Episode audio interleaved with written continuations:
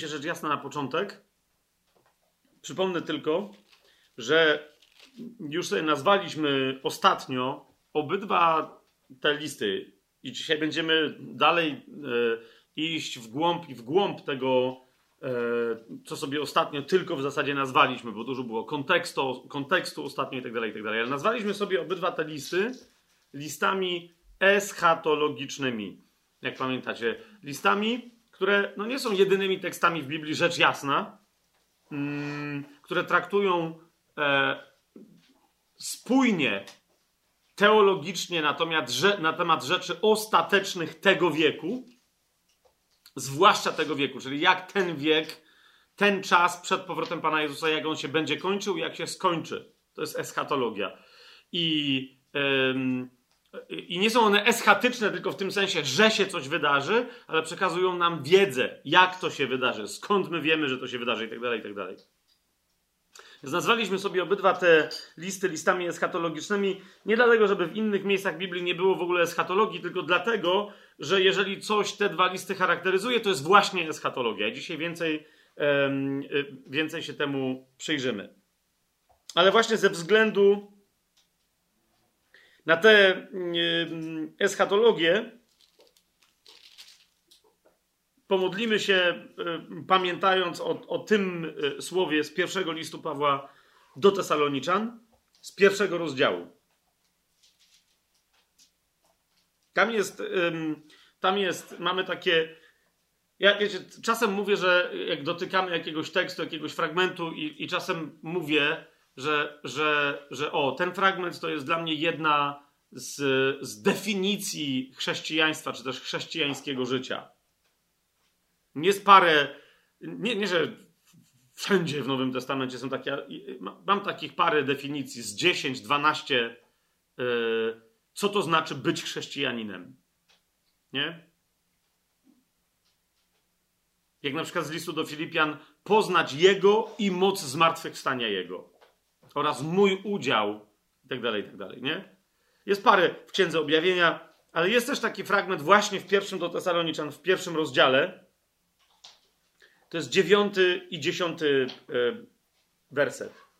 Paweł tam mówi o tym, jak ludzie przychodzą do niego e, z Tesaloniki, e, inni chrześcijanie, i opowiadają mu, co się wydarzyło w Tesalonice, jak oni tam się nawrócili, poganie, w jaki sposób przyjęli Słowo Boże, jak się nawrócili od bożków do Boga. Ale tu się następnie pojawia definicja, i właśnie jedna z, ty, z, takich definicji chrześcijańskiego życia, czyli skrótowe, jednozdaniowe opowiedzenie o sensie chrześcijańskiego życia, o kwintesencji tego, co znaczy być uczniem Chrystusa e, w, tym życiu, przed biologiczną swoją śmiercią. Służyć żywemu i prawdziwemu Bogu i oczekiwać z niebios Jego Syna, którego wskrzesił z martwych, Jezusa, który nas wyrwał od nadchodzącego gniewu. Jeszcze raz, yy, kończę to zdanie i tą definicję nie, bo niektórzy rzeczywiście mówią, tak, tak, tu kwintesencją jest służyć żywemu i prawdziwemu Bogu i oczekiwać z niebios Jego Syna. Nie, znaczy tak, ale to nie, nie oddawałoby całości tego, o czym tu Paweł mówi, bo służyć żywemu i prawdziwemu Bogu, wiecie, w, w, wielu, e, dla wielu ludzi jest wezwaniem raczej, no, dla niektórych dramatycznym, dla niektórych wręcz tragicznym, obciążającym. Wiecie o co mi chodzi? Straszliwym, na zasadzie, wow, ale jak? Kto da radę i tak dalej. Trudna jest ta mowa. Nie? Natomiast, natomiast e, koniec tego zdania, czyli oczekiwać z niebios Jego Syna, który nas już wyrwał od nadchodzącego gniewu. A więc nie oczekiwać, że on przyjdzie i teraz będzie egzamin końcowy i on oceni nasze wysiłki i teraz albo pójdziemy do nieba, albo nie. Tak rozumiecie? Tylko, tylko ta nasza służba żywemu i prawdziwemu Bogu, oczekiwanie z niebios Jego Syna mają być przepełnione nadzieją, spokojem, pokojem, harmonią i radością wynikającą z pewności, że On już nas wyrwał od wszystkiego tego, co, co może być związane z nadchodzącym gniewem. Kiedy się skończy nie to, że cierpliwość Boża, ale czas cierpliwego e, Bożego tolerowania pewnych rzeczy. Amen? Więc, e, mm, y, ta modlitwa i też dzisiejsze studium, sens tego naszego dzisiejszego studium, niech, e, niech, niech, niech ten, o to mi się, dlatego przeczytałem to na początku, nie tylko jako motto do, czy podstawę tej, tej, tej modlitwy naszej, ale w ogóle jako motto, powiedziałbym, do całego dzisiejszego naszego rozważania. Okay? Chcemy służyć, tak jak te saloniczanie, tak jak wszyscy inni nowonarodzeni chrześcijanie, którzy są uczciwi i chcą być wierni, chcą przynieść owoc, chcemy służyć żywemu i prawdziwemu Bogu i oczekiwać z niebios Jego Syna, którego On wskrzesił z martwych, Jezusa, który już nas wyrwał, już nas wyrwał od nadchodzącego gniewu. Ojcze, dziękujemy Ci za Twoją łaskę, za Twoje prowadzenie, za ten Twój dar dla nas, że kiedy stoimy u progu końca, końca, końca czasów, u progu początku e, wszystkich tych rzeczy, które Ty nazwałeś bezpośrednio bólami porodowymi, że, że wciąż jeszcze mamy czas na to, żeby studiować Twoje słowo, wyciągać wnioski z tego słowa, karmić się Twoim słowem, trawić, kiedy już przegryziemy Twoje słowo, przy, trawić je tak, żeby ono nie po prostu przeleciało nam mimo uszu, ale żeby się stało częścią naszego życia. Żebyśmy je sobie mogli przyzwo, przyswoić, tak, żeby, żeby Ty, Panie, który jesteś Słowem, żebyś Ty się stał bardziej nami niż my jesteśmy sobą. Żebyśmy mogli w wyniku tego studium, Panie, jeszcze zanim się zdarzą rzeczy, które muszą się zdarzyć, zanim Ty przyjdziesz, mogli razem z Pawłem któregoś dnia całkowicie spokojnie i w pełni świadomie zawołać: Już nie my żyjemy, ale Ty żyjesz w nas, Chrystusie. Już nie ja żyję, ale żyje we mnie Chrystus. Amen. Tak jak dzisiaj kończyłem sobie notatkę, jeszcze dosłownie tuż przed y, y, y, przyjściem tutaj, przed rozpoczęciem tego naszego spotkania, taka mi myśl przyszła, wiedząc, mając nadzieję, że wszystko to, co dzisiaj jest zaplanowane, że, że dzisiaj to skończymy, żeby rzeczywiście w przyszłym tygodniu już zająć się tylko i wyłącznie tematem antychrysta, syna zatracenia. Pomyślałem sobie, ojoj, ale to jest taki, okej, okay, eschatologia, całego tego eschatologicznego charakteru pierwszego i drugiego listu do Tesaloniczan będziemy dotykać, ale mam takie jakieś wrażenie, e, to myślałem sobie, no tak, to, wiecie, to, to, jest, to jest hardcore. Nie? Nawet dla chrześcijan to eschatologia to jest hardcore. Pan Jezus nadciąga, antychryst, zwiedzenia, ropuchy wychodzą na świat, fałszywy prorok, cuda, znaki, zwiedzenie. Wiecie o co mi chodzi, nie? Fałszywe cuda oczywiście i znaki. Prawdziwe też. Dwóch świadków. No cała ta... E, mega sceneria e, końca czasów. A z drugiej strony mam cały czas takie. Może dlatego, że, że żona dzisiaj e, mi dała do picia bardzo dobry rosołek, e, ale miałem nagle skojarzenie z rosołkiem. I pomyślałem sobie, tak, pierwszy, drugi list do Tesaloniczan, to miałem takie skojarzenie. Nie wiem, czy kojarzycie nie, taki, bo nie wiem, czy to zostało przetłumaczone na język polski, ale powstało cały taki cykl książek w Stanach Zjednoczonych, który się nazywa Chicken Soup for the Soul czyli rosołek dla duszy. Nie? E, czyli pierwsza z tych książek to była taka, wiecie, jakieś tam opowieści takie motywujące ludzi, że będzie dobrze, że, że można coś zmienić, że można żyć lepiej, że, no wiecie o co mi chodzi, nie? Chicken soup for the soul, takie wzmocnienie e, duszy, która ma kaca. że tak powiem. Okazało się to tak sensacyjnie popularne w Stanach Zjednoczonych, że potem powstawały Chicken soup for the soul of e, teenager, chicken soup for the soul of a woman i tak dalej, czyli wiecie, e, rosołek dla duszy nastolatka, rosołek dla duszy kobiety, rosołek dla duszy tatusia, rosołek dla duszy wnusia, no i tak dalej, i tak dalej. No niektóre tam dusze chciały się pokrzepić rosołkiem duchowym, no to tam opowiastki jakieś były zbierane i tak dalej. Chodzi mi tylko o to, że to były opowiastki. Na ile one, ja nigdy tam jedną czy drugą tą książkę miałem w ręce. E, no i okej, okay, okej, okay, wiecie, takie motywacyjne opowieści, e, umoralniające, ale rzeczywiście jest coś takiego za każdym razem, kiedy my mówimy o pocieszaniu się nawzajem. Nie? E, że, że najlepiej jest się. Po... Słowo Boże nam mówi, że najlepiej jest się. Po... W zasadzie jedynym sposobem, jak chcesz pokrzepić czy pocieszyć kogoś, kto, kto jest wierzący, a z jakiegoś powodu popada w smutek, w jakąś depresję i tak dalej, to jest przypomnienie mu o końcu wszystkiego. Tak? Znaczy, jak się księga objawienia zaczyna czytanie tej księgi objawienia Jana, że czytanie tej księgi po prostu yy, przynosi błogosławieństwo. Nie w jakiś magiczny sposób, tylko kiedy sobie przypominasz, do czego to wszystko zmierza, nieuchronnie, to cię musi pocieszyć jako osobę nowonarodzoną. Jako nie nowonarodzoną, no nie, ale jako osobę nowonarodzoną to cię absolutnie musi pocieszyć. Ok? I teraz, jeżeli więc mamy dwa listy Pawła, nie tylko Pawła, bo wiemy przecież jeszcze o dwóch pozostałych autorach, które są eschatologiczne, to one muszą być, rozumiecie, i są, o to mi idzie. To jest autentyczny taki rosołek dla duszy młodego kościoła. Przypomnijcie sobie, w jakim kontekście Paweł pisał, do kogo pisał, tak? Pisze do Tesaloniczan, których zostawił, u których zamierzał dłużej zostać, ale no właśnie ze względu na rozruchy, prześladowanie został usunięty. Oni zostali świeżutcy w wierze pod kompletnym prześladowaniem. Nie? I Paweł pisze do nich, jednym z celów tego, po co on do nich pisze, to nie jest jedyny cel, ale de facto nawet kiedy, zwłaszcza dlatego, że, że pisze, ponieważ pisze o czasach ostatecznych, o tym, co ma nadejść. Nie dlatego, że oni z tym mają problem, ale po prostu tak czy siak, pisząc z różnych powodów na ten temat, to ewidentnie przynosi im pocieszenie. O tym jeszcze więcej będziemy mówić. Więc, więc, jeżeli ktoś, wiecie, jest czasem, tak na przykład, ja mam y, przy sobie UBG. Y, jeżeli wy macie UBG gdzieś tam, gdzie to teraz tam czytacie, to w, w ogóle, wiecie, w różnych e, takich ewangelicznych wydaniach Biblii, e, tu gdzieś powinna być. E, masz tam Gedeonitkę? Tam gdzieś powinna leżeć. O, no właśnie, no nie? Na, na, przykład w UBG w tym moim wydaniu mamy pomoc w czasie potrzeby. Czyli de facto mamy też rosołek dla duszy. Nie? Na, na początku UBG tutaj jest jakieś, wiecie, wykaz skrótów, jakieś miejsce na dedykację, cztery rzeczy, które Bóg chce ci powiedzieć, czyli jakieś tam, wiecie, podstawowe, fundamentalne głoszenie Ewangelii. I teraz macie pomoc, e, pomoc w czasie potrzeby. Nie? Widzicie to? I teraz e, w pocieszenie w smutku, pocieszenie w samotności, ulga w cierpieniu, widzicie to, nie? To są różne jakieś tam fragmenty i tak dalej, które mają ludzi pocieszyć. Tu, e, w Gedeonice, zawsze w Gedeonice coś takiego było, nie?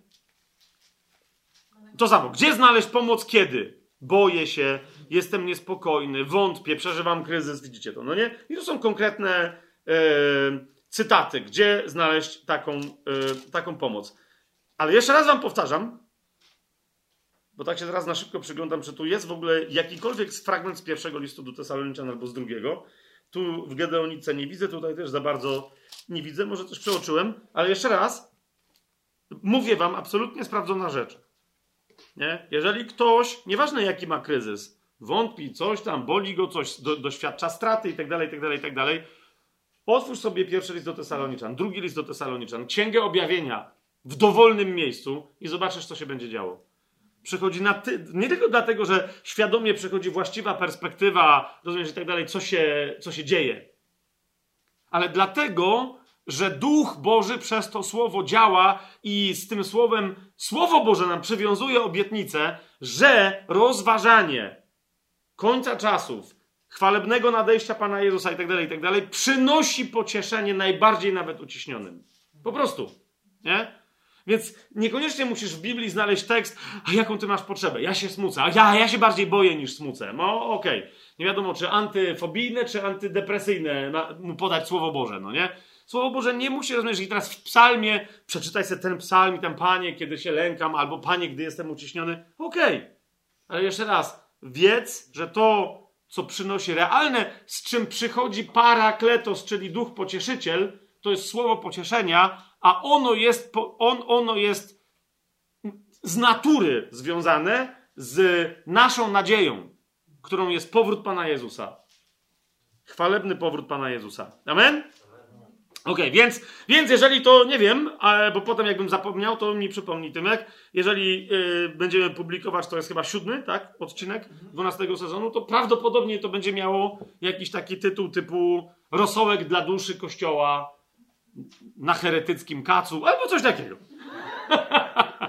taka, taka eschatologia. OK, teraz jeszcze drugą rzecz yy, przy tej okazji muszę Wam powiedzieć, przypomnieć bardziej, ale może powiedzieć niektórym E, mianowicie, zwróćcie uwagę, skoro eschatologia, żebyśmy znowu nie, jakby jeszcze w jedną rzecz nie popadli, mianowicie, że to jest nauczanie stricte tylko i wyłącznie na temat tego, co nadejdzie. Tak, to jest nauczanie, ale jednocześnie, jeżeli gdzieś mamy w Biblii, w Nowym Testamencie, nie w Starym, ale w Nowym Przymierzu, jeszcze raz, w pismach Nowego Przymierza, nie w Starym, jeżeli gdzieś mamy poza Księgą Objawienia stricte jakieś, czy e, fragmentami Ewangelii, jakieś pisma stricte prorocze, to są właśnie obydwa listy do Tesaloniczan.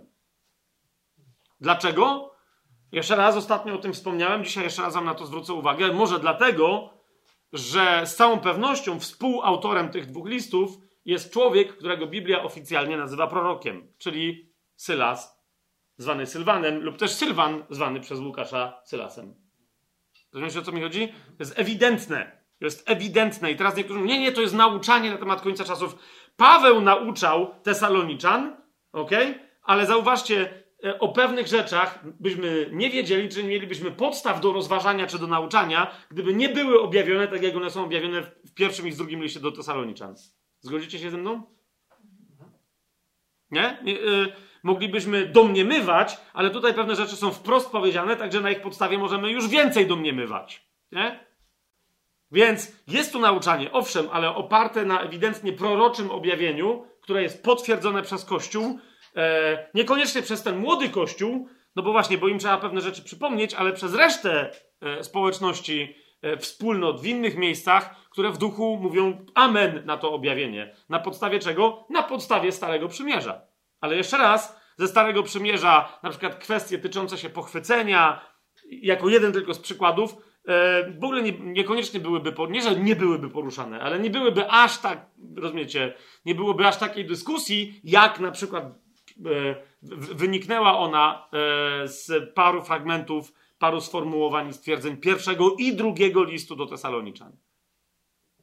Powiedziałbym, że nawet bardziej, nawet jeżeli niektórych z Was teraz zaskoczę, nawet bardziej te dyskusje wynikają według mnie, ponieważ wygląda na to, że może więcej na temat potencjalnego pochwycenia albo tego, kiedy ono ma nastąpić, czy ono ma być jedno i tak dalej, i tak dalej. Znacznie więcej może nam mówić drugi list do Tesaloniczan, a nie pierwszy.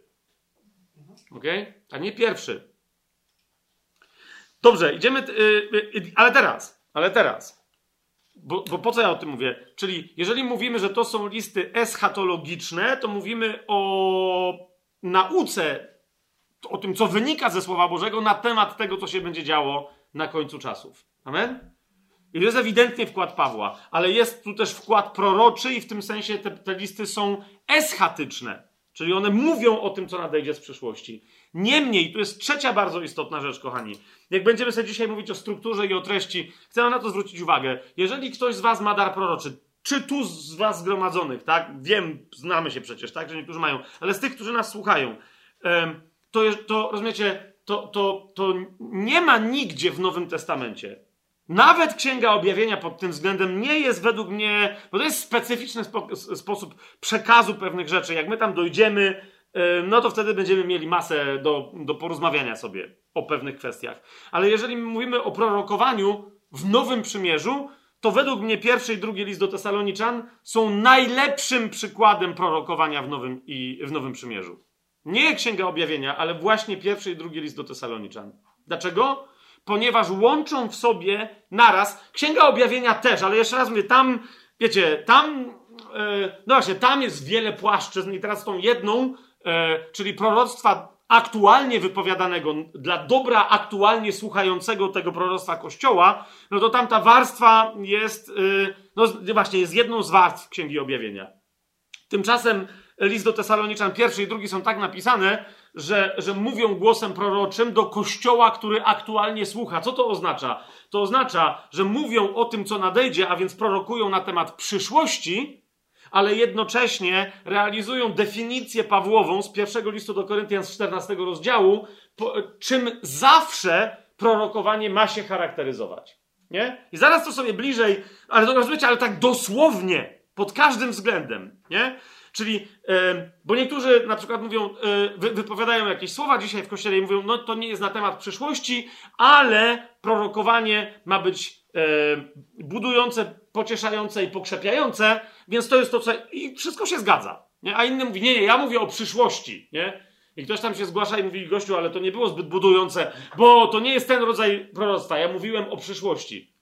niezależnie od tego, czy prorok mówi o tym, co nadejdzie, czy o tym, co już ma miejsce, na przykład w sercach ludzi, że Kościół ma coś z tym zrobić, zawsze proroctwo w Nowym Przymierzu tym się charakteryzuje, że po pierwsze jest przyjęte przez Kościół, a więc nie decyduje o tym, rozumiecie, że coś jest proroctwem ten, kto prorokuje, ale ci, którzy osądzają to proroctwo, czy ono jest proroctwem, i ono jest tylko i wyłącznie tak proroctwem, jak Kościół uzna, że to, co było powiedziane, jest proroctwem. Czy to jest jasne?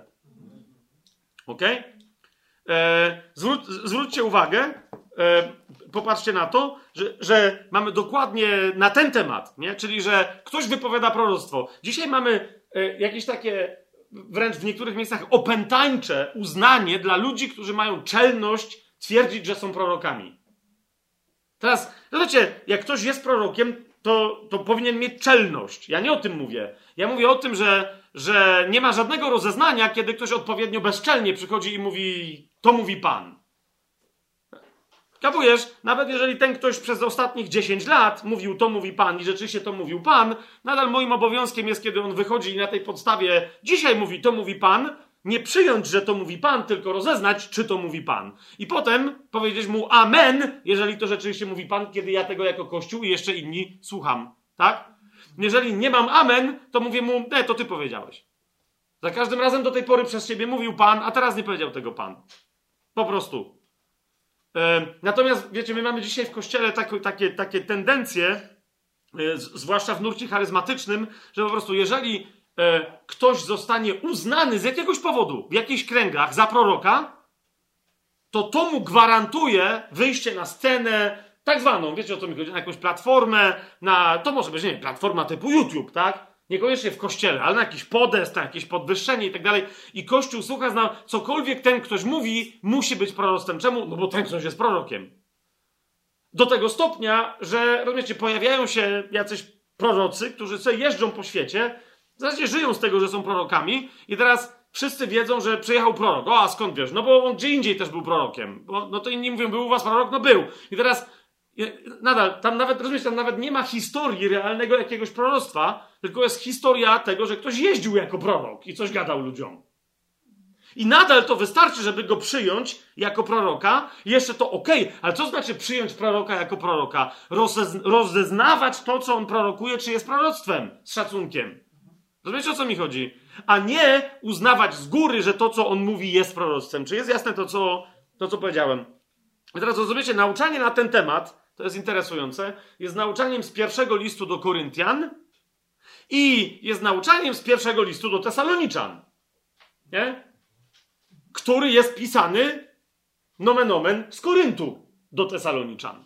Nie? Jest Paweł tu ma na miejscu szaleństwo charyzmatyczne korynckie i teraz pisze do tamtych, mówi e, by the way, bo wy możecie mieć to samo co tutaj, bo to w sumie nie jest daleko, także pisze, nie? Po czym wyjechał z Koryntu i do Koryntian mówi, no tak, od was pisałem do Tesaloniczan, teraz do was muszę już nie od Tesaloniczan, ale nieważne, bo to samo się dzieje. Nie wierzę w to, że Paweł pisał list do Tesaloniczan i że nie mówił pewnych rzeczy Koryntianom, a potem i tak musi im przypominać, nie? I nie ma, rozumiecie, tak mocnego, jasne, że są w innych miejscach Biblii pewne sugestie, ale tak mocnego połączenia nie ma. Pierwszy do Koryntian, 14 rozdział, pierwszy do Tesaloniczan, 5 rozdział. Rozumiesz, rozumiecie, to są najmocniejsze dwa takie punkty, jasno, bez żadnych wątpliwości, mówiące o tej zasadzie. Proroctwo w kościele należy do kościoła, a nie do proroka. Prorok może mówić swobodnie to, co chce i nikt mu nie może przerywać. Ale potem Kościół jako proroctwo przyjmuje tylko to, co rozezna, że było zgodne, wypowiedziane zgodnie z wolą Bożą, w interpretacji takiej, bo wiecie, bywa też tak, że czasem prorok mówi coś. I tyle, i on powie dobrze, to co mu Duch Święty powiedział. Ale potem pojawia się kiedy problem? Kiedy mu światło jeszcze na oczach zostaje. Wiecie, jak czasem idziesz w nocy i nagle ktoś ci zaświeci, nie? Widzisz różne rzeczy, nie? Bo na przykład piorun czaśnie. Ale jak niechcący, ja raz tak miałem rzeczywiście, że jadąc musiałem zatrzymać samochód, e, bo walnął piorun cały. Akurat ja się patrzyłem, zerknąłem w tamtą stronę, nie? I musiałem się na chwilę zatrzymać.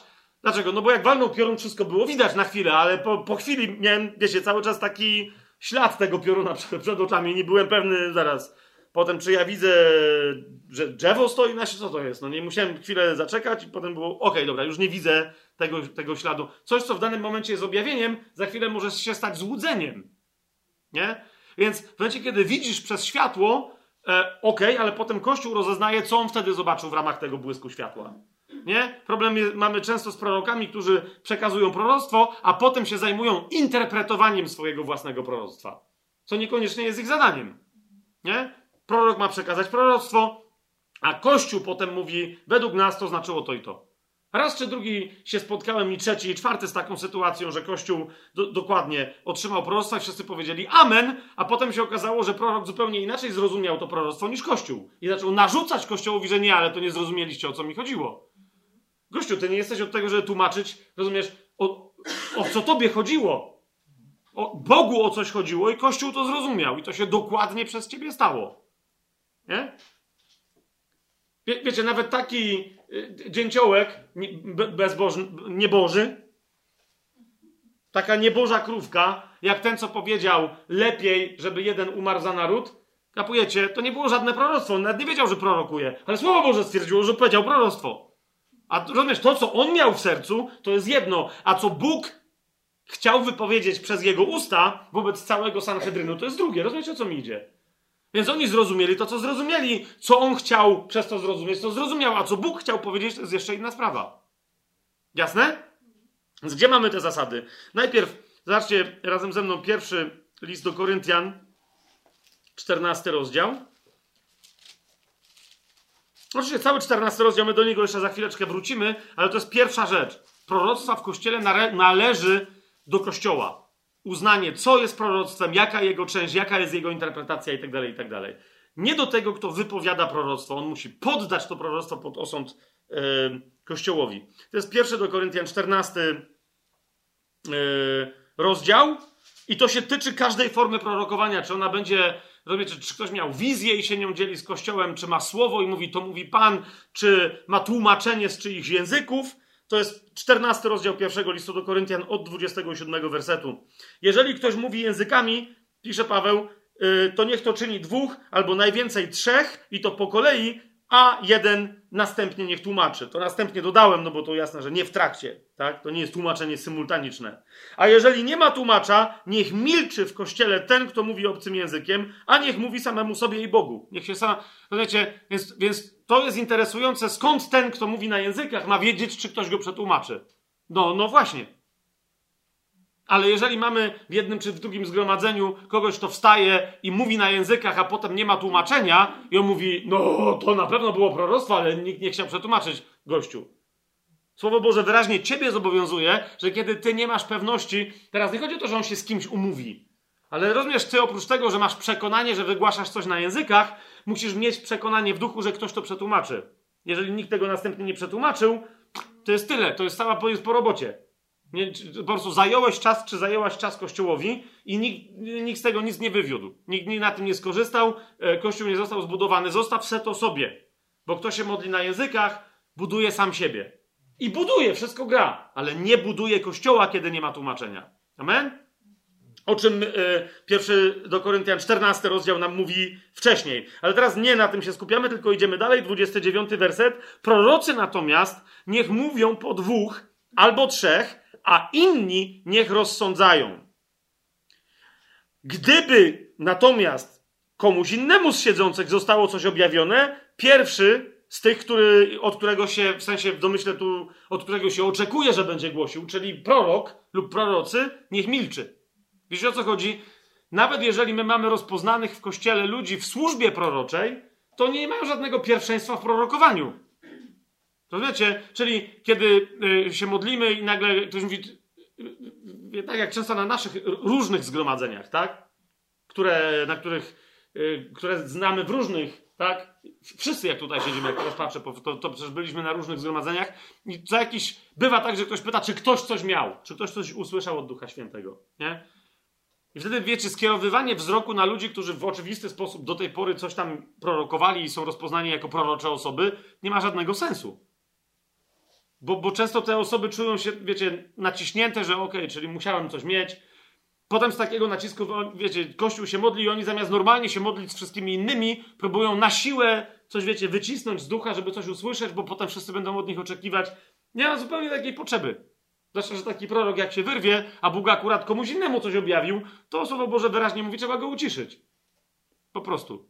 Jeżeli ktoś inny się zgłasza i mówi, ja coś miałem, to nie ma czegoś takiego, okej, ale ty nie jesteś prorokiem, e, najpierw proroce, a potem, a potem Stefania, tylko Stefania wtedy mówi, no nie. Ja coś miałam, a prorocy, no cóż, prorocy, prorocy, rozumiecie, to, że ktoś jest prorokiem nie znaczy, że ma dostęp do, bo nadal objawienie prorocze jest w gestii Boga, który, który decyduje komu, co, gdzie, kiedy i jak. Tak? Zatem, gdyby komuś innemu z siedzących zostało coś objawione, pierwszy niech milczy. I teraz zobaczcie, konkluzja Pawła. Możecie bowiem wszyscy, jeden po drugim prorokować, aby się wszyscy uczyli i wszyscy zostali pocieszeni. Ok? A duchy proroków są poddane prorokom. Ale jeszcze raz, 29 werset. Czyli widzicie, wszyscy mogą się uczyć, wszyscy mają być pocieszeni. Ale jeszcze raz, ktokolwiek będzie prorokować, inni niech rozsądzają. 29 werset. Pierwszy do Koryntian 14 rozdział, 29 werset. Inni, pozostali, którzy nie prorokują, niech rozsądzają. Amen? I teraz pierwszy do Tesaloniczan, piąty rozdział. Zwróćcie uwagę, co tutaj się dzieje. To jest piąty rozdział, 19, 20 i 20. Pierwszy werset, a nawet 21 z 22. Ok? Paweł wyraźnie mówi: Ducha nie gaście. I zaraz po tym stwierdzeniu mówi: proroctw nie lekceważcie. I, I naprawdę jedno z drugim się wiąże. Ponieważ duch przejawia się w kościele najpowszechniej, z pierwszego listu do Koryntian, z 14 rozdziału, również to wynika. Nie? Ducha nie gaście, proroctw nie lekceważcie przez duch proroctwa, przez ducha proroctwa, przez prorokowanie. To jest świadectwo obecności Ducha Chrystusowego. To jest prorokowanie w Kościele. Tak? A więc Paweł mówi, ducha nie gaście, proroctwo nie lekceważcie, ale, to mamy 21 i 22 werset, wszystko badajcie, a trzymajcie się tego, co dobre. Tu w języku greckim naprawdę byłoby uzasadnionym, żeby dodać tylko tego, co dobre.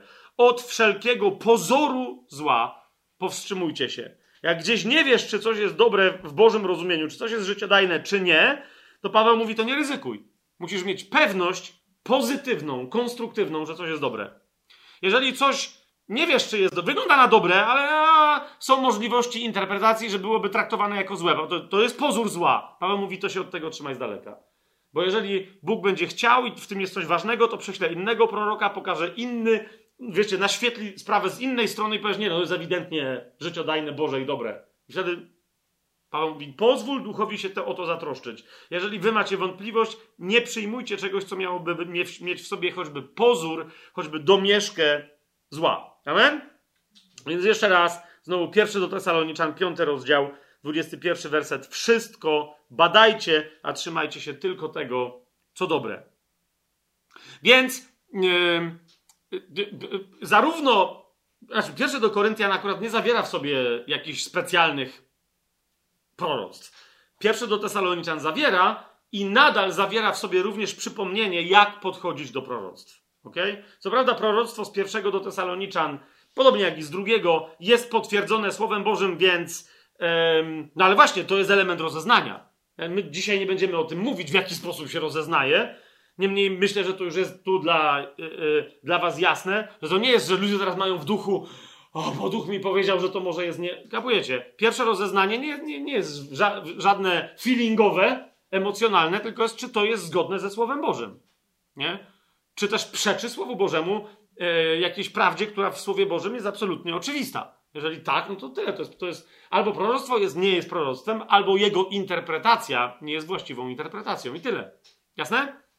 Dlatego, e, no, więc przykładem prorokowania w pierwszym do Tesaloniczan, do czego za chwilę dojdziemy, i w drugim do Tesaloniczan, jest prorokowanie o przyszłości, ale które ewidentnie e, widać, jak bazuje na Słowie Bożym, zwłaszcza na e, Starym Przymierzu, interesujące nie cytując Starego Przymierza. Pamiętacie, mówiłem wam ostatnio, jak Paweł pisze stricte do pogan, także nie zakłada, że tam będą jacyś e, nawróceni Żydzi, którzy, którzy tego będą słuchać, czy będą to czytać, to poznajemy to głównie po tym, że Paweł nie cytuje w żaden sposób Starego Testamentu dla takich ludzi, bo wie, że e, nie będzie żadnego kontekstu, rozumiecie? Poganie nie będą mieli przetłumaczonej na greki księgi Izajasza czy czegoś, E, nie to, żeby nie było takiej księgi, tylko chodzi o to, że no, musieliby mieć Żydów znajomych. A Żydzi, wiecie, Septuaginta e, to było święte pismo, tak samo czy po hebrajsku, czy, czy właśnie Septuaginta po grecku. To nie było tak, że to było w bibliotece miejskiej, wystarczyło sobie kartę wyrobić i można było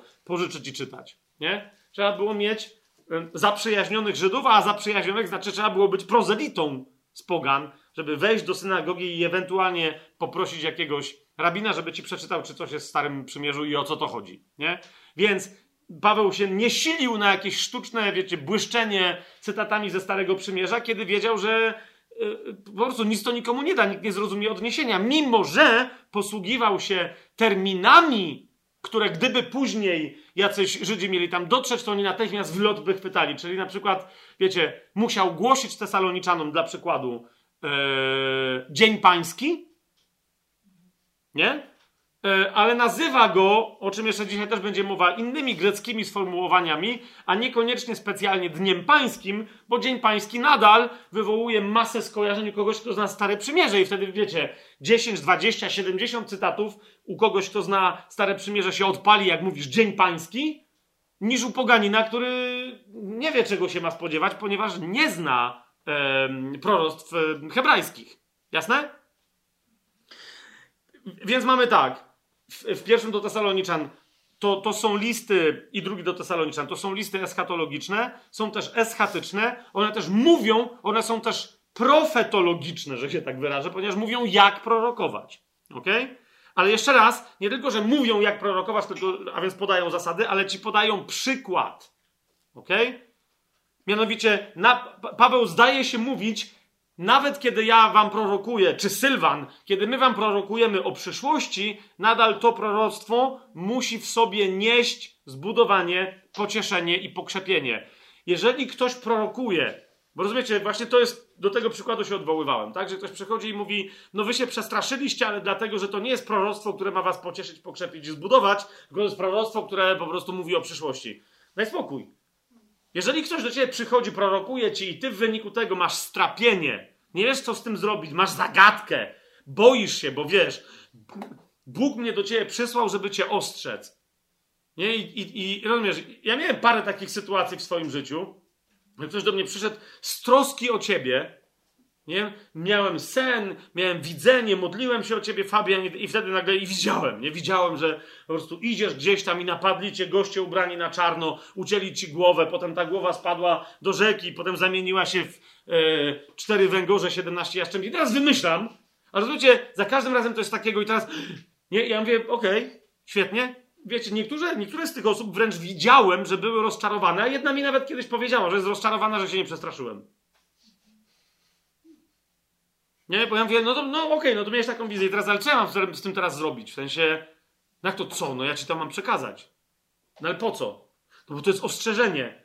A kapujesz, Bóg nawet w Starym Przymierzu, tak, posyłał proroka i mówił, jeżeli nie zrobicie tego i tego, to się stanie to i to. Ale jak zrobicie to i to, to tamto i siam, to się nie stanie. Kapujesz, nawet w Starym Przymierzu Bóg nie straszył, a w Nowym zupełnie, ten, zwłaszcza swoje dzieci, nowonarodzone osoby, przecież Kapujecie, on, on nam wszystko, zanim światu, zanim komuś, swoim prorokom, a ponieważ my wszyscy mamy ducha proroczego, bo mamy ducha Chrystusowego, to swojemu kościołowi, swojej oblubienicy. Po co? Żeby budować, żeby pocieszać, żeby pokrzepiać, żeby motywować, żeby dodawać otuchy, żeby dodawać ducha. A nie żeby odbierać, żeby podcinać ci skrzydła. Jeżeli ktoś przychodzi i mówi, nie, nie, ale wiesz, bo, bo czyhają na ciebie. Ale co na moje życie? Chcą mnie zabić? To się nie boję. Nie, pewnie chcą ci odwiesz, chcą fałszywe rzeczy na twój temat opowiadać. To co ja mam zrobić? Nie wiem, bój się. Rozumiesz? No serio? No nie, nie przyjmuję, rozumiesz, natychmiast nie przyjmuję. Dwie osoby czy trzy się na mnie obraziły, kiedy powiedziałem, że nie przyjmuję tego jako w ogóle jako proroctwo. Co, co więcej, ja ich wtedy napomniałem, tak, żeby ich pocieszyć i pokrzepić, nie? Że całkiem możliwe, że mają proroczego ducha, tylko zamiast do mnie przychodzić z objawieniem, które otrzymali, najpierw powinni z tym objawieniem pójść do Boga i zapytać się Jego, co mają zrobić wobec mnie z tym objawieniem, i wtedy dopiero do mnie przyjść. Kapujesz? Ludzie, którzy mają ducha proroczego, często mają objawienie na temat czyjegoś serca czy czyjegoś życia. Że ktoś na przykład żyje w cudzołóstwie, że ktoś kłamie, że ktoś okrada swój kościół. Wiecie, wiesz o co mi chodzi? Że ma jakieś tam grzechy na sumieniu. I oni wtedy przychodzą do tej osoby i mówią: Ha, wiem! Bo Bóg to wie. Serio, to jest odkrycie, że Bóg to wie, że kto... Rozumiesz? I ty musisz przyjść komuś powiedzieć, że hej, bo Bóg wie. Naprawdę, wierząca osoba nie wie, że Bóg wie, że ona grzeszy. I ty musisz z tym przyjść. No ale to po co by mi Bóg to powiedział? I to jest dobre pytanie. Po co ci Bóg to objawił? Po co dał tobie taką wiedzę? To jest pytanie, z którym ty się masz zwrócić do Niego, a nie cwaniakować, że coś wiesz. To jest pycha duchowa. Rozumiecie, o co mi chodzi? To jest pycha duchowa. Więc Paweł pokazuje na przykładzie, wiecie, głoszenia rzeczy, e, kiedy te saloniczanie doświadczają prześladowania i on musi powiedzieć, że to prześladowanie będzie coraz gorsze. Nie będzie lepiej. Nie będzie żadnego byle do wiosny, albo jeszcze pandemia się skończy, albo coś. Nie, nie ma, nie, będzie, będzie tylko gorzej. No, coraz większe, coraz częstsze, coraz mocniejsze skurcze i bóle porodowe. A jednak Paweł mówi w tym wszystkim niosę wam pocieszenie, zbudowanie, pokrzepienie, otuchę, bo cóż by innego. A więc po pierwsze on o tym mówi i zaraz sobie to y, y, bardziej y, spróbujemy zademonstrować, ale też to robi praktycznie. I o to mi chodzi. Nawet kiedy masz proroctwo konkretne na temat przyszłości, będzie trzęsienie ziemi tu i tam, ok? Wybuchnie u was wojna i teraz od was Bóg chce, żebyście zostali, od was, żebyście uciekali i tak dalej. Dlaczego? Rozumiesz, to, to nie idź do nikogo z żadnym proroctwem. Prorokuj tak, jak Paweł z Sylwanem i z Tymoteuszem w pierwszym i w drugim liście do Tesaloniczan. Tak, żeby ludzie pod wpływem tego proroctwa byli zbudowani, pocieszeni i pokrzepieni. Teraz tak, pierwszym liście, ta, ta zasada, tak, że każde proroctwo w Nowym Przymierzu ma się charakteryzować tymi cechami, ona oczywiście jest wyrażona w pierwszym do Koryntian, znowu w czternastym rozdziale.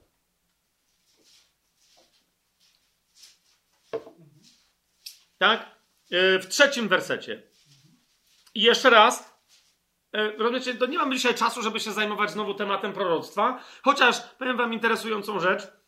Mm, tak mi się teraz y, to przypomniało, chyba mi się dobrze przypomniało. Wydaje mi się, że Paweł czasownikiem prorokować posługuje się tylko pisząc do Koryntian.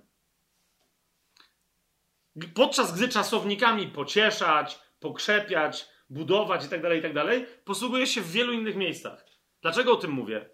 Bo nie jest tak, że Paweł o prorokowaniu mówi tylko w pierwszym liście do Koryntian.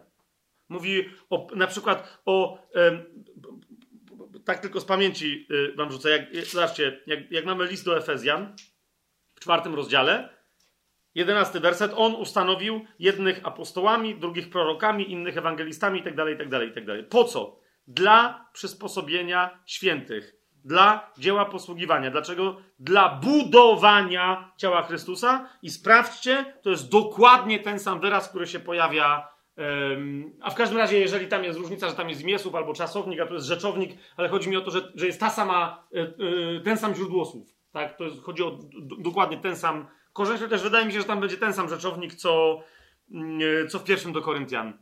Jako zbudowanie. Ok? Więc, więc teraz zauważ, jeżeli tam masz proroków, to, to zauważ, co oni mają. Wszyscy inni mają proroczo postępować w kościele, nie tylko prorocy, czego skutkiem jest zbudowanie kościoła. Rozumiecie, o co mi chodzi? E, Paweł niekoniecznie będzie wprost mówić o prorokowaniu, właśnie dlatego, że tak samo jak dzisiaj, tak i wtedy, niektórzy uważali, że prorokowanie powinno tylko i wyłącznie odnosić się do tego, co ma nadejść z przyszłości. Nie? Gdy tymczasem ono jest objawianie. Prorokowanie jest formą apokalipsy. Nie? Czyli jest ujawnianiem ukrytych rzeczy. Po co? Dla zbudowania. Czyli nie jest tylko mówieniem o tym, co. Czyli jest, może być ujawnianiem rzeczy, które skrywa przyszłość. Jasne? Ale może też być prorokowanie na temat przeszłości czyjejś. Może być prorokowanie na temat obecnego czyjegoś stanu w wyniku tego, co zrobił w przeszłości, lub w wyniku tego, że się czegoś boi z przyszłości. Rozumiecie, o co mi chodzi? I teraz Bóg to ujawnia przez proroka, ale znowu po co? Po to, żeby taką osobę, wobec której dochodzi do takiego ujawnienia, pocieszyć, zbudować, pokrzepić, a nie pognębić, zawstydzić publicznie, czy jeszcze coś, yy, coś w tym stylu. Zatem to jest zasada, i teraz jak prześledzicie te czasowniki lub rzeczowniki, tak, bo niektórzy potem sprawdzają, znajdują w strągu jeden numer, ale pamiętaj, że jeżeli tu masz formy rzeczownikowe danych słów, to istnieją też czasowniki, tak? E, e, które oznaczają dokładnie, czyli jeżeli masz rzeczownik pocieszenie, akurat ten wyraz tu się pojawia, on się w ogóle chyba tylko raz w, w całej Biblii pojawia, więc to nie jest najlepszy przykład. Znaczy inaczej, nie, nie. Pocieszenie się pojawia w wielu miejscach, tylko tu niewłaściwie jest przetłumaczone. Nie? Czyli w, w pierwszym do Koryntian, w 14 rozdziale, w tym trzecim wersecie, powinno według mnie y, ten, to zdanie być przetłumaczone. Ten, kto prorokuje, mówi dla, do ludzi dla zbudowania. Ok? I tak jest. Po, po drugie, dla pociesze, pocieszenia. Tu powinno być pocieszenie. Tak? Bo tu jest ten sam wyraz, który na przykład jest jako, jako, jako, jako imię własne Ducha Świętego, wręcz nazwa Ducha Świętego, parakletos, jest przetłumaczone pocieszyciel. Dlaczego? Bo tu jest dokładnie rzeczownik, który też w innych miejscach yy, posługuje się nim Paweł i inni autorzy biblijni i, i we wszystkich innych miejscach ten rzeczownik czy ten czasownik jest tłumaczony jako pocieszenie lub pocieszanie. Tak? Natomiast ten jeden, który tu akurat jest przetłumaczony jako pocieszenie, to jest bardziej dodanie otuchy albo pokrzepienie wzmocnienie kogoś, takie motywacyjne. Jasne? Więc jeszcze raz, jeżeli mówimy o prorokowaniu, to szukaj tych zjawisk, zbudo- zwłaszcza zbudowania, zwłaszcza publicznego zbudowania społeczności Kościoła i pocieszenia osobistego i kościelnego. Wtedy masz do czynienia z proroctwem, ponieważ tylko działanie ducha przez proroctwo, zwłaszcza te dwie naraz, e, te, dwie, te, te dwa naraz zjawiska wspólnie w synergii wywołuje. Ok? Dlatego to jest zasada, jeszcze raz mówię, jak, jak, chociażby te wyrazy prześledzicie tylko w Nowym Testamencie, niekoniecznie w Starym, które to hebrajskie jeszcze wyrazy, co tam oznaczają, to zobaczycie, że to jest zasada. Jak mianowicie ona brzmi? Ten, kto prorokuje, mówi do ludzi dla zbudowania, pocieszenia i pokrzepienia. Ja wiem, że w UBG tu jest, ale, ale dla yy, klarowności pewnej sobie to dodajmy. Zwłaszcza, że, że znowu, jak się przyjrzycie słowu pocieszenie, zwłaszcza jego formie czasownikowej, yy, to zobaczycie, że to słowo, to właśnie, tu jest przetłumaczone jako zachęcanie. Dlaczego? Bo w wielu innych miejscach, nawet w listach do Koryntian, yy, to słowo jest przetłumaczone jako napominanie. Na przykład w liście do Rzymian. Nie? Eee, no, ale teraz wiecie, zaraz, co, co, co, co? Eee, trochę z czym innym kojarzy nam się w języku polskim napominanie, a pocieszanie. Nie? I tam, gdzie ludzie uważają, że mają prawo w kościele przyjść i po prostu kogoś zrypać, wezwać na dywanik, tak? Eee, lub też po prostu zrobić mu pastorską zrybkę, albo przełożeńską zrybkę, albo dyrektorską zrybkę, to wtedy się powołują na te fragmenty Biblii, które mówią o prawie do napominania. Większość z nich albo nie mówi w ogóle o napominaniu, albo mówi, ale o pocieszaniu. A wtedy to znaczy, że to, co oni zrobili, to nie jest to, do czego ich Biblia wezwała i co próbowali sobie przy pomocy Biblii usprawiedliwić. Nie? Bo ludzie wyszli od nich zdruzgotani, e, osłabieni, nie, może i skonfrontowani, ale także zostali zdemotywowani, a nie zmotywowani. Nie zostali wcale pocieszeni, tylko zasmuceni. Nie? Więc, więc, więc e, zwróćcie na to uwagę, na, na, na ten wyraz. Jeszcze raz, jest coś w służbie napominania w kościele proroczego, tylko pamiętajcie, że ta służba napominania jest służbą pocieszania ludzi, naprost budowania ich, naprostowywania ich dróg i tak dalej, pokazywania im, rozumiecie, to, że ktoś zdradza żonę, to jest problem, tak? Ale problemem nie jest to, że on ją zdradza. Problemem jest to, że on myśli, że, że to jest większy problem u, u, u, takiego grzesznika, że on myśli, że musi sobie z tym poradzić na stary cielesny sposób, religijny sposób, tak? Lub jeszcze gorzej, kiedy myśli, że to jest dowód na to, że może nie do końca jest nowym stworzeniem. Rozumiecie, o co mi chodzi? Jedyny sposób, żeby zwyciężyć grzech taki, inny i tak dalej, to nie jest koncentrowanie się na tym i teraz mówienie mu, co ty głupi jesteś, co se Bóg o tobie pomyśli i tak dalej. To jest takie jakby... Serio? Każda religia tak robi, że próbuje uwolnić człowieka od winy, wzbudzając w nim poczucie winy. Żeby już więcej czegoś rozpoznanego przez religię jako złego nie robił, bo się, y, żeby się, zanim coś zrobi, żeby się sam sobą zawstydził. I najczęściej dlatego ludzie to dalej robią. Czemu? No bo tym bardziej o tym myślą. I tam się pojawia całe to zjawisko zakazanego owocu i tak dalej, i tak dalej. Wiecie o co chodzi. Nie? Gdy tymczasem wolność nasza od grzechu jest faktem. A więc jeżeli ktoś popadł w jakiś grzech, to tylko musisz zobaczyć, dlaczego ktoś, że tak powiem, wyrzekł się swojej. Jakim cudem diabelskim się wyrzekł własnej natury. I wystarczy go do jego własnej natury przywrócić, żeby mógł być na powrót wolny od grzechu. Rozumiecie?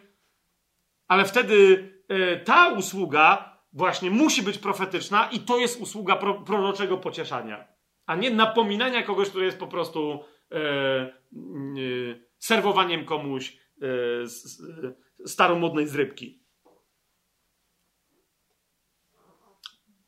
Z, zatem, zatem prorokowanie w kościele, nawet kiedy ono jest stricte prorokowaniem, czyli mówi o tym, co dopiero nadejdzie z przyszłości, musi się charakteryzować budowaniem całego kościoła, zachęcaniem, czy też pocieszaniem, pokrzepianiem. Okay? Otwórzmy sobie list do Rzymian. Tak, tylko żeby, żeby, żeby wiecie, żebyśmy zobaczyli, jak, jak ten temat nam powraca. 14 rozdział, skoro już o tym mówimy. Zwróćcie uwagę, e, w 14 rozdziale listu do Rzymian Paweł mógłby napi napisać: Wszyscy jesteśmy wezwani do życia na sposób proroczy. Tylko teraz popatrz, dzisiaj w kościele, jakbyś tak powiedział, no ja wam teraz to powiedziałem. Patrzcie na razie na mnie, bo, bo już Piotr, ja wiem, że to od razu znajdziesz to, co trzeba. Uspokój się teraz. Popatrzcie teraz na mnie. Czyli gdybym ja dzisiaj wyszedł, no nie, do tutaj tak doświadczonego grona badaczy Słowa Bożego, czy ludzi, którzy teraz tego, e, powiedzmy, nagrania słuchają, czy tej transmisji, tam wszystkich serdecznie testerów tajemnego planu jeszcze raz pozdrawiam, ale rozumiecie o co mi chodzi? Jakbym teraz powiedział, że wszyscy jesteśmy wezwani do tego, aby żyć proroczo, objawiać ducha proroczego w kościele i tak dalej, to co byście pomyśleli, że co to ma nie, i teraz już wiecie, że aha, my tu mówimy, to pewnie jest jakieś podstępne pytanie. Oczywiście, że jest, ale, ale tak, no, a rozumiecie, siedzimy w większym gronie ludzi w waszych kościołach domowych i tak dalej, w 50 osób, w 200, w 1000 współczesnych chrześcijan, to, to jakby to zostało dobrane, że co? Prawdopodobnie jako wezwanie, że no powinniśmy każdego dnia się starać, mieć wizję i tak dalej, raczej to, nie? Tymczasem zobaczcie, 14 rozdział listu do Rzymian, 19 werset. Tak więc dążmy do tego, co służy pokojowi i wzajemnemu zbudowaniu. To jest duch proroczy. To jest świadectwo Chrystusa. Rozumiesz? Skąd ty masz wiedzieć, co, co służy pokojowi i wzajemnemu zbudowaniu? No właśnie, musisz, musisz działać na sposób proroczy, bo inaczej będziesz religijny i wylejesz dziecko z kąpielą. Działając według zasad, a nie według ducha. Ja, tak, muszę to rozwijać, nie muszę. Jest to jasne, co mówię? To jest dokładnie to. Zbudowanie to jest klucz do prorokowania, do postawy proroczej. 15 rozdział, już jesteśmy w liście do Rzymian, pierwszy i drugi werset. A ta, tak więc my, którzy jesteśmy mocni, powinniśmy znosić słabości słabych, a nie szukać tego, co się nam podoba. Dlatego każdy z nas niech szuka tego, co podoba się bliźniemu, dla dobra, ku zbudowaniu. I teraz znowu, nie co mu się podoba, żeby kogoś zadowolić. Raz słyszałem, naprawdę słyszałem, rozumiecie, i w kościele rzymskokatolickim, i w paru kościołach protestanckich nauczanie tutaj na ten temat, że trzeba czasem jakby słyszeć, jakie ludzie mają zachcianki i je spełniać. Tak to sprowadzam do, ja wiem, spłuciłem to trochę, ale de facto do tego, nie? Że tu niby jest zachęta do tego, że wiesz, twojemu mężowi coś tam się zachciewa, no to ty musisz to spełnić, no bo to przecież tu jest wyraźnie powiedziane, że tego, co się podoba bliźniemu, dla dobra ku zbudowaniu. Ale rozumiesz, dlatego, co jemu się podoba w duchu i co przynosi dobro w duchu, kluczem więc jest słowo zbudowanie. Czy jeżeli ty, kapujesz, zaspokoisz, czy, zaspokoisz czyjąś cielesną zachciankę, czy to przyniesie zbudowanie? No właśnie. O to chodzi. A skąd możesz wiedzieć, co kogo naprawdę zbuduje? A co, więc co odpowie na pragnienie serca, które w sercu tej osoby jest zgodne z pragnieniem serca Bożego, a co jest zachcianką jego duszewną? Tylko Duch Święty może ci to objawić. W pierwszym do Koryntian, e, tam, tam wróćmy w dziesiątym, yy, rozdziale, kolejna rzecz, właśnie to jest to, gdzie się, gdzie się duch proroczy objawia. W codziennym życiu chrześcijanina, twoim i moim. W codziennym życiu chrześcijanki. Dziesiąty rozdział e, pierwszego listu do Koryntian, dwudziesty trzeci werset. Wszystko mi wolno, ale nie wszystko jest pożyteczne, pisze Paweł. Wszystko mi wolno, ale nie wszystko buduje. To jest to. Co nie ogranicza, ale ukierunkowuje Twoją wolność. Duch proroczy, w ramach którego widzisz, co przyniesie zbudowanie. To jest życie w duchu. Kapujecie, niektórzy łażą i cały czas mówią, że skoro ja jestem duchową osobą, to teraz ja w duchu, co, co, co muszę? Ja, ja teraz w duchu yy, muszę mieć wizję. Musi anioł do, przyjść do mnie, zapukać, musi się coś cudownego zdarzyć. Jeżeli jestem profetycznym chrześcijaninem, to musi się w kółko coś cudownego dziać. Będę się modlić i teraz muszę się spocić e, olejkiem pachnącym. Muszę się modlić i potem się musi okazać, że mam złoty pył na rękach albo dookoła musi, rozumiesz, musi się wydarzyć coś niezwykłego, w, ten, w tym sensie nadprzyrodzonego, żeby potem można. A kapujesz, ale jak to są sensacyjki, to co to ma wspólnego potem z Twoim życiem, życiem? Nie? W kiedy ty żyjesz i w duchu masz rozeznanie i, i wykonujesz jakąś decyzję, wszystko ci wolno, ale ty podejmujesz decyzję, wiesz, że ci wszystko wolno, ale w wyniku twojej decyzji dochodzi do zbudowania nie ciebie, tylko kogoś innego, zwłaszcza kogoś innego, zwłaszcza w kościele, to wtedy wiesz, że żyjesz w duchu proroczym. Dokładnie w takich sprawach pomagają aniołowie. Kapujesz? I czy, czy, masz jednego anioła do pomocy stricte posłanego, czy dziesięciu, specjalnie oddelegowanego do twojego, rozumiesz, jako współsłudzy twojej walki, twojej, rozumiesz, twojej służby. To jest masa innych aniołów, którzy czekają, rozumiesz, czekają na twoje duchowe rozeznanie, żeby ruszyć, kapujesz, aby realizować wolę Bożą w duchu, twoją walkę. Ale nie wiem, czy są jacyś aniołowie, którzy czekają na twoje wezwanie, żeby ci się pojawiać codziennie pod postacią, wiesz, płomyka nad czyjąś głową, promyka, kapujesz w ciemnym kącie, gdzie światło nie miało prawo paść i tak dalej, i tak dalej. Pod postacią yy, przystojnego nieznajomego, który zapukał do twoich drzwi, aby ci dać, rozumiesz, nie wiadomo gdzie wydrukowaną Biblię i tak dalej, i tak dalej. Nie chcę być teraz sarkastyczny, ale od nikogo innego nie słyszałem opowieści o aniołach jako przystojnych brunetach czy blondynach, którzy z nienacka przechodzą. Od nikogo innego, tylko od samotnych, starych panien prorokujących. Nie chcę być sarkastyczny jeszcze raz. Nie? Ale jakoś prorokom kabujecie. Więc jeszcze raz. Czy aby na pewno tamten, tamten anioł do ciebie przyszedł? I aby na pewno to jego przyjście i tam coś zrobił, rozumiesz, zapukał, otworzyłam drzwi i on powiedział, a coś tam, po czym zamknęłam drzwi, bo myślałem, że to listonosz. Pan mówi, nie, jak to listonosz, o trzeciej nad ranem otworzyłam, już nikogo nie było. No wszystko fajnie, no nie, ale jakby... I to jest opowieść z dziesięciu lat twojego życia o spotkaniu z aniołem? Kabujesz? No jeszcze oprócz tego y, ten anioł, prawdopodobnie ten sam przystojniak, jak raz czy drugi szukałam parkingu na mieście i nie było, to, to mi zwolnił, jasne. Aniołowie służą chrześcijanom do tego, żeby się objawiać, jak są osamotnieni, oraz żeby im szukać wolnego miejsca parkingowego w zatłoczonych miastach. Na litość boską. A są, rozumiesz, a są tysiące aniołów, które, którzy, którzy czekają, teraz nie będę wchodzić w angelologię teraz i jak, i jak to działa, ale tak, którzy czekają na twoją modlitwę o Kościół prześladowany. Tak? Hebrajczyków 13. 13 ile? 13,3. Hebrajczyków 13,3. Tak? Od, na twoją, czekają na Twoją modlitwę, żeby im otworzyła, rozumiesz, drogę i drzwi do, do tego, żeby gdzieś indziej, ludziom, którzy może nawet nie wiedzą, że anioł się im może pokazać, żeby im przynieść jedzenie, picie, żeby kogoś uwolnić z więzienia, żeby kogoś przeprowadzić gdzieś, rozumiesz, pod nosem jakiejś policji, e, tak, żeby był zupełnie niewidzialny i tak dalej, i tak dalej.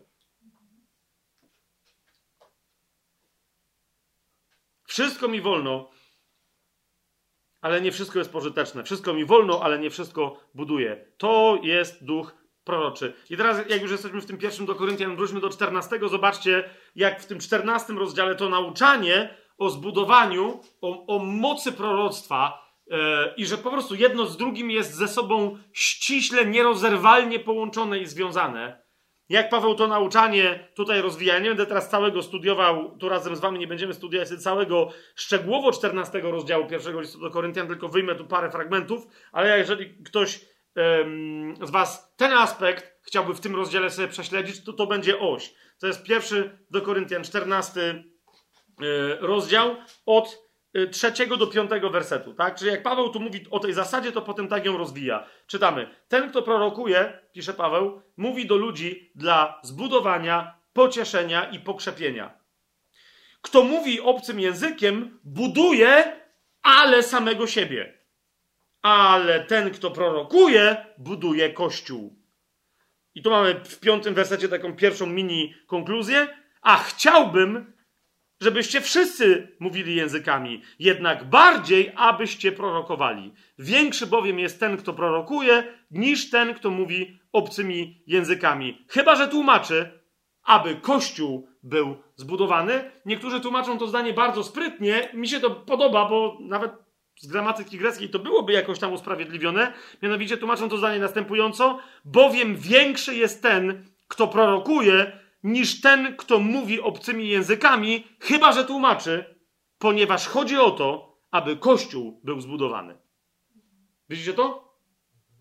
Nie? Czyli nawet jak ktoś mówi na językach, nadal chodzi o to, żeby je tłumaczyć, to jest ważniejsze. Czemu? Bo najważniejsze jest budowanie kościoła, nawet ważniejsze niż budowanie samego siebie. Kto jest zbudowany w kościele, jest zbudowany osobiście, nawet kiedy się nie modli na językach. Języki są potrzebne, kiedy nie masz kościoła, bo na przykład siedzisz e, w izolatce w więzieniu. Wtedy się modlisz na językach i się budujesz. Tak?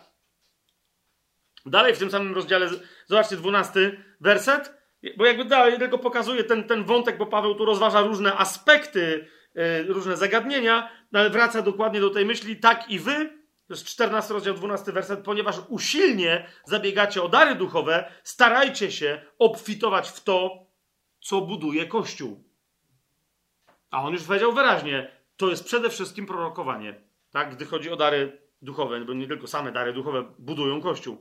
I, i, I, dalej jeszcze, tak żeby tylko ten temat, bo to nie jest nasz najważniejszy dzisiaj temat, chociaż bardzo istotny, 26 werset. Cóż więc bracia, gdy się zbieracie, każdy z was ma psalm, ma naukę, ma język, ma objawienie, ma tłumaczenie. Niech to wszystko służy zbudowaniu. Każda z tych rzeczy musi mieć charakter proroczy, a zatem ma służyć zbudowaniu. Czy to widzimy? I wreszcie, e, mm, jeszcze raz zobaczcie, wraz ze zbudowaniem idzie nieustająco pocieszenie. Jeszcze raz przypomnę 31 werset. Możecie bowiem wszyscy, jeden po drugim prorokować, aby się wszyscy uczyli. Jak się będą uczyć, to będą zbudowani, tak? Ale też, e, mm, aby wszyscy zostali pocieszeni. Widzimy to? I teraz, kochani, e, chcę Wam pokazać trzy fragmenty, żebyście o tym pamiętali, że Paweł nie tylko demonstruje to razem z Sylwanem i z Tymoteuszem, pisząc pierwszy i drugi list do Tesaloniczan, e, ale mówi o tym, że tak trzeba robić.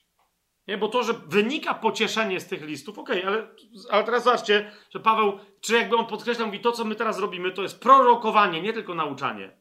I wy macie też tak prorokować, w ten sposób się budować i pocieszać. Zobaczcie, to jest napisane wprost, jak w żadnym innym liście, jak w żadnym innym miejscu, w ogóle powiedziałbym e, w piśmie, na przykład w pierwszym do Tesaloniczan, w czwartym rozdziale. Oczywiście echa, e, znaczenia związane z budowaniem, pocieszaniem i pokrzepianiem znajdziecie w obydwu tych listach gęste, ale no to celowo wziąłem trzy takie wersety, które wprost o tym mówią, także się już bardziej wprost chyba nie da.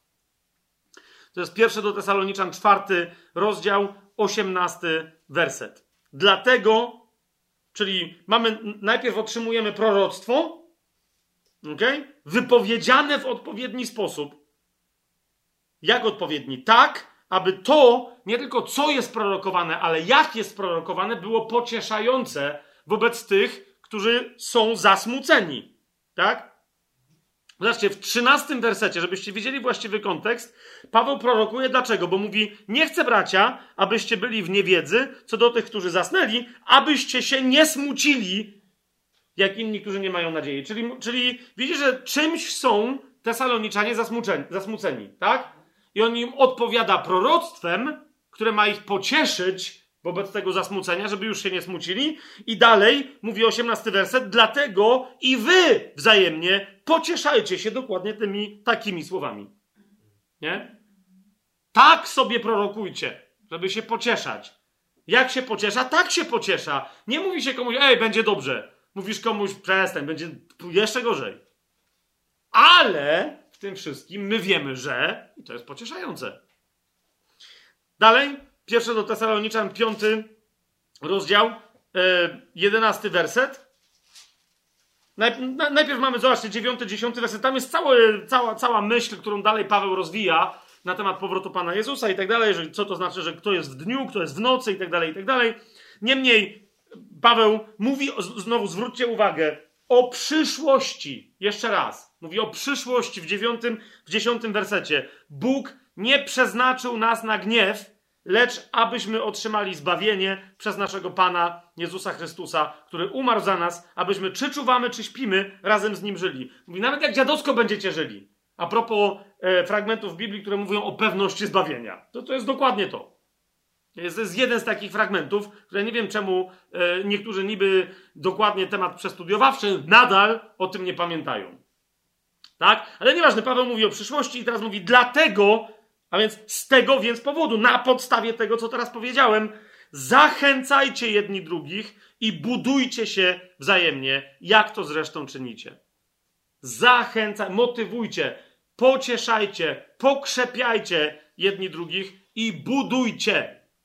Czym się różni, tak a propos, yy, bo ktoś mnie tam yy, jakiś czas temu już zapytał, że jakby to nie są trochę takie, czy to nie jest masło maślane.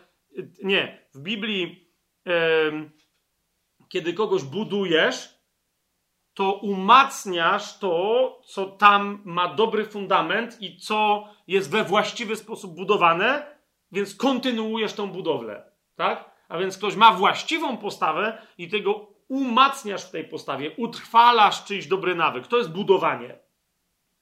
Jest jasne to, co mówię? Pocieszanie jest zmianą czyjegoś stanu mentalnego, emocjonalnego czy duchowego.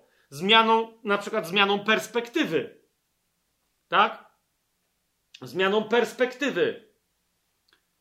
Ktoś się smuci, ale dlaczego człowiek wierzący miałby się smucić? Bo się koncentruje nie na tym, co trzeba. Tak? Więc, więc go dekoncentrujesz tu, a koncentrujesz go na czymś innym i w ten sposób go pocieszasz. Zauważcie, Paweł nie pociesza nikogo, w ogóle Słowo Boże nigdzie nas nie pociesza Słowo Boże w ten sposób, żeby nas mówić, nam mówić będzie dobrze. Nie? Tylko nam mówi, jak jest, żeby się na tym skupić i w wyniku tego masz być pocieszony. Nie? Dzisiaj mieliśmy interesującą rozmowę z moją żoną. Ostatnio mam wrażenie, że na tajemnym planie e, nie, nie, taki tajemny plan. Nie jest to planem na tajemny plan, a jednak Bóg ma taki plan, że gadamy czasem z moją żoną, co mi potem w ramach studium tajemnego planu przychodzi z pamięci.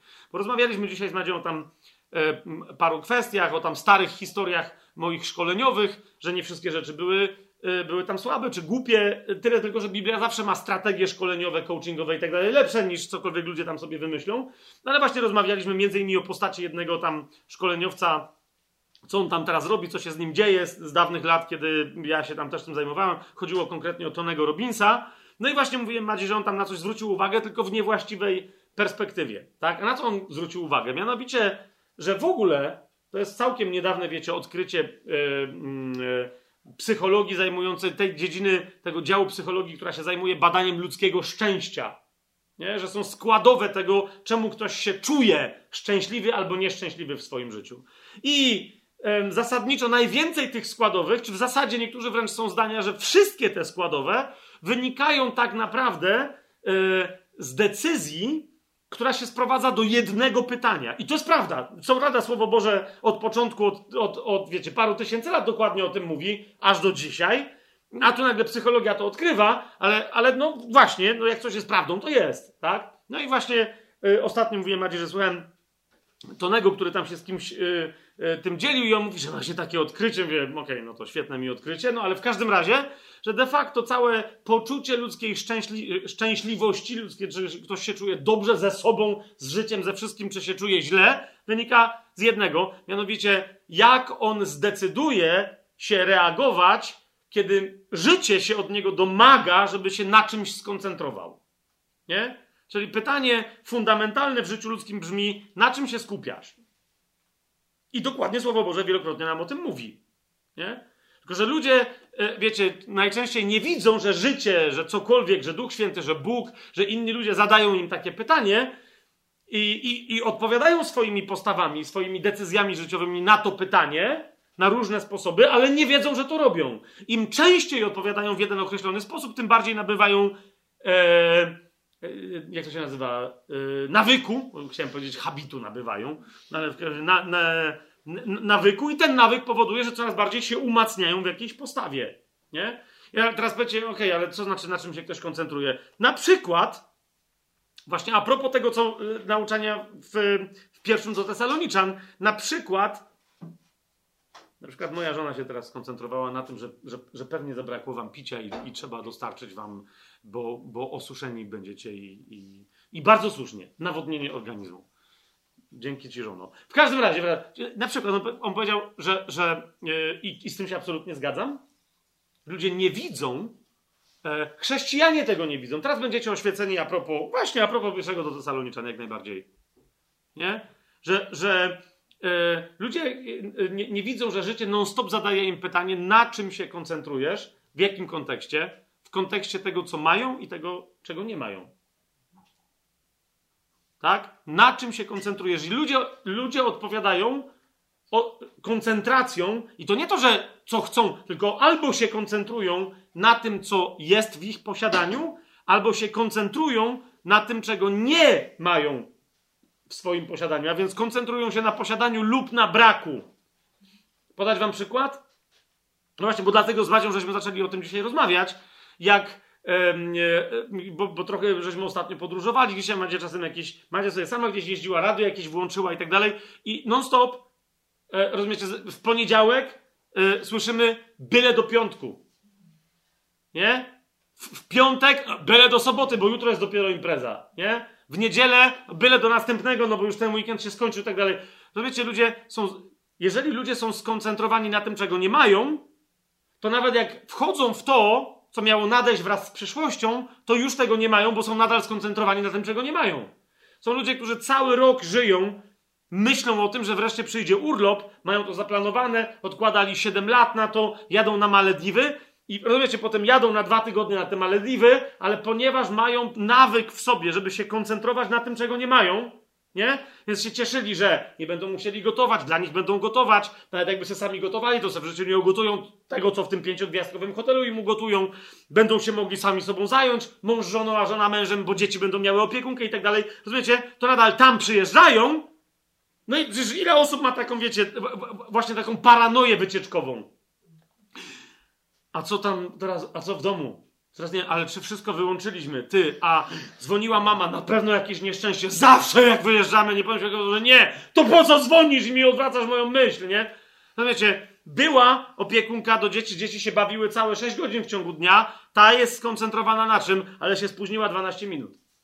I myśmy nie mieli tych 12 minut dla siebie, ja być 10, ja przyszła 12 po. Kapujecie, nie? Z, z iloma osobami rozmawiam, mówię, jak tam było, daj spokój, żarcia. Ale co, że to stary, że tego za dużo było, nie? A i to jest twój problem.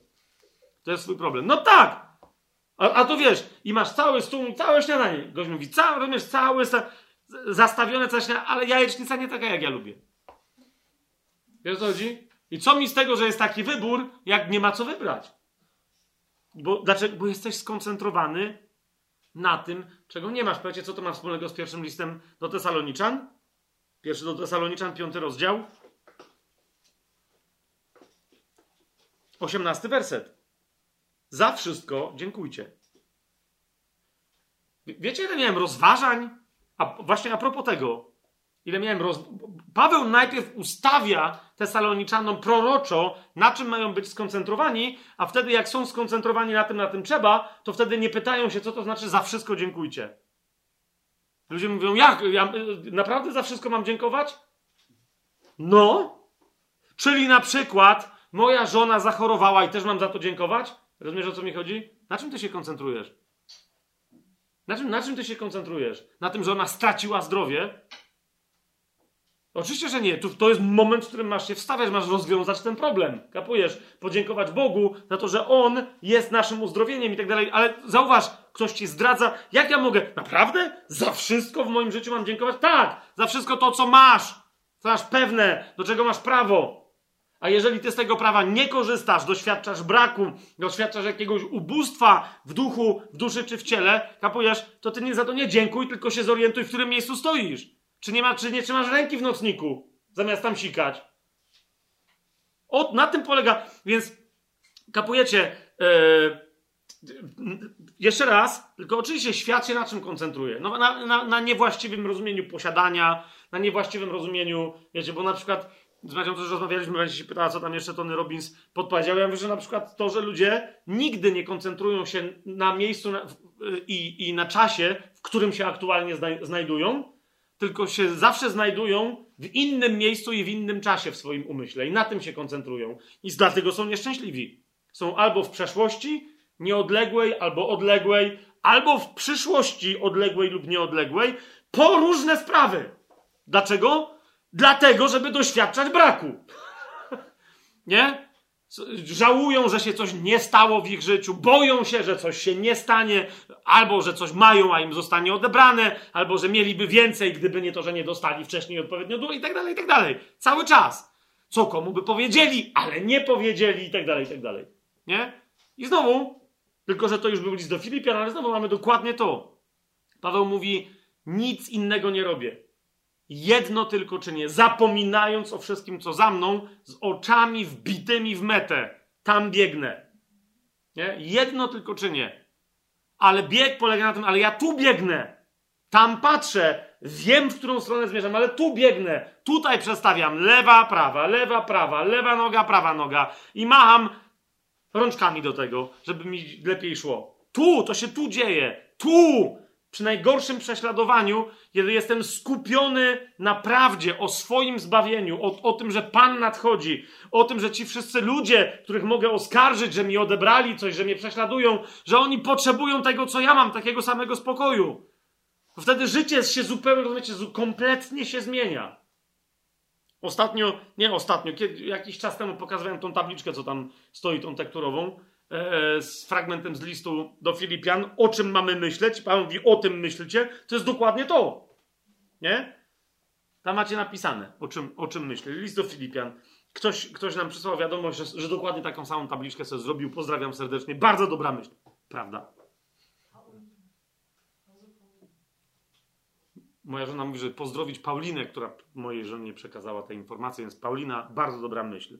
Ale o co mi chodzi? Tak, ktoś sobie może napisać z listu do Filipian, o tym myślcie i mieć wskazanie, o czym ma myśleć, a ktoś inny wystarczy, że pamięta o pierwszym i drugim liście do Tesaloniczan, o księdze objawienia, bo, jeszcze raz powtórzę, możesz się koncentrować nie na przyszłości, na, na przeszłości, na teraźniejszym, dzisiaj które masz od Pana, na tym, że Pan nadchodzi, na, na, rozumiesz, na fundamentalnych prawdach, ale kiedy czytasz w Słowie Bożym o tym, co jest zdecydowane przez Pana i nic tego nie zmieni, o powrocie Chrystusa na ziemię, o Jego królowaniu wiecznym, w pełni pokoju, w pełni sprawiedliwości, wówczas otwierasz się w Duchu Świętym na właściwą perspektywę. Na, nawet w pewnym sensie powiedziałbym, że nie musisz w ogóle na niczym się koncentrować, ponieważ dajesz się Jemu skoncentrować na właściwych, e, na właściwych, e, na właściwych tematach. Mamy to?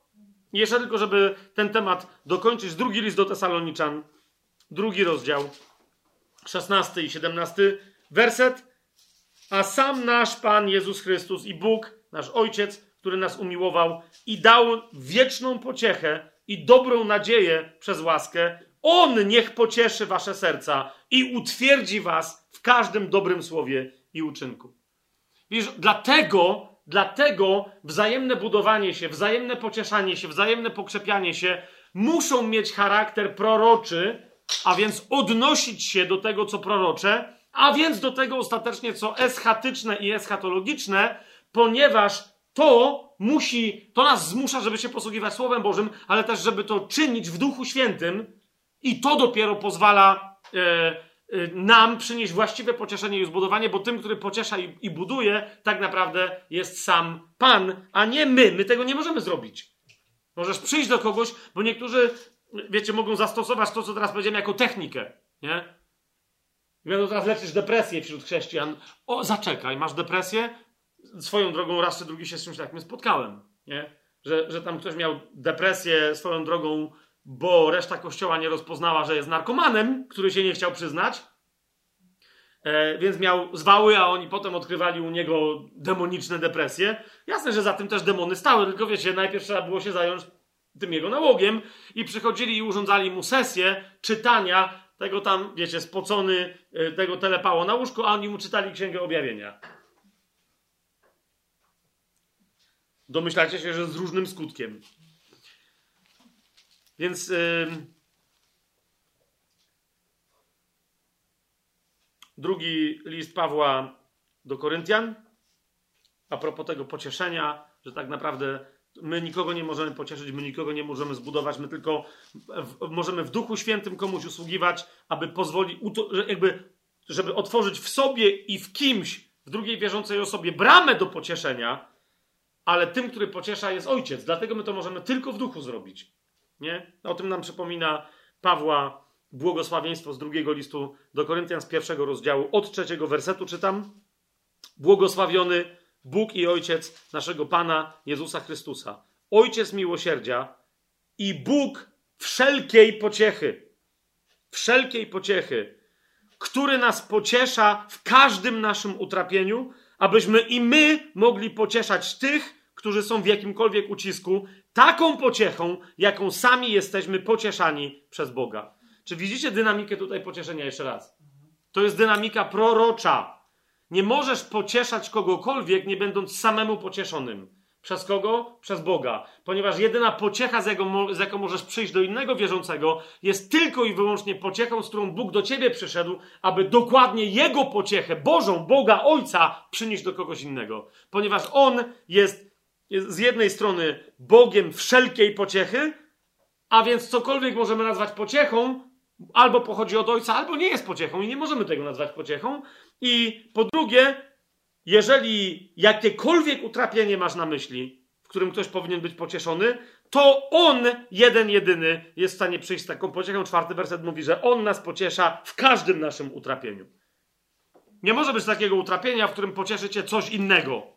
Prozak, Zanax, czy jakie tam teraz te, te nowe są w cudzysłowie lekarstwa. Nie, nie w cudzysłowie, bo zaraz będzie, że atakuje profesjonalną medycynę. Bez, bez, to nie był cudzysłów, to było oznaczenie recepty. Teraz, kochani, bardzo, e, e, e, bardzo szybko, jak już to mamy powiedziane, że to są listy prorocze,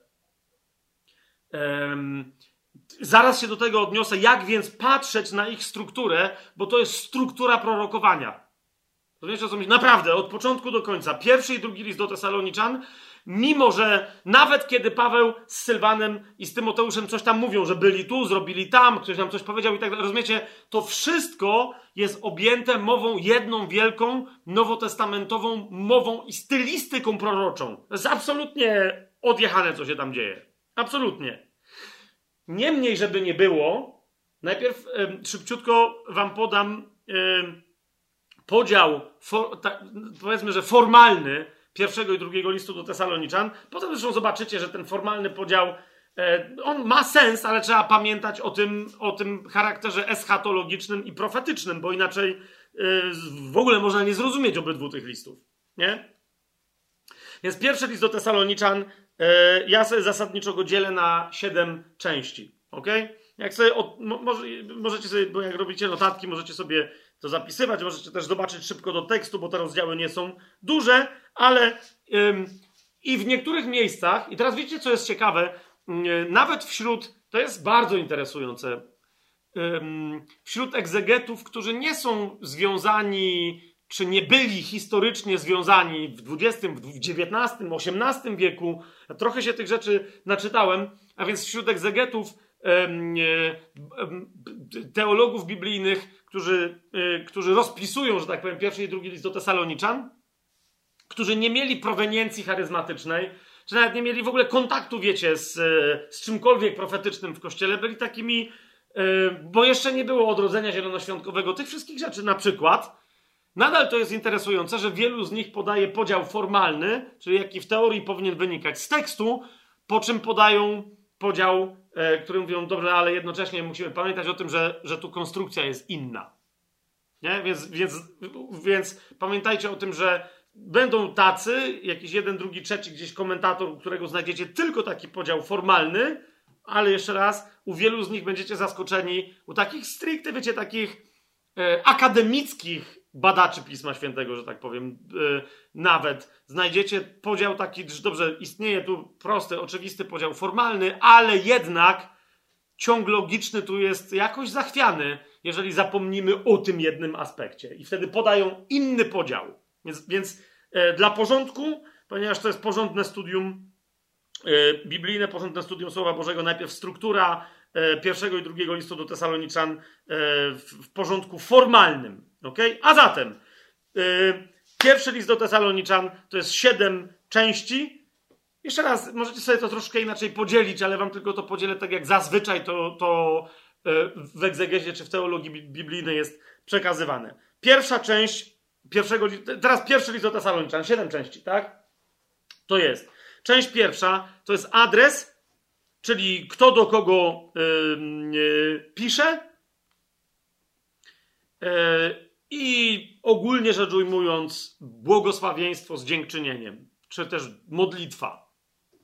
Tak? I to jest zasadniczo w pierwszym liście do Tesaloniczan pierwszy rozdział. Okay? Tak się formalnie w większości szkół biblijnych, jakichś tam nurtów e, teologii biblijnych i tak dalej, to się, to się tak robi. Tak? Czyli pierwszy, pierwszy rozdział, e, adres i dziękczynienie, lub też adres i modlitwa. Druga część to jest podsumowanie wizyty e, Pawła w, Tesalonice. E, I ta druga część to jest drugi rozdział pierwszego listu do Tesalonicza. No, okej, okay, to jest drugi rozdział. Mamy to? Teraz trzecia część to jest ustanowienie, nazwijcie to sobie jak chcecie, ale bo dla niektórych to jest wręcz ustanowienie, e, lub też niektórzy to, to, to nazywają de, decyzją komunikacyjną Pawła. Nie?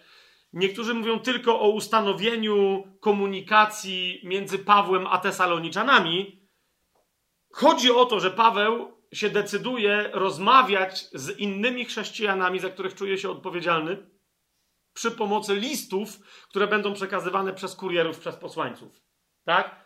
E, I to jest trzeci rozdział. To jest trzeci rozdział pierwszego listu do Tesaloniczan. Tak? On się zaczyna, bo widzicie, Paweł pod koniec drugiego rozdziału, jak podsumowuje tamtą wizytę, potem mówi, że no, wywalili was, nas od was, próbowaliśmy do was wrócić. To jest yy, pierwszy do, do Tesaloniczan, drugi rozdział, osiemnasty werset. Chcieliśmy przybyć do was, zwłaszcza ja, Paweł, raz i drugi, ale przeszkadzał nam, czy też przeszkodził nam szatan. Tak? No potem mówi, że no, to nie jest taka wielka przeszkoda, niemniej, bo to jak ostatnio wspomniałem, że niektórzy sobie żartują, niektórzy sobie nie żartują, tylko naprawdę całkiem poważnie mówią, że całą tą przeszkodą szatan, czyli Bóg dał, pozwolił szatanowi być tą przeszkodą po co? Po to, żeby zmusić Pawła, żeby zaczął pisać. Bo Paweł ewidentnie, jak widzicie w trzecim rozdziale, e, mówi, że, że przeszkadzanie diabła to jest w ogóle żaden problem, bo jeżeli Bóg gdzieś chce, żeby on poszedł, to chociażby całe piekło mu przeszkadzało, to, to Bóg mu drogę utoruje. To jest trzeci rozdział, jedenasty werset, gdzie Paweł mówi: Sam Bóg i nasz Ojciec, i nasz Pan Jezus Chrystus, niech utoruje naszą drogę do Was. Nie? Więc to jest, to on tu nie, nie widzi problemu. Ale w wyniku tego, że do tej pory raz i drugi chciał wrócić do Tesaloniki i nie mógł, nie miał daleko, ale nie mógł, w wyniku tego, zobaczcie, co pisze w trzecim rozdziale, mówi dlatego, dlaczego? No dlatego, że osiemnasty werset drugiego rozdziału przeszkadzał nam szatan, żeby do was przyjść. Dlatego, nie mogąc tego dłużej znosić, postanowiliśmy sami pozostać w Atenach, a Tymoteusza, naszego brata, sługę Boga i współpracownika w Ewangelii Chrystusa, posłaliśmy, aby was utwierdził i dodał wam otuchy w wierze. Potem on wrócił znowu. Więc krótko mówiąc, Paweł zakłada nowy rodzaj komunikacji, którą jest wymienianie się listami, a nawet jeżeli nie wymienianie się listami, to pisanie listów do tych, do których jest za których jest odpowiedzialny. I niektórzy mówią, że to jest ustanowienie komunikacji z Tesaloniką, inni mówią, to jest pierwszy list Pawła, jaki on w ogóle napisał i od tej pory pisał wiele innych listów, więc to jest de facto decyzja, żeby też komunikować się z innymi nie tylko osobiście, nie tylko przez posłańców, którzy mówią, że Paweł coś powiedział, ale przez listy, które będą sygnowane jakimś specjalnym znakiem Pawła i tak dalej, żeby było pewne, że to napisał on. Zresztą, że z tymi posłańcami, którzy się podawali za posłańców, współpracowników Pawła i tak dalej, że, że Paweł dobrze, dobrze mu Duch Święty podpowiedział, że będzie problem, to widać właśnie to, że zaraz jak napisał pierwszy list, to ktoś przylazł i albo przyniósł jakiś inny list, albo powiedział, że go Paweł dosłał, albo coś. W każdym razie powiedział jakąś głupotę w imieniu Pawła, i Paweł na to musiał napisać coś, co my znamy jako drugi list do Tesaloniczan, mianowicie w drugim do Tesaloniczan, zobaczcie, w drugim rozdziale. Paweł pisze w trzecim wersecie: Niech was nikt w żaden sposób nie zwodzi. Ok? A co, ale jak mieliby ludzie ich zwodzić? W drugim wersecie Paweł mówi, abyście nie tak łatwo dali się zachwiać w waszym umyśle i zatrwożyć się ani przez ducha, ani przez mowę, ani przez list, rzekomo przez nas pisany. Czyli ktoś przyszedł i prorokował inaczej niż Paweł nauczał i niż prorokował Sylwan z Tymoteuszem, tak? Ktoś przyszedł i wy, wygłaszał mowę najwyraźniej, bo tu jest takie, że przez ducha, czyli którego ktoś demonstruje, nie? Lub też przez mowę albo list przez nas sygnowany, przez nas autoryzowany. Nie? Czyli tu Paweł wyraźnie, nie będziemy teraz znowu greki, wiecie, rozważać, ale tu Paweł wyraźnie sugeruje, że ktoś przyszedł i chciał mówić w imieniu Pawła, albo, albo przyniósł list rzekomo przez Pawła napisany. Nie? I dlatego Paweł już na końcu drugiego listu do Tesaloniczan, czyli wszystko na to wskazuje, że w ogóle drugiego, w ogóle swojego listu do jakiegoś kościoła, pisze w trzecim rozdziale, w 17 wersecie, pozdrowienie moją Pawła ręką, jest ono znakiem. To, co on teraz tam napisał, co tam zrobił, nie wiemy, jakoś tam się podpisał, jest ono znakiem w każdym liście. Tak teraz piszę, czy tak będę pisać. Nie? Tak piszę. Więc niektórzy powiadają, pierwszy list do Tesaloniczan jednocześnie jest ustanowieniem e, tego, że, że Paweł się decyduje nie tylko osobiście mówić albo kogoś od siebie wysyłać, co też później czynił, pamiętacie, do Koryntian pisze, że, że tam im wysłał jednego, drugiego i trzeciego i tak dalej, i tak dalej, że to było jak najbardziej nadal, ale wtedy to byli ludzie, których Kościół już znał. Pamiętacie? Nie? Yy, że mówi, tego znacie, ten to jest ten, a tamten jest tu znany i, i tak dalej, i tak dalej. Kiedy Paweł natomiast pisze list, to on wtedy go podpisuje w taki czy inny sposób, żeby było jasne, że niekoniecznie, nie miałem kogoś, kogo wy byście znali, więc to byłoby pewne, że jak ten, ktoś przyjdzie i powie, że Paweł coś mówił, to jest prawda, zatem piszę wam list. Oprócz więc takich posłańców, będę też wysyłać wam listy. I to jest trzeci rozdział pierwszego listu do Tesaloniczan, według tego podziału tej, tego, tej struktury rozumianej jako formalna. I teraz tu się pojawi takie słowo, może dla niektórych, zapewne dla, dla niektórych z was kompletnie nowe, e, mianowicie egzorta. Czwarta część E, pierwszego listu do Tesaloniczan to jest e, pierwsza egzorta. Co to jest egzorta? W kościele rzymskokatolickim takim określeniem e, nazywa się na przykład krótką mowę pogrzebową, nie? która zbiera tam jakieś jest wypowiedź na temat tam zmarłego albo sensu jego śmierci, czy w ogóle sensu śmierci, to jest egzorta, albo egzortacja, niektórzy z jakiegoś powodu to jeszcze tak nazywają, ale jakby szerzej rozumiejąc, to jest krót, to, to może być krótkie kazanie lub też krótka, taka treściwa, lapidarna wypowiedź umoralniająca, mówiąc ogólnie, albo też jest to krótkie e, nauczanie przypominające o, o, charakterze chrześcijańskiego życia e, w, w Biblii lub poza Biblią. Tak, ale kiedy ktoś wygłasza, wiecie, nie kazanie, Tak? Nie homilię, nie jakieś tam, czy jakąś historię opowiada, potem coś ma jakąś myśl, tylko egzorta to jest przypomnienie komuś, e, nie nauczanie go, ale przypomnienie mu o czymś, e, bo się zdekoncentrował. Nie, nie to jest najważniejsze, tylko tamto. Nie to masz teraz robić, tylko tamto. Nie to nam Pan przykazał, tylko tamto nam przykazał. Nie? To jest egzorta. Jest to jasne? Yy, nawet chyba w języku potocznym polskim yy, taki wyraz właśnie funkcjonuje w takim sensie, że to jest krótka, umoralniająca wypowiedź, czy też kazanie krótkie, yy, czy pogadanka na przykład do dzieci na jakiś tam temat, czego rodzice od nich oczekują, jak się mają zachowywać i, i wtedy taka krótka pogadanka to jest egzorta do dzieci, no nie? W tym sensie. Więc teraz czwarta część pierwszego listu do Tesaloniczan to jest, to jest pierwsza egzorta. Tak? To jest czwarty rozdział, wersety od pierwszego do dwunastego. Jeszcze raz zwracam Wam na to uwagę, dlaczego? Bo zobaczycie, że jak spojrzymy na tę listę jako na wypowiedź proroczą, to w ramach tego proroczego spojrzenia i proroczej konstrukcji, to, to, to ta formalna struktura trochę nie ma sensu, a prorocza ma genialny sens. Ale okej, okay, ale okej. Okay. Jak ktoś powie, że tu jest pierwsza egzorta, rozdział czwarty od pierwszego do dwunastego wersetu, to o czym jest ta egzorta? Otóż ta egzorta przypomina, że chrześcijanin ma się uświęcać, a więc, że życie chrześcijańskie to jest droga uświęcenia, więc, że chrześcijanin ma się uświęcać, a uświęcenie to jest droga miłości wzajemnej, miłości braterskiej. Tak? I to jest przypomnienie o tych dwóch rzeczach. W dwunastu wersetach, zobaczcie, trzeci werset mówi, taka jest bowiem wola Boga, wasze uświęcenie, żebyście powstrzymywali się od nierządu, ale w każdym razie to jest wasze uświęcenie, tak? I dziewiąty werset mówi, a o miłości braterskiej nie ma potrzeby wam pisać, no i dlatego wam piszę. Tak?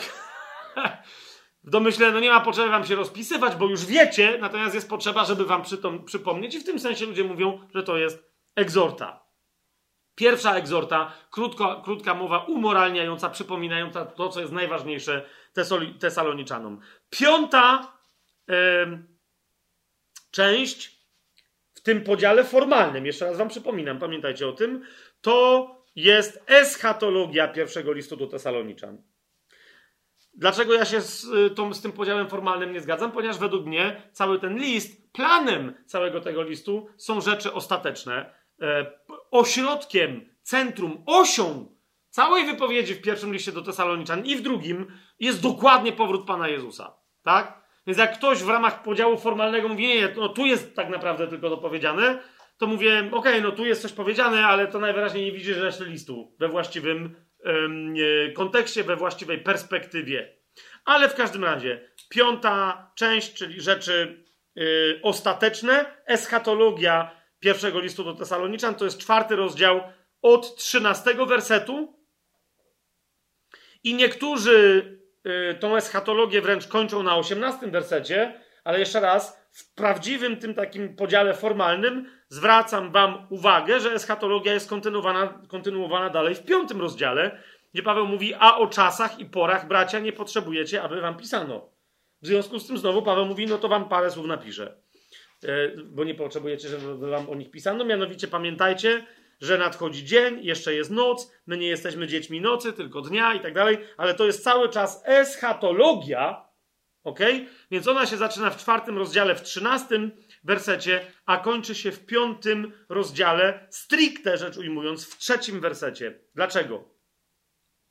Bo co prawda dalej Paweł mówi o ciemności, o nocy i o dniu, ale już nie mówi stricte no chociaż według mnie no dalej mówi na przykład w, mm, w wersecie dziewiątym, ale no, no niech będzie, mówi o pewnym charakterystycznym wydarzeniu czy zjawisku, trendzie, które będzie miało miejsce, stanie całego świata, które, którego nigdy świat nie miał, a w pewnym taki stan się pojawi i mówi o nim w trzecim wersecie. Więc niektórzy powiadają stricte rzeczy e, ostateczne, eschatologia e, znajduje się w pierwszym do Tesaloniczan znajdujemy ją od czwartego rozdziału 13 wersetu, włącznie do piątego y, rozdziału trzeciego, trzeciego wersetu włącznie. Mamy to? I potem niektórzy powiadają, a, ale jeszcze raz, ale znajdziecie podział, który powie nie, nie, ta eschatologia ciągnie się aż do, i ja bym się raczej z tym zgadzał, ona się ciągnie aż do dziesiątego wersetu. Tak? Inni mówią nieprawda. W czwartym y, wersecie piątego rozdziału zaczyna się druga egzorta. To jest szósta część. Druga egzorta. Nie? I teraz tu od razu wam znowu powiem, to nie są w ogóle, wiecie dobrze, że to, to mnie w ogóle nie interesuje, ale jestem zobowiązany, żeby wam rzeczowe, y, konkretne informacje przekazywać. Prawdopodobnie, jak się, jak, jak się spotkacie z tymi różnymi podziałami formalnymi, to jeżeli ktoś wam powie, eschatologia ciągnie się aż do trzeciego wersetu piątego rozdziału, to będzie oznaczało, że później ten ktoś nie jest wyznawcą w ramach drugiej egzorty Pawła, nie jest wyznawcą 22 przykazań.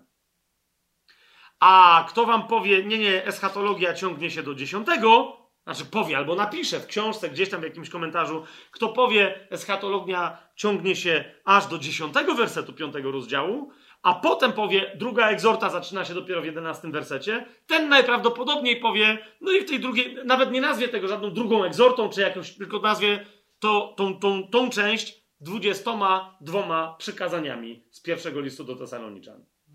Wiecie, jaki ja mam stosunek do takiego rozumienia Słowa Bożego, więc powiem jasne. Ale okej, okay, niech będzie 22 przykazania. E, I one zasadniczo, jak mówię, niektórzy powiadają, to jest całe nauczanie moralne e, od aż czwartego wersetu, ale ci, którzy mówią o tych 22 przykazaniach, mówią, że one się zaczynają w 11 e, wersecie i ciągnie się to wszystko aż do 22 wersetu włącznie. Tak? Jakie to są przykazania? Jeszcze raz, wiecie dobrze, że to nie są żadne przykazania, tak? Jeżeli by tak ktoś chciał rozumieć Słowo Boże, no to by znalazł więcej niż 613 przekazań w całym Nowym Testamencie. I ale ci, którzy mówią, że tu są właśnie 22 przekazania, powiadają, one się zaczynają od stwierdzenia w 11 wersecie. Pierwsze, zachęcajcie jedni drugich. Drugie, budujcie się wzajemnie. Trzecie, daszcie uznaniem tych, którzy pracują wśród was. Czwarte, zachowujcie pokój między sobą i tak dalej, i tak dalej. Widzicie to? Któreś tam będzie, zawsze się radujcie, nieustannie się módlcie i tak dalej, i tak dalej, i tak dalej. Więc to nie jest moje podejście, nie, według mnie to nie, to nie ma żadnych przykazań. Niemniej, niemniej, jak pierwsza egzorta, na, na, którą sobie już wskazaliśmy, czyli ta część czwarta pierwszego listu do Tesaloniczan, po prostu mówi o dwóch filarach chrześcijańskiego życia: miłość wzajemna i uświęcenie, uświęcenie i miłość braterska, tak? Tak, ta druga egzorta, jeszcze raz mówię, niezależnie od tego, gdzie ona się zaczyna, powiedziałem wam, że są dwie różne koncepcje, to ona się kończy rzeczywiście w 22 wersecie, tak? To jest, ja sobie to nazywam szóstą częścią, drugą egzortą i ona się kończy w piątym rozdziale, w 22 wersecie. Mamy to? Nie, nie pogubiliście się? Tak czy siak, to nie są dla mnie żadne 22 przekazania, ale ewidentnie jest to dla mnie papierek lakmusowy y, testujący twoje chrześcijańskie życie. Ok? Krótko mówiąc, łatwo jest powiedzieć, miłujcie się nawzajem i e, trwajcie na drodze uświęcenia. Nie? Ale jak potem ktoś mi powie, że o, bo to oznacza to, czy oznacza tamto, nie, nie, nie.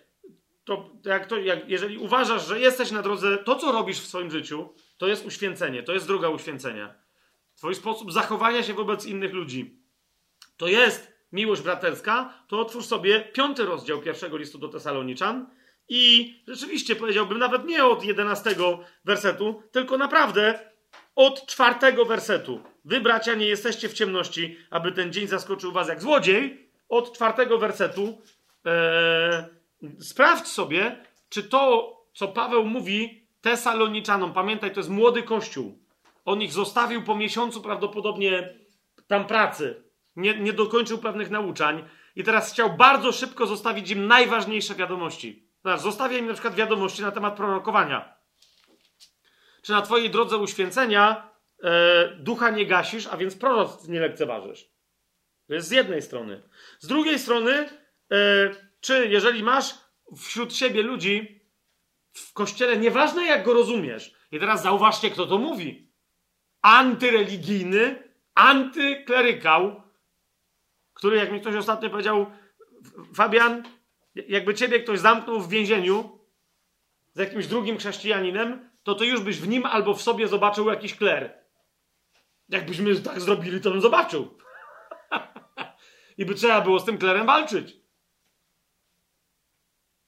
Nie, niemniej ja, ten osławiony, antyreligijny, antyklerykał, mówię ci, że tak, zorientuj się, bracie, zorientuj się, siostro, 12 werset 5 rozdziału pierwszego do Tesaloniczan, czy darzysz uznaniem tych, którzy pracują w swoim kościele, w twoim kościele, którzy są za ciebie? Pamiętacie, jak mówiłem o przełożeństwie w kościele i tak dalej, tu, którzy, za tych, którzy są za ciebie odpowiedzialni, którzy ci przewodzą, nie którzy są waszymi przełożonymi w Panu. Pamiętacie to rozważanie, jak, jak poda, podawałem między innymi przykład tego tutaj, y, tutaj fragmentu, ale, ale są tacy ludzie, którzy mają pewne odpowiedzialności w kościele. Tak? Czy darzysz ich uznaniem? Jak? Ja, co jest wyrazem tego uznania? Nie, nie, ja szanuję pastora, ja szanuję tego nauczyciela, tamtego, tamtą prorokinię, wszystko fajnie, ale jak konkretnie? Czym się to wyraża? Tym, że go nie obgadujesz, tak jak innych? Że się powstrzymujesz? Że jesteś, wiesz, team taki albo team śmaki i dlatego jak ktoś ich atakuje, to zawsze będziesz bronić tego jednego? Ktoś mi ostatnio powiedział, ja jestem team Derek Prince. Nie, okej. Okay. A co ja ci mam powiedzieć? Ja jestem Team Jesus Christ? To wylądujemy tam, gdzie Paweł powiedział. Jeden jest Piotra, drugi jest Pawła, trzeci Apollosa, a czwarty cwaniakuje, że Chrystusa. Dajże spokój. My jesteśmy ten sam team. I nikt nikogo nie powinien obgadywać, tyłka mu obrabiać w taki czy inny sposób, tak? Więc jak konkretnie, czym się konkretnie wyraża e, Twoja postawa? E, wobec tych, którzy pracują w Twoim kościele, którzy pracują, usługują Tobie i Ty ich rozpoznajesz jako tak usługujących. Czym ona konkretnie się wyraża w Twoim. Jak się nie wyraża, się przestań oszukiwać. Zwłaszcza, że za chwilę jest napisane, ze względu na ich pracę, daszcie ich jak najgorętszą miłością. Szacunek to jest jedno, uznanie to jest jedno, a miłość to jest drugie. A ja bardzo kocham swoją żonę. A, wy, a, a ona to skąd wie? Nie drę się na nią. Nie jadę po niej, tak mi jeden gość kiedyś powiedział.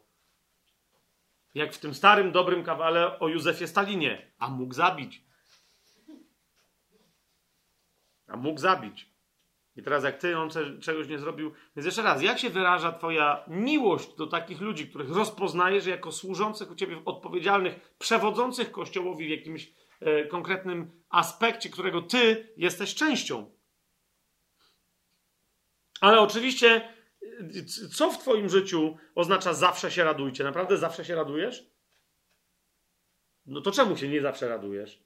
I teraz tylko proszę Cię, nie, nie, nie, nie, nie uciekaj w odpowiedź e, typu, no bo nie wiadomo, co tu Paweł miał na myśli, bo to wiadomo dokładnie to, co napisał. Tak? Ale, ale no tak, to napisał, ale nie wiadomo, co to oznacza. Że wiadomo, co to oznacza. To dokładnie to oznacza. Możesz nie wiedzieć, co znaczy się radować i tak dalej, ale moje pytanie brzmi, to czemu tego nie wiesz? Bo Biblia to naprawdę jasno definiuje. To nie oznacza zawsze się chichrać z wszystkiego. Coś się zgadzam. Nie oznacza zawsze być zadowolonym w każdej sytuacji, w jakiej się znajdujesz, ale, ale nadal oznacza radować się, a nie popadać w jakieś stany klęski wewnętrznej i depresji. I ja to gadam nie jako gość, który nieustannie się raduje i tak dalej, ponieważ wczoraj wszedłem na wagę, miałem ważyć o, o, o e, określoną ilość po moich działaniach ostatniego tygodnia, które sobie wmawiałem, że wykonywałem. Miałem ważyć e, mniej, a nie tylko, że nie ważyłem mniej, nie ważyłem tyle samo co wcześniej, to jeszcze ważyłem więcej. Po czym moja żona, po czym moja żona świadkiem, że po prostu spędziłem pół dnia na użalaniu się nad sobą pod postacią, że jestem na siebie absolutnie wściekły, nienawidzę się i idę się zabić. Oczywiście, no nie, że idę się zabić, tak? Ale to było moje takie, że no jakby nie to, że jestem chrześcijaninem, przecież to lepiej strzelić ten głupi łeb, niż żeby razem... To słuchaj, miałem taki, rozumiecie, miałem taki dzień miałem wczoraj. Więc ja nie cwaniakuję. Nie bez przyczyny zresztą. Bóg ci, wiesz, pozwala na takie stany prawdopodobnie, kiedy następnego dnia masz nauczać o tym, że zawsze się radujcie. Więc ja nie cwaniakuję, że tu, ale właśnie takie Słowo Boże cię natychmiast, może nie natychmiast, no ale jeszcze wczoraj mnie jednak przywróciło do, do pionu, na zasadzie, że no dobra, no nie? Ale co się w zasadzie stało? Czemu się koncentrujesz? Na czym się koncentrujesz? O czym ty teraz myślisz? Dla, dlaczego nie tylko, że masz prawo, ale po prostu nie, że obowiązek, ale no, na, dlaczego miałbyś się nie radować? Co jest przyczyną twojej radości? Rozumiesz, o co mi idzie? Bo, bo kiedy chrześcijanin przestaje się radować, to jest rzeczą jasną, że się zdekoncentrował, dał się oszukać, że coś I że to coś jest uzasadnieniem, że się teraz nie raduje. Nie? No to, to rozumiesz, to, to, to, to nie jest. Niektórzy mówią, no ale przynajmniej nie zgrzeszyłem. Daj spokój! Daj spokój! Daj spokój. Bo znam ludzi, którzy grzeszą i się bardziej cieszą, niż ci chrześcijanie, co się cieszą, że nie zgrzeszyli, ale się nie cieszą w ogóle. Oni się tylko z tego cieszą, że przynajmniej nie grzeszą. No ale to właśnie jest, rozumiesz, to, kapujesz, zauważ, tu nie ma napisane, przestań się masturbować, ok, dawaj więcej na tacę, nie, nie przeklinaj żony, kapujesz, nie wyżywaj się na psie, sąsiada i tak dalej, bo ja czasem takie, rozmawiam takie rozmowy z chrześcijanami, że jakby jeszcze tylko ta sprawa, wiecie o co mi chodzi, nie? No bo ja dosłownie, gdyby się miała jedna rzecz w Twoim życiu zmienić, czasem takie pytanie zadaję, jak widzę, że chrześcijanin się naprawdę plącze, przychodzi na rozmowę, chce gadać, bo jest naprawdę nieszczęśliwy, ale nie umie zdiagnozować tego swojego i mówi, no naprawdę nie wiem, ale fajnie, słyszałem, że Ty jesteś geniuszem od tych rzeczy. Mhm. Jakbyś jedną, w wyniku naszej rozmowy, jedną, jedną, jedyną rzecz, gdyby się miała zmienić na lepsze, to wiecie, że tak nigdy nie ma, tak? Się jedna rzecz zmienia, to się kompleksowo wiele innych rzeczy zmienia. Ale gdyby się jedna, jedyna rzecz w twoim życiu miała zmienić na lepsze, to co byś ty chciał, żeby to było? Cokolwiek pan chce. Mhm. To jest twój wybór, tak? Pan ci, rozumiesz, mamy telefon do złotej rybki bożej, kapujesz jedno życzenie, masz wszystko. Co ty wybierasz? Co by się miało zmienić? On nie wie, nie? Nie wie, no właśnie, bo jest masę rzeczy, w ramach których, żeby się je zmieniły, to szybko dojdziemy do tego, że czyli co możesz zrobić, żeby je zmienić. No więc w takim razie lądujemy w jakichś cudownych zmianach. I no wiesz co, w zasadzie to czasem się drepo po, po tej żonie mojej naprawdę. Ona nie jest aż taka zła. Hmm. Nie jest co prawda niewierząca, ale to nie, uza nie uzasadnia wszystkich moich... A, niektóre uzasadnia. Czasem dajesz fantastyczne świadectwo męża wierzącego, że czasem jednak ją zrąbiesz. No, znowu, no, a mógł zabić a mógł zbić. Przecież Słowo Boże mu pozwala bić żonę kijem, nie pozwala? Jeden, rozumiecie, że jeden gość mi powiedział naprawdę kiedyś, że a nie pozwala? Widzą tylko ja, wiesz, no nie będę, stary, naprawdę coś ci się nie poplątało w głowie? Nie no, gdzieś na pewno, na pewno gdzieś w Biblii czytałem, mhm, nie wiem czy w naszej chrześcijańskiej w jakiejś, może w Biblii szatana. Może w Biblii ketogenicznej czytałeś, nie wiem, czy w jakiejś innej jeszcze, że wolno bić żonę kijem, ty, bo, bo to jest zgodne z wolą Bożą. Ciołoniu. On nie wie, ale ma intuicję głęboką, że Duch Święty mu, rozumiesz, mówi. Więc jeszcze raz. Jak my się, rozumiesz, gdyby miała się jedna rzecz i ludzie się koncentrują na jakiś, jakimś tam drobiazgu, bo koncentrują się na czymś, co sztucznie, czas, czasem diabeł, a czasem sami sobie po prostu po ludzku podbijają, co nie jest wyrzutem sumienia, ale jest poczuciem winy. Nie jest czymś, co, na co Duch Święty im zwraca uwagę. Kapujecie? To jest coś, w ramach czego sami dla siebie są sędziami. Kiedyś pamiętam z jednym, e, nie, nie, byłem pewny, czy z bratem w Chrystusie, ale tak, no okazało się, że z bratem w Chrystusie. To już było wiele, wiele lat temu. potem się okazało, że on w zasadzie był nowonarodzony, ale w każdym razie tam była taka rozmowa e, i on, e, on mi mówi, czy ja bym mógł, to był taki jakiś obóz letni i tam pokój, w którym tam ludzie przychodzili, żeśmy gadali tam były jakieś takie drzwi przeszklone i tak dalej, wiecie, okno, nie, nie żeby tam ktoś zaglądał, no ale tam...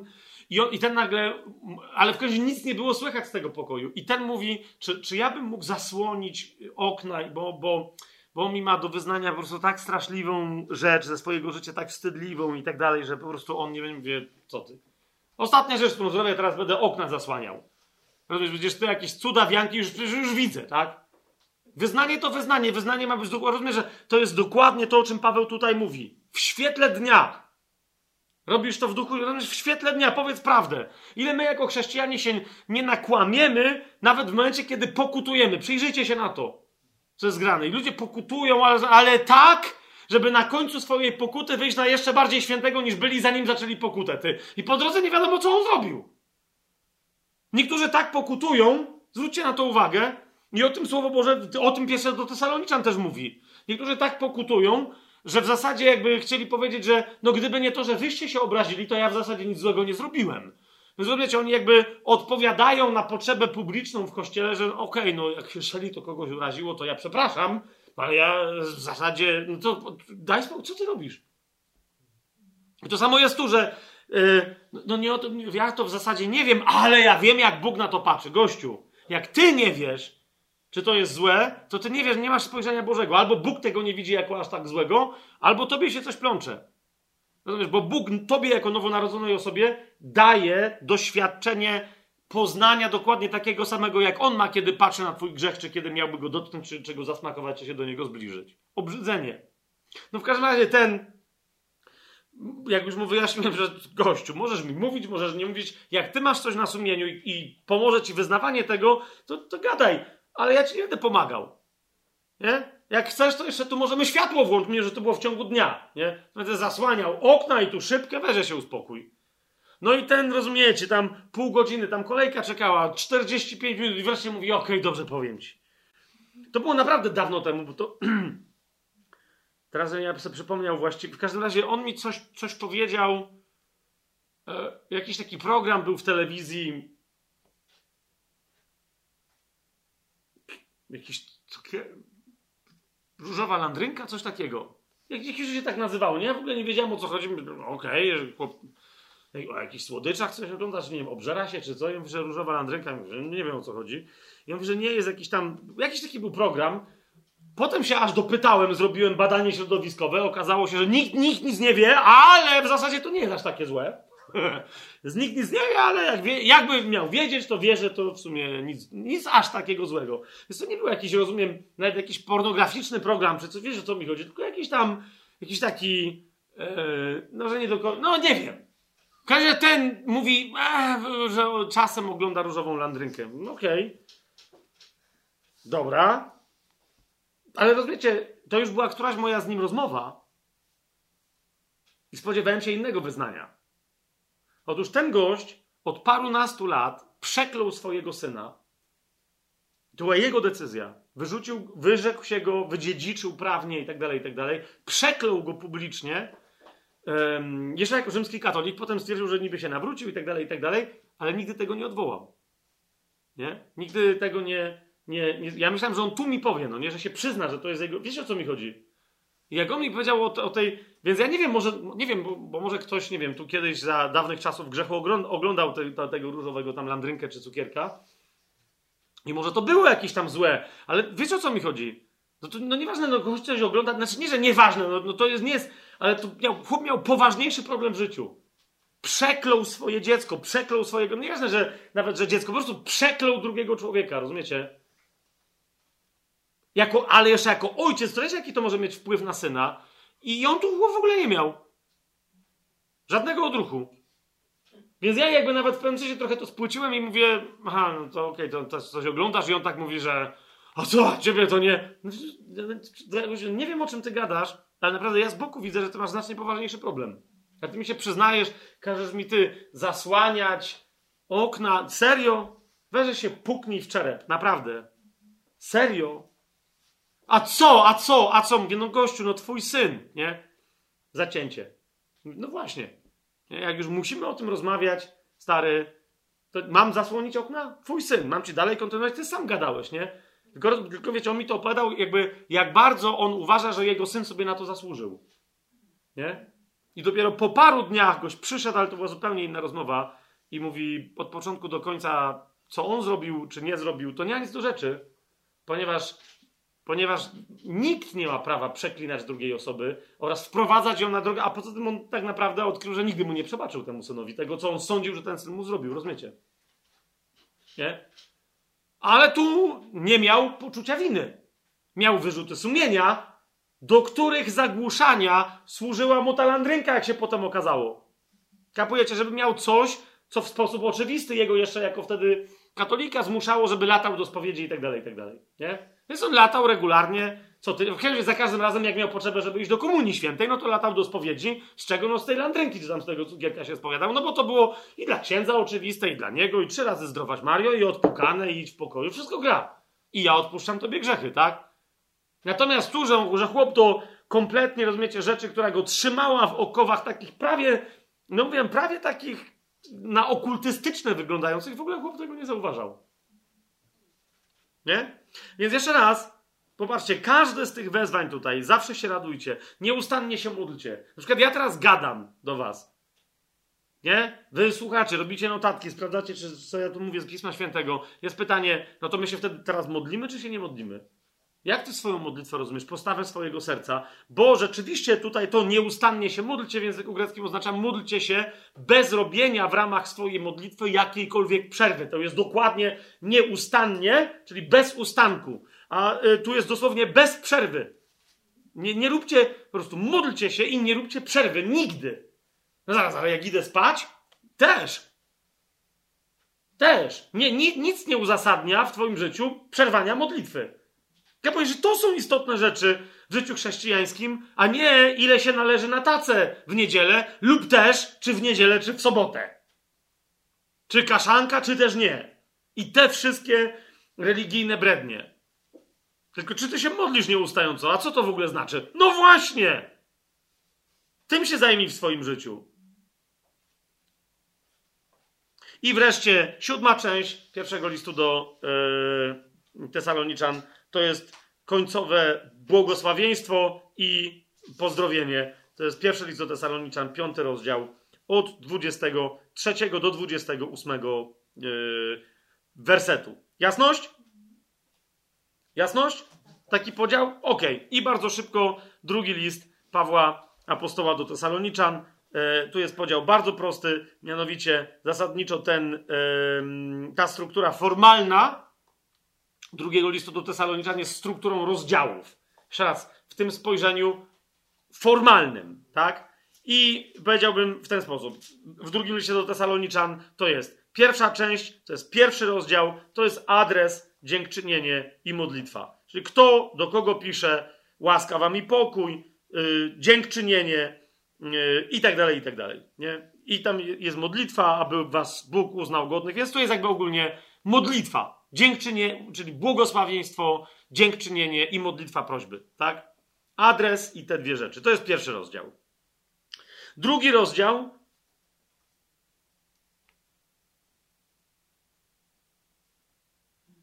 to jest, yy, to jest eschatologia drugiego listu do, yy, do Tesaloniczan, którą też niektórzy nazywają, to będzie różnie nazywana, na przykład doktryną Dnia Pańskiego. Nie? Teraz tak sobie próbuję przypomnieć, ale coś nie mogę tego odtworzyć z głowy. Jakbyście mi pomogli, ktoś z Was, jak macie pod ręką oryginalny tekst, bo widzę tu w UBG, ja czasem czytam UBG, a mam w głowie różne teksty, sam czasem nie widzę, co, co czytam, bo se z pamięci czasem czytam. Ale tu widzę w, w drugim do Tesaloniczan, w drugim rozdziale, y, w drugim wersecie, czyli 2 test 2.2. Mm, na końcu tam jest ten problem, że ktoś tam napisał list, jakoby już nadchodził dzień Chrystusa. Ale coś mi się tak wydaje, tak z pamięci zupełnie mówię, że, że tu właśnie Paweł posługuje się określeniem dzień e, Pana, dzień Pański, a nie dzień Chrystusa.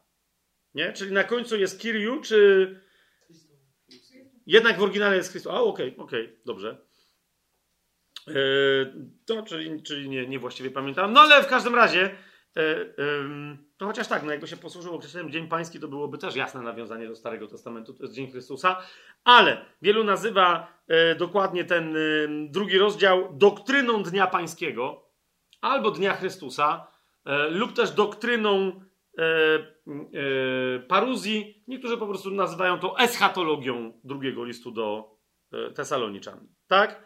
I potem, i to, to, jest, to jest cały drugi rozdział i trzeci e, e, rozdział drugiego listu do Tesaloniczan, to jest egzorta praktyczna i pozdrowienia. Nie? Czyli, e, czyli tam wypowiedź Pawła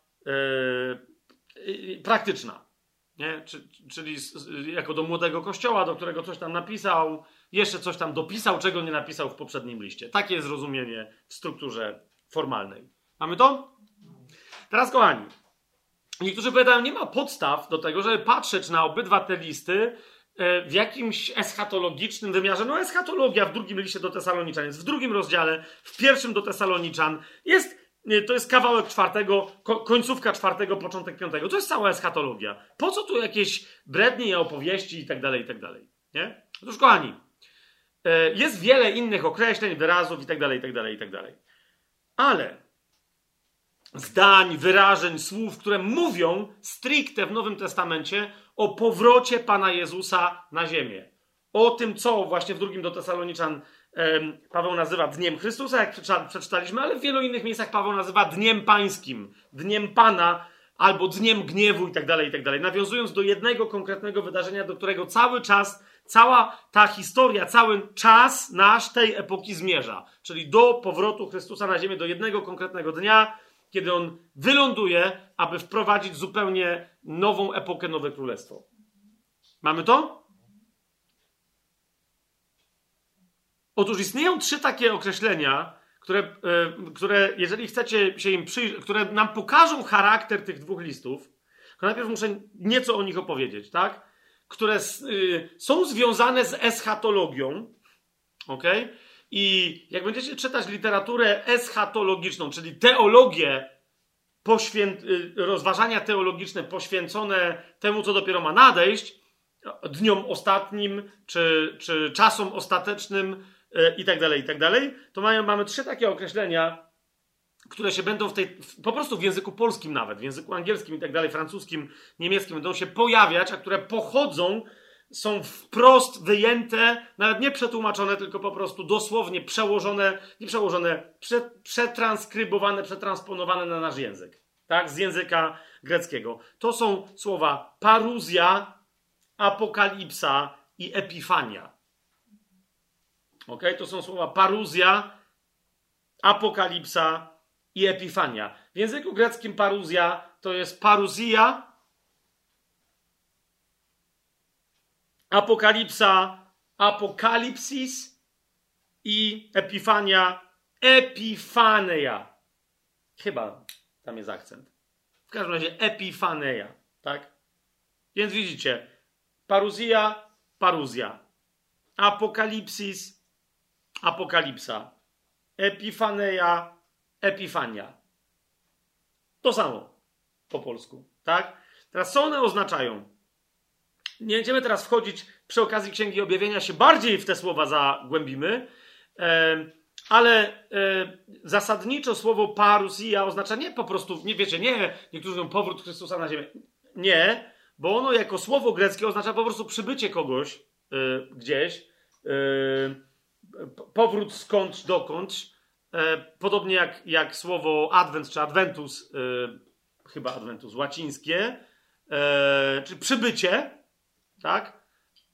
powtórne przybycie, ale chodzi o to, że, że jest wiele miejsc, w których to konkretne słowo parusia, czyli paruzja, jest w Nowym Testamencie powiązane z tym jednym konkretnym przyjściem, a więc jakiego nigdy nikt nie widział, a więc z przyjściem powtórnym kogoś, kto już był na ziemi jako człowiek, jako tego samego człowieka w zupełnie nowej roli. To jest powtórne przyjście Chrystusa na ziemię. I to w wielu miejscach jest powiedziane, że chodzi o paruzję Chrystusa na ziemię, ale w teologii ten wyraz y, się zaczął jawić jako w ogóle oznaczający po prostu y, mm, powtórny adwent, powtórne przyjście Jezusa na ziemię. Swoją drogą słowo adwent to jest właśnie łacińskie tłumaczenie, w zasadzie przełożenie słowa e, greckiego paruzja. E, zauważcie, w kościele rzymskokatolickim dzisiaj adwent to jest okres poprzedzający Boże Narodzenie, to jest przygotowanie do Bożego Narodzenia. E, no, a nie będę teraz rozważać teraz rzymskokatolickich tam historii, ale ktokolwiek z Was był w kościele rzymskokatolickim, albo nawet teraz możecie, możecie sobie, nie wiem, e, z ciekawości przejrzeć czytania adwentowe w kościele rzymskokatolickim, to zobaczycie, że e, większość tych czytań, a ze Starego Testamentu, żeby nie rzec, że w zasadzie prawie wszystkie odnoszą się do powtórnego przyjścia Jezusa, a nie do przyjścia Pana Jezusa na ziemię jako człowieka za pierwszym razem. Nie? I one są odczytywane w Kościele katolickim, są e, pieśni na bazie tych czytań, tak? tych tekstów, na przykład z Księgi Izajasza, niebiosa rosę spuśćcie nam z góry, e, sławna adwentowa pieśń e, katolicka, no to przecież wiecie, z czego to jest e, cytat, z, z, czego to jest tłumaczenie. Jasne, można to interpretować jako, jako tam powrót, przyjście pierwsze Pana Jezusa wcielonego na ziemię. Ale jak zobaczycie, po co On miałby przychodzić na ziemię, to wtedy to jest jasne, że chodzi o Jego drugie przyjście, w ramach którego zaprowadzi prawo i sprawiedliwość Bożą na ziemi. Amen? Więc to jest to, to jest, to jest paruzja. Słowo apokalipsa oznacza ujawnienie. Nie objawienie, chociaż my to tak tłumaczymy, ale raczej ujawnienie. Czyli jest coś zakryte i, yy, i to coś się ujawnia, odsła, odsłonięcie czegoś, rozjaśnienie, wyjaśnienie czegoś. Ujawnienie to byłoby najlepsze chyba tłumaczenie, tak sobie, tak sobie teraz myślę. To jest to. Jest, to, jest to nie? Ktoś komuś coś ujawnił. Zobaczcie, słowem apokalipsis zaczyna się księga objawienia Jana. Dlaczego? Wszyscy mówią, no bo tam jest, e, bo tam się Jezus mu objawił. Czy nie, nieprawda. Jezus dzieli się z Janem ujawnieniem pewnych faktów, których on jako człowiek nie chciał wiedzieć i nie wiedział, ponieważ pozostaje Chrystusem i który nie może znać dnia swojego powrotu, bo on powiedział, że tylko ojciec zna ten dzień. Pamiętacie to? Więc dlatego on nie wie. Ale na temat tego dnia coś wie od ojca, tak? Mimo, że on jako, jako, jako Jahwe jest Bogiem, ale jako Chrystus jest człowiekiem i, i, i o wynikającym z tego połączenia jego, jego wolitywnej niewiedzy, e, jego decyzji, aby nie wiedzieć, dopóki się nie objawią rzeczy, o których ma wiedzieć tylko ojciec. On jako Bóg rezygnuje z tej wiedzy, a więc jako człowiek tego nie wie. Jest to jasne, co, co mówimy?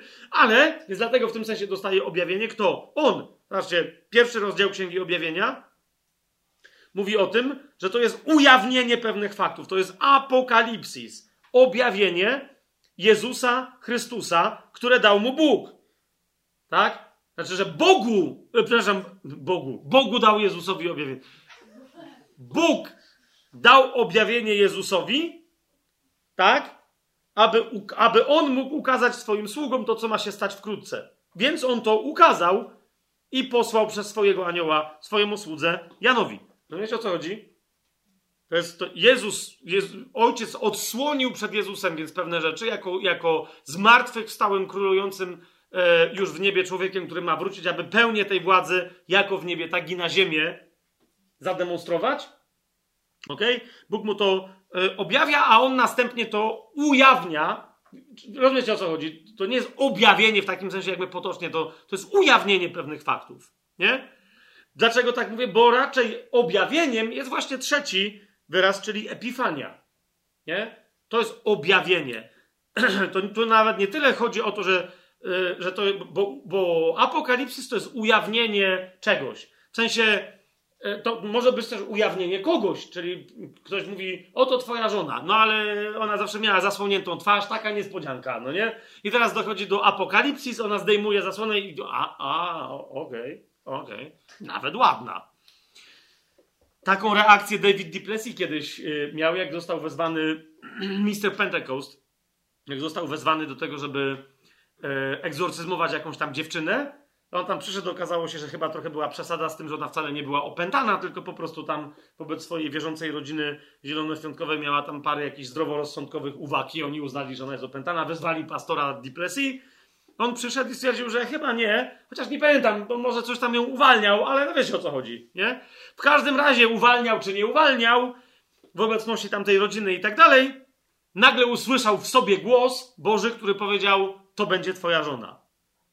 Na co on się jej przyjrzał wtedy uważnie i stwierdził, nawet ładna. Taka była ich rozmowa. Więc to jest, to jest ujawnienie. A, to, to teraz została odsłonięta twarz twojej żony.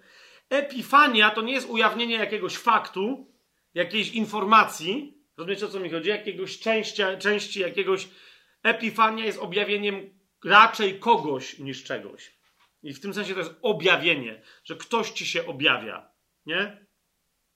Ta intuicja na przykład w kościołach chyba prawosławnych, nie wiem czy we wszystkich, ale w kościołach prawosławnych yy, jest zachowana, kiedy oni yy, chyba nazywają, teraz może, może się mylę, ale wydaje mi się, że tak jest, święto, ma, obchodzą święto chrztu pańskiego, yy, ileś tam to jest jakiś tam czas po Bożym Narodzeniu, w ramach którego, wie, wiecie, na przykład w Rosji i tak dalej, oni tam wchodzą do tej wody lodowatej i tam te, te wszystkie historie, no ale w Grecji też tego typu się tam rzeczy dzieją. I teraz o co chodzi? Oni nie nazywają, kościele rzymskokatolickim to się nazywa świętem chrztu pańskiego, a oni nazywają to święto Epifanią. Dlaczego? Ponieważ wtedy, kiedy Jezus się chrzcił, została objawio, zostało objawione, kim on naprawdę jest. To jest mój syn umiłowany, w którym mam upodobanie. Pamiętacie to? I to właśnie kościoły autokefaliczne, prawosławne, czyli bazujące na Grece, mówią, to jest istotą tego, tego tam jakiegoś święta, jakiejś tam liturgii, że to była epifania, czyli objawienie tego, kim Jezus naprawdę był. Nie? Zresztą oni tam często łączą wtedy to z. Czyli ten chrzest, na przykład w czytaniach, że czytają też czytanie o przemienieniu Jezusa na górze Tabor, którą nazywają w ten sposób i tak dalej. Mówię tu, bo mamy tutaj siostrę, która też ma taki pseudonim artystyczny, więc przypadek, nie sądzę. Wiecie o co mi chodzi? Epifania to jest bardziej objawienie, objawienie się kogoś raczej niż czegoś. Taka jest różnica między tym słowem a słowem apokalipsa. Tak? I teraz bardzo szybko, kochani, bo, bo my cały czas mówimy o, o, pierwszym i drugim liście do Tesaloniczan. Tak? Chcę po prostu zwrócić uwagę na coś. Nie? Niektórzy mówią, gdzie tu nawet nie ma słowa eschatologia, czy coś jasne. Ale kiedy Biblia mówi, zwłaszcza Nowe e, Przymierze, o rzeczach ostatecznych, a więc zajmuje się, jest, e, ma wypowiedź eschatologiczną, wtedy prawdopodobnie pojawi się tam któryś z tych trzech wyrazów. Przykłady. Słowo paruzja, ok? czyli paruzja. I ono, jeszcze raz, jak y, nie wiem, macie pod ręką tam jakieś Wikipedię czy coś, jak wpiszecie normalnie, nie jest żadne po grecku, tylko słowo paruzja, to się pojawi to się pojawia jakaś tam definicja tego, tego wyrazu na jakimś, nie wiem, e, teologicznym słowniku, albo na Wikipedii, albo na, na słowniku języka polskiego może nawet, czy słowniku wyrazów obcych? Jest? I, I, jakie to jest tłumaczenie? Dzień Pański. Okay. Albo powtórne przyjście pewnie będzie, nie? Okay. Apokalipsa? No to jest jasne, że, że to będzie taki wyraz, bo, bo to jest jasne. I Epifania jeszcze. Normalnie nie przez PH pisane i tak dalej, tylko normalnie przez F. Po polsku tak pisane. Epifania przez I krótkie. Drugie.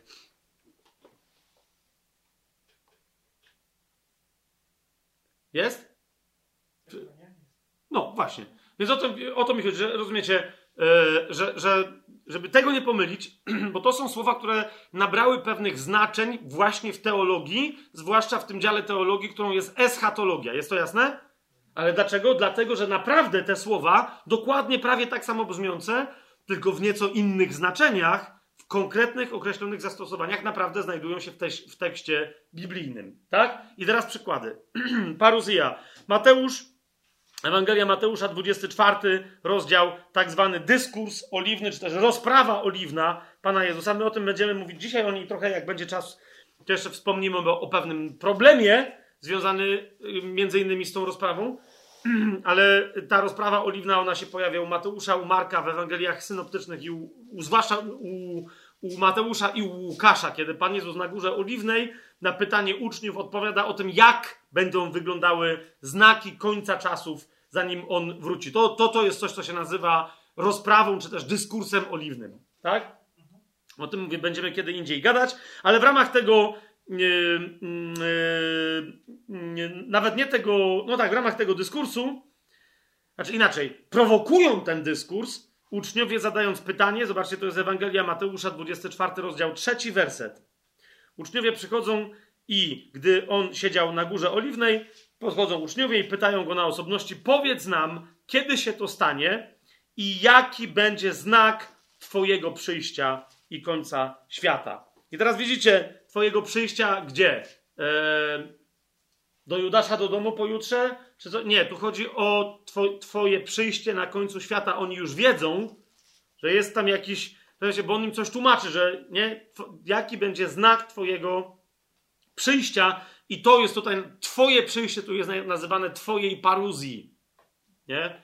To jest je, są różne przyjścia, ale jest jedno przyjście, to jest Jego przyjście, które nie jest Jego przyjściem tu, tam, siam, tylko to jest przyjście, na które my wszyscy dopiero czekamy. To jest Jego powrót fizyczny, Jego zmartwychwstałego na ziemię. Amen? 27 werset. Jezus w odpowiedzi tam wyjaśnia różne sprawy i mówi, jak bowiem błyskawica pojawia się na wschodzie i jest widoczna aż na zachodzie, tak będzie z paruzją Syna Człowieczego, z przyjściem Syna Człowieczego. Znowu, z którym? No z tym jednym, jedynym, dla którego w związku z tym e, ta nazwa się, stała się paruzja prawie że nazwą własną. Jasne? Dalej, 37 werset w tym samym rozdziale i 39, ale to jest jedno zdanie. Pan Jezus mówi, jak było za dni Noego, tak będzie z przyjściem Syna Człowieczego. Tu jest słowo znowu paruzja, dokładnie to konkretne. Tak, no, że oni tam jedli, pili i tak dalej. 30 werset. I nie spostrzegli się, aż przyszedł potop i zabrał wszystkich. Tak będzie i znowu z paruzją Syna Człowieczego. Mamy jasność? Tak? Inne, no to sam Pan Jezus, czy też Mateusz zapisujący słowa Pana Jezusa, zobaczmy jak Paweł się posługuje y, tym terminem. On się tam też tym terminem posługuje na swoje przyjście do kogoś i tak dalej, i tak dalej. Ale wtedy się dosyć spina, żeby wyjaśnić o co mu chodzi. Tak? Że czyje to będzie przyjście do kogo i prawdopodobnie kiedy. No nie? Jeżeli tu nie chodzi o tą paruzję, o to przyjście. Jasne? Ale jak mówi o tym przyjściu, to wtedy jakby nie musi dodawać żadnych. Zacznę na przykład pierwszy do Koryntian, znany przecież fragment, 15 rozdział, 23 werset. Jak bowiem. E, no, okay, każdy, jak bowiem w Adamie wszyscy umierają, tak też w Chrystusie wszyscy zostaną ożywieni. To jest 22 werset. I w 23, ale każdy w swojej kolejności. Chrystus jako pierwszy plon, potem ci, którzy należą do Chrystusa, i tu mamy dodane w czasie jego przyjścia, ale tu nie chodzi o to, że w czasie, jakby to był jakiś rozległy czas. To jest nie do końca tutaj to, to czasie, nie, nie, czyli podczas jego paruzji. Nie? Podczas, w momencie, w chwili, nie w czasie. Czas oznacza jakiś taki rozległy, a to będzie jeden konkretny moment, kiedy on y, po prostu przyjdzie. Jak błyskawica od wschodu do zachodu. Tak? To jest to. No błyskawica to nie, nie trwa sześciu lat. To jest po prostu bach i już wiesz, to jest to. Nie? Więc tu macie y, przykład, jak Paweł stosuje. To, zobaczcie, jak inni stosują to określenie. Na przykład Jakub. Żebyśmy mieli określony kontekst. Kiedy mówi, Paweł na przykład jak pisze do Koryntian, to mówi, że kiedy y, co do mojego przyjścia do was, to wtedy nie, to rozróżnia. Nie, bo tam jest ten sam wyraz. Kiedy, czyli czyje, do kogo, ale jak się pojawia słowo paruzja, ogólnie w kontekście Chrystusa, albo w ogóle nawet nie, ale po prostu przyjście, to przyjście oznacza zawsze to jedno, jedyne, niepowtarzalne, wyjątkowe, unikalne i unikatowe w historii wszechdziejów wydarzenie. Liście do Jakuba, jak zwykle. W liście Jakuba do nas. Coś tam Kuba do Jakuba, Jakub do Michała. To jest w każdym razie list Michała, do, nieważne. To jest list Jakuba do nas. W piątym rozdziale, w siódmym wersecie i w ósmym też mamy napisane: Bądźcie więc cierpliwi, bracia, aż do paruzji Pana. Ok? Ósmy werset: Bądźcie i wy cierpliwi i umacniajcie swoje serce, bo paruzja Pana jest bliska. Dosłownie tu jest, tu jest takie określenie. Widzicie to? Jak nie, to sobie potem sprawdźcie. Więc tu jest przykład zastosowania tego. Dalej mamy na przykład drugi Piotra, żeby jeszcze innego e, autora zawołać do tablicy. Drugi, w drugim liście Piotra, w pierwszym rozdziale, w szesnastym wersecie czytamy: Daliśmy wam poznać moc i przyjście naszego Pana Jezusa Chrystusa. Nie podążając za zręcznymi wymyślonymi baśniami, ale jako naoczni świadkowie Jego wielkości. I teraz rozumiecie, zwróćcie uwagę tutaj. Jemu chodzi, daliśmy wam poznać moc obecnie działającą i dowiedzieliście się od nas o przyjściu, które ma dopiero nastąpić. I on tego nawet nie opisuje. Nie? Niektórzy oczywiście mają mówić, a może chodzi o pierwsze przyjście. No na szczęście, na szczęście dla nas Duch Święty wiedział, że będą tacy dziwacy, którzy się będą czepiać, więc natchnął Piotra, żeby się jeszcze raz tym przyjściem podzielić w tym samym liście dalej. Jest w trzecim rozdziale, gdzie się pojawia w ogóle cały taki. Yy, problem, nie? To jest czwarty werset, nie? Gdzie, gdzie mówi, że, że będą wśród, że pojawi się problem. Będą mówili niektórzy, co z obietnicą jego przyjścia. Jakiego? Dokładnie, tego jednego konkretnego. Co z obietnicą jego paruzji? Nie?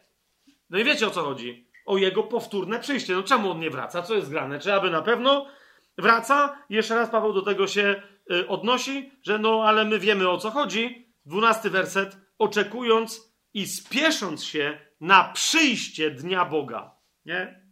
To jest trochę inaczej. Paruzja to jest nadejście dnia Boga. No ale ten, wiadomo, że, wiadomo, że z, tym nadejściem Boga, o, znaczy ono, ono, ono przychodzi z nadejściem Jezusa. To jest dzień, to jest dzień pański. To jest dzień, to jest dzień Pana. Tak? Mamy to? Zobaczcie, w jak różnych miejscach pojawia się słowo paruzja i w jakim kontekście. Zwróćcie też uwagę, że celowo nie mówię wam, gdzie ono się pojawia w listach do Tesaloniczan. Hmm? Bo jak mamy Pawła nawet, jak sobie sprawdzicie, Piotra, Jakuba, ewangelistów, to się zdziwicie, że niektórzy z nich nawet w ogóle się tym wyrazem nie posługują. Nie? Niektórzy posługują się nim parokrotnie w różnych miejscach. Jak zobaczycie, ile razy w takim króciutkim liście, jak pierwszy do Tesaloniczan, czy drugi, ile razy tam nagle pojawia się zagęszczenie słowa paruzja, to mówię, sprawdźcie sobie potem to w, jak, w dowolnej konkordancji i tak dalej, nie? W, w dowolny sposób. Że, zobaczcie, że no po prostu to zagęszczenie jest znakiem samym sobie, nie? Ale ono jeszcze dodatkowo y, inną treść ze sobą niesie. Słowo apokalipsis, znowu niektórzy myślą, czy nawet ktoś mi kiedyś powiedział, że czy, ale jest w ogóle ten wyraz jeszcze gdzieś poza księgą objawienia. W dodatku ten człowiek myślał, że, że apokalipsis czyli apokalipsa, że w ogóle tego wyrazu nie ma w Biblii, tylko że to jest nazwa tej książki. Czyli na przykład jest tytuł pierwszy list Jana Apostoła i mówi, no ale to tam nie ma tego tytułu. Nie, no zgadzam się, nie ma, to myśmy go tak sobie nazwali. No, czyli apokalipsa, to też tego wyrazu nie ma w Biblii. No właśnie jest. Na tym cały problem polega, że ten wyraz jest i akurat ta książka dlatego tak się nazywa, ta księga w Biblii, ponieważ Pierwszym wyrazem tej księgi jest Apokalipsis. Ale gdzie się pojawia, na przykład, zobaczcie list do Rzymian. To e, tylko szybciutko, żebyśmy mieli kontekst dla sprawdzenia tego, co się dzieje w tych dwóch naszych listach, które my tu rozważamy. To jest list do Rzymian, na przykład drugi rozdział, piąty werset. Ty jednak przez swoją zatwardziałość i niepokutujące serce gromadzisz sobie samemu gniew na dzień gniewu i objawienia sprawiedliwego sądu Boga. Wiecie, że Dzień Pański jest nazywany w Starym Testamencie Dniem Gniewu. No to rozumiecie już, że Paweł tu dobrze wie, którzy to dotychczasowi wyznawcy jakiej wspaniałej religii będą ten fragment czytać. Nie? Więc mamy tu Dzień Gniewu, który jest jednocześnie Dniem Gniewu i Apokalipsis. Nie? To jest apokalipsa czego? apokalipsa sprawiedliwego sądu Boga. To będzie ujawnienie tego, no także rozumiecie, już nikt nie będzie, to nie będzie ukryte. Tak jak teraz prawdziwa sprawiedliwość Boga jest gdzie ukryta w tym świecie? W nas. Świat na nas patrzy i on nie widzi. Nie? nie? Dopóki kto, komuś nie zostanie to odsłonięte, a więc dopóki ktoś nie dozna osobistej apokalipsy, kiedy mu głosisz, list do Rzymian to jest to. To jest ujawnianie, na czym po, polega prawdziwa. Rozumiesz? Zapytaj się dziecka w tym kraju, co to znaczy, że Bóg jest sędzią sprawiedliwym? To ci powie, że za dobre wynagradza, a za złe karze. To jest po prostu taki policjant, strażak, prokurator, naraz wszystko wie, rozumiesz? Nie? A zobacz, co się dzieje w liście do Rzymian. Paweł tłumaczy, no nie, sprawiedliwość Boga na czym innym polega, niż na tym, co myśleliście w judaizmie. Albo w innych religiach. Nie? I dzień gniewu będzie też dniem ujawnienia, apokalipsy, ujawnienia. W języku łacińskim to jest świetny wyraz. Nie? On mi się zawsze bardzo podobał. Mianowicie apokalipsys w języku łacińskim to jest rewelacją. A zatem ujawnienie czegoś. Zresztą my dzisiaj w języku polskim mamy, nie, że ktoś przyszedł i komuś sprzedał rewelację. O czym? No co tam Baśka robi? Jaka Baśka? No ta od tam, od tamtego, co ten. A on wie, no on jeszcze tej rewelacji nie miał. Wiecie o co mi chodzi? To jest to, ktoś komuś coś rzekomo ujawnia. To jest apokalipsa. To jest rewelacja, to są, są rewelacje nie? Ujawnienia czegoś tam. Inny przykład, pierwszy list do Koryntian, żeby było bliżej, pierwszy rozdział, szósty i siódmy werset. Świadectwo Chrystusa jest utwierdzone w was. Świadectwo Chrystusa jest utwierdzone w was, także żadnego daru nie brakuje wam, którzy oczekujecie apokalipsy naszego Pana Jezusa Chrystusa. Nie jakiś masakr, nie czegoś, tylko ujawnienia się Jego w prawdziwej Jego naturze raz na zawsze tutaj, yy, yy, tutaj na ziemi. Inny autor, żeby, dobra, pomijam tu inne jakieś tam historie, inny autor, weźmy sobie yy, tego Piotra, chociażby pierwszy Piotra, pierwszy rozdział, siódmy werset, pierwszy Piotra, pierwszy rozdział, siódmy werset, aby doświadczenie waszej wiary, o wiele cenniejszej od zniszczalnego złota, które jednak próbuje się w ogniu, okazało się ku chwale, czci i sławie. Kiedy? Przy apokalipsie Jezusa Chrystusa, a więc przy jego ujawnieniu się światu. Co to Widzicie, za każdym razem paruzja oznacza apokalipsę, czyli ujawnienie się. Ale kogo? Ujawnienie się sprawiedliwości Bożej, ujawnienie się pełnej prawdy, ujawnienie się Jezusa Chrystusa. On się ujawnia kiedy? Wtedy, kiedy dochodzi do paruzji, czyli jego powrotu na ziemię.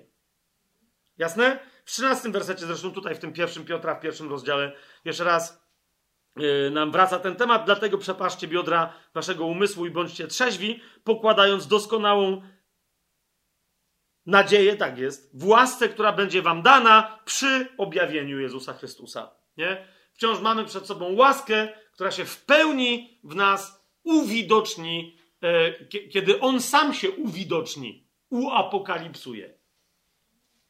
Tak? W pierwszym Piotra też w czwartym rozdziale, tu jeszcze mamy e, w trzynastym wersecie, ale radujcie się z tego, że jesteście uczestnikami cierpień Chrystusa. Swoją drogą, zauważcie, bo to będzie pewna konstrukcja myślowa w pierwszym do Tesaloniczan i w drugim. Znowu, jak się można radować nieustająco, kiedy na przykład spadają na ciebie cierpienia? Kiedy masz właściwy punkt widzenia, a jest nim apokalipsa, paruzja, epifania. Powrót Chrystusa na ziemię, powtórne Jego przyjście. Radujcie się z tego, że jesteście uczestnikami cierpień Chrystusa, abyście i podczas apokalipsy Jego chwały cieszyli się i weselili. Objawienia się, ujawnienia się Jego chwały. Mamy to?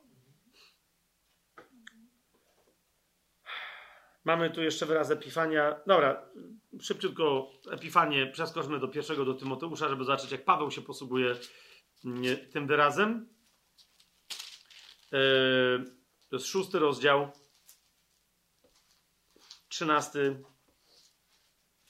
i czternasty werset nakazuje ci przed Bogiem, który ożywia wszystko, i przed Chrystusem Jezusem, który złożył dobre wyznanie przed Poncjuszem Piłatem, abyś zachował to przykazanie bez skazy i bez zarzutu, aż do objawienia się naszego Pana Jezusa Chrystusa. Widzicie to? Zwróćcie uwagę, jak przy apokalipsie jest mowa o apokalipsie sprawiedliwości, apokalipsie łaski, czegoś tam i tak dalej. Tu mamy, tu jest właściwe określenie objawienie, epifan, tu jest epifania, tak? Przy epifanii naszego Pana Jezusa Chrystusa. W drugim do Tymoteusza, e, w czwartym rozdziale, w pierwszym wersecie Paweł napisze: Zaklinam cię więc przed Bogiem i Panem Jezusem Chrystusem, który będzie sądził żywych i umarłych podczas swojej epifanii i swojego królestwa. Ok? Tu nie mamy jego przyjścia, tu nie ma wyrazu paruzja, nie mamy jego objawienia, tu mamy w sensie apokalipsy, tutaj mamy jego epifanię. Ok? Czwarty rozdział drugiego do Tymoteusza, pierwszy werset. Podobnie w ósmym wersecie, kiedy Paweł pisze, dokładnie w tym rozdziale, odtąd odłożona jest dla mnie korona sprawiedliwości, którą mi w owym dniu da Pan. Widzicie, o który dzień chodzi. Ów dzień to jest ten dzień, to jest dzień Pana, to jest dzień gniewu, tak? A więc w którą mi w owym dniu da Pan, sędzia sprawiedliwy, a nie tylko mnie, ale i wszystkim, którzy umiłowali, uważajcie na to, jego epifanię.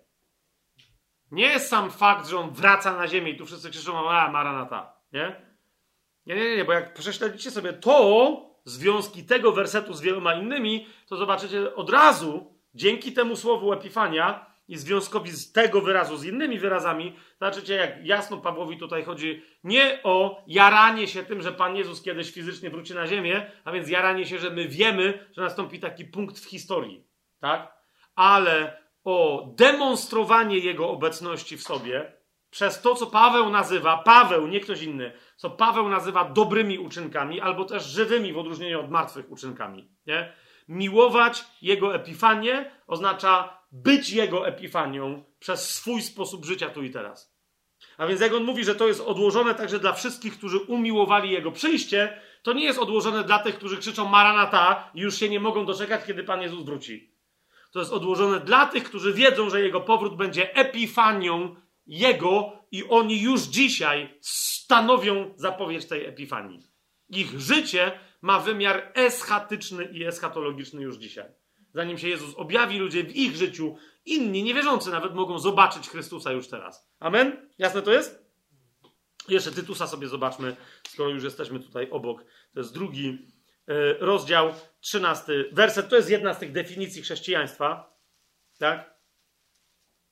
E, ona się e, dla mnie tu zaczyna w jedenastym wersecie i to zdanie ciągnie się aż do czternastego, ale teraz nie będziemy definicji chrześcijaństwa Tytusa rozważać tylko czternasty werset, werset, gdzie jest powiedziane, że on wydał samego siebie za nas, aby nas wykupić od wszelkiej nieprawości i oczyścić sobie lud na własność w spełnianiu. Zaraz, co ja tu cytuję? To miał być trzynasty werset? Tak jest, przepraszam. Oczekując, bo czytam czternasty. Oczekując błogosławionej nadziei i chwalebnego objawienia się wielkiego Boga i Zbawiciela naszego Jezusa Chrystusa. Tu jest słowo znowu epifania, a nie um, apokalipsa. Ok? Mamy to? I teraz, kochani, i teraz, kochani, e, po, po, podam wam miejsca, w których pojawia się słowo paruzja, apokalipsa i epifania w listach do Tesaloniczan. Dlaczego to zrobię? Ponieważ e, nie zaproponuję wam, zaproponuję pewien podział tych listów, ok? Dla lepszego ich zrozumienia. Ale według mnie wystarczy, że weźmiesz sobie te miejsca, które teraz wskażemy sobie.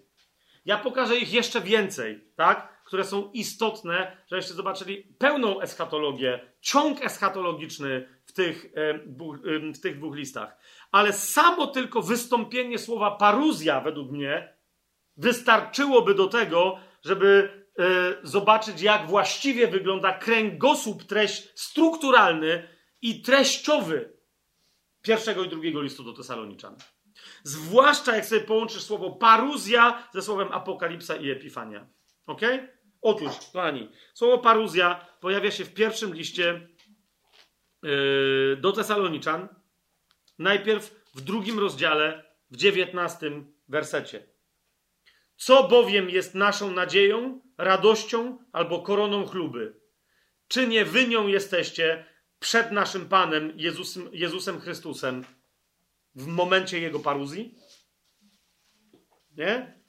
Jeszcze raz. E, niektórym traktują tego typu zwroty, jak kapujecie, jak jakąś poezję, to jest, to jest powiedziałbym, hardkorowa teologia. Bo weź rozłóż sobie na czynniki pierwsze znaczeniowo, co w ogóle to zdanie oznacza. Zaraz, powoli. Paweł pisze do Tesaloniczan,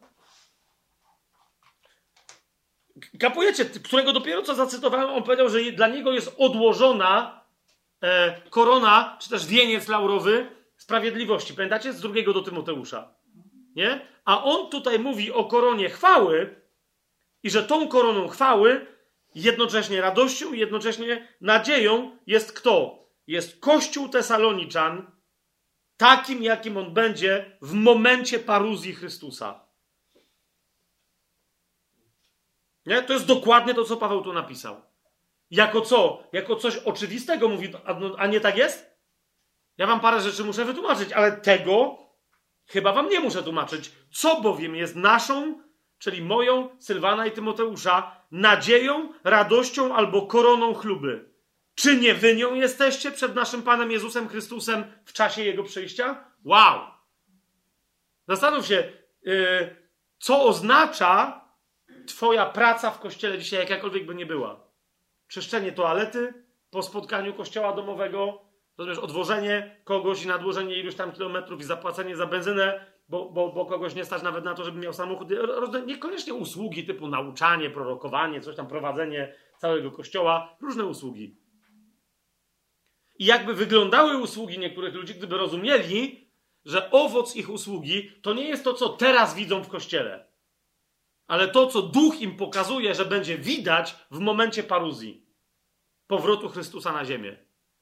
Kapujesz? Jakby wyglądało twoje prowadzenie twojego kościoła domowego? Jakby wyglądało twoje usługiwanie tu czy tam w kościele? Albo doradzanie komuś, kto prowadzi kościół cały, duży, nie wiem, mega church jakiś w Stanach Zjednoczonych.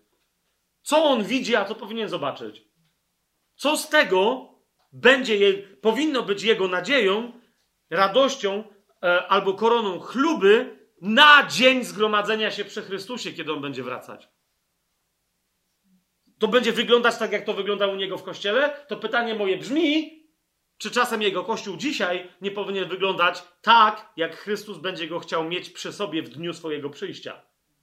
Bo Paweł do Tesaloniczan ewidentnie tu pisze: Wy już dzisiaj wyglądacie tak, jak się zgromadzicie, tak czy siak z woli Bożej w dniu jego przyjścia. Jeżeli mi nie wierzycie, to zobaczcie, Paweł dokładnie o tym mówi, posługuje się słowem charakterystycznym. To nie dzisiaj jest czas, żeby to rozważać. Raczej wrócimy do tego słowa przy okazji rozważania listu do Hebrajczyków, episynagogę, ale jako zgromadzenie, ale tak czy siak w drugim do Tesaloniczan, w drugim rozdziale Paweł mówi: Prosimy was, bracia, przez wzgląd na przyjście naszego Pana Jezusa Chrystusa, a propos paruzji, tutaj również mamy dokładnie ten wyraz, ale nie o to mi teraz chodzi, tylko przez wzgląd na przyjście naszego Pana Jezusa Chrystusa i nasze wówczas zgromadzenie się przy Nim. On nazywa to zgromadzenie episynagogą. Dlaczego to jest istotne? Bo drugi raz, kiedy ten wyraz się pojawia w Biblii, pojawia się tylko w liście do Hebrajczyków. W miejscu, które zazwyczaj jest wykorzystywane do tego, żeby tłumaczyć ludziom, że tam jest powiedziane, że należy chodzić w niedzielę, albo w sobotę, albo w piątek, albo kiedyś, ale w każdym razie, że należy raz w tygodniu chodzić do kościoła. To jest dokładnie ten sam wyraz. I Paweł tam dokładnie tak samo jak tu odwołuje się do czego? Do tego, czym jest nasze zgromadzenie się i to jest jedyne zgromadzenie. Rozumiecie, którego mamy nie opuszczać. Jakie?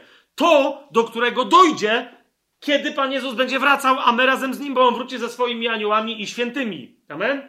Więc cokolwiek my dzisiaj robimy w Kościele, kapujesz, dlaczego to jest istotne, ta perspektywa? Paruzji? Rozważanie, ale jak my będziemy wracać z nim? Jako co? Naprawdę twój kościół domowy będzie wracał razem? No to jest pytanie, a jeżeli nie? A jeżeli tak, no to tak, ale jeżeli nie, to po co ci w ogóle kościół domowy? Zauważ, że ja teraz nawet nie atakuję ty, e, zboru tradycyjnego, tylko kościół domowy. Ale teraz naprawdę gdzieś mówię serio. Wiesz, ja w ogóle myślę, że my dzisiaj w chrześcijaństwie mamy i o tym będziemy kiedy indziej mówić. Wiecie, jest takie rozumienie chrześcijaństwa, że chrześcijaństwa zadaniem jest organizowanie się w kościoły.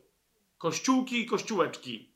We wspólnoty, które co robią? No gromadzą się, aby wykonywać jakieś takie w sumie religijne rzeczy. Słuchać kazania, modlić się i, no i może jeszcze czasem przy okazji napić się kawy pobożnej. No dobra, wieczerza to czasem wina, ale jak ktoś ma wino za niepobożne, to soku winogronowego. Ale tyle. Moje pytanie brzmi, jak Pan Jezus wróci, na przykład wiecie, ja się czasem pytam ludzi, ej, e, a jak Jezus wróci na ziemię, już będziemy w królestwie, jak myślisz, będziemy mieli z Nim nabożeństwa? Nie, słuchajcie, to jest poważne pytanie moje. Rozumiecie, dlaczego rozważanie królestwa jest tak istotne? Bo jeżeli my dzisiaj jesteśmy w królestwie, to jest pytanie, co my robimy na modlitwie? W sensie, jeżeli będziemy ucztować z Panem, wiesz o co chodzi? Niekoniecznie zawsze będziemy ucztować. No jest pytanie, wiesz, będziesz zarządzać 17 miastami na Syberii. Ja nie wiem czemu zawsze uważam, że na Syberii to jest dobry przykład, że tam ktoś będzie rządził jakimiś miastami. W imieniu Pana. Ale kapujesz, no przecież czasem Pan przyjedzie cię odwiedzić, nie? Czy nie? Może nawet kapujesz, że on wszystkie miasta będzie raz dziennie odwiedzał i wiesz o co chodzi, nie może? Przecież to jest Pan Jezus. I teraz moje pytanie brzmi, Jezu, teraz ludzie przyjdą i będą... No wyobraź sobie, że Jezus, wiesz o co mi chodzi, przybywa z aniołami swojej mocy. Jak, mam, jak nas listy do Tesaloniczan pouczają, on przychodzi do, do takiego Tomska na Syberii. Nie? I wtedy, wiesz, czujesz, i, i, i, wtedy, no bo jeżeli to ma wyglądać tak jak dzisiaj, to wiesz co to oznacza? Wychodzi wtedy uwielbienie, nie? Wychodzi ktoś i zagaja i mówi, hej, zdajcie sobie sprawę, że Pan jest wśród nas, najwyższy, i, i wszyscy, Jezus, i gitarka wchodzi, i wszyscy, no wyobraź sobie dzisiejsze nabożeństwo, nie wiem jakiego masz doświadczenie, baptystyczne, zielonoświątkowe, charyzmatyczne, betel, nieważne, z katolickiej odnowy w Duchu Świętym, jakiś z uwielbieniem, rozumiesz? Że Jezus wchodzi i wszyscy robią coś takiego, jakby, dla mnie to jest siara. I teraz to nie znaczy, że ja ci powiem, co masz robić, tylko rozumiesz, jeżeli ty dzisiaj na modlitwie wspólnej jako Kościół, my robimy coś, czego nie będziemy wtedy robić, znaczy, że po co my to dzisiaj robimy? To się ośmieszamy. Rozumiecie, o co mi chodzi? To jest jakiś, to jest siara. Jak to dzisiaj młodzież mówi? Cringe. To daj spokój. Po prostu daj spokój. No ale to co mamy robić? No to jest dobre pytanie. Rozumiesz? Bo my, przychodząc z nim, to jest jak pamiętam kiedyś, nawet w tym tygodniu z kimś rozmawialiśmy i, i, i tam, ale właśnie rozmawialiśmy o, o C.S. Lewisie. Kojarzycie tego pisarza Narnia i tak dalej, i tak dalej. Nawrócony biblijnie wierzący i ktoś mówi, że no on, u niego, w jego książkach to oczywiście widać, że to był chrześcijanin, e, a ludzie mówią, że z Tolkienem rozmawiali na temat wiary, jak jaki Tolkien był wierzący, no to był katolik. No właśnie, no to był katolik, no to dlatego przecież u niego w ogóle tam nie ma żadnej, żadnych biblijnych rzeczy, nie? Ja mówię, czekaj, a ty czytałeś co Luisa? No narnie, ale pierwszy tom czy całość? No, całość. Okej, okay, to poza pierwszym tomem powiedz mi, raz czy drugi pojawia się Aslan, który gdzie jest powiedziane, że w innym świecie jest barankiem, raz czy drugi, ale powiedz mi, w których tam dokładnie tych opowieściach jakichś biblijnych rzeczy doczytałeś takich? Z wyjątkiem pierwszego tomu, gdzie to jest jasne, to jest po prostu Ewangelia opowiedziana od początku do końca, nie? I nagle ludzie mają problem, e, e, no.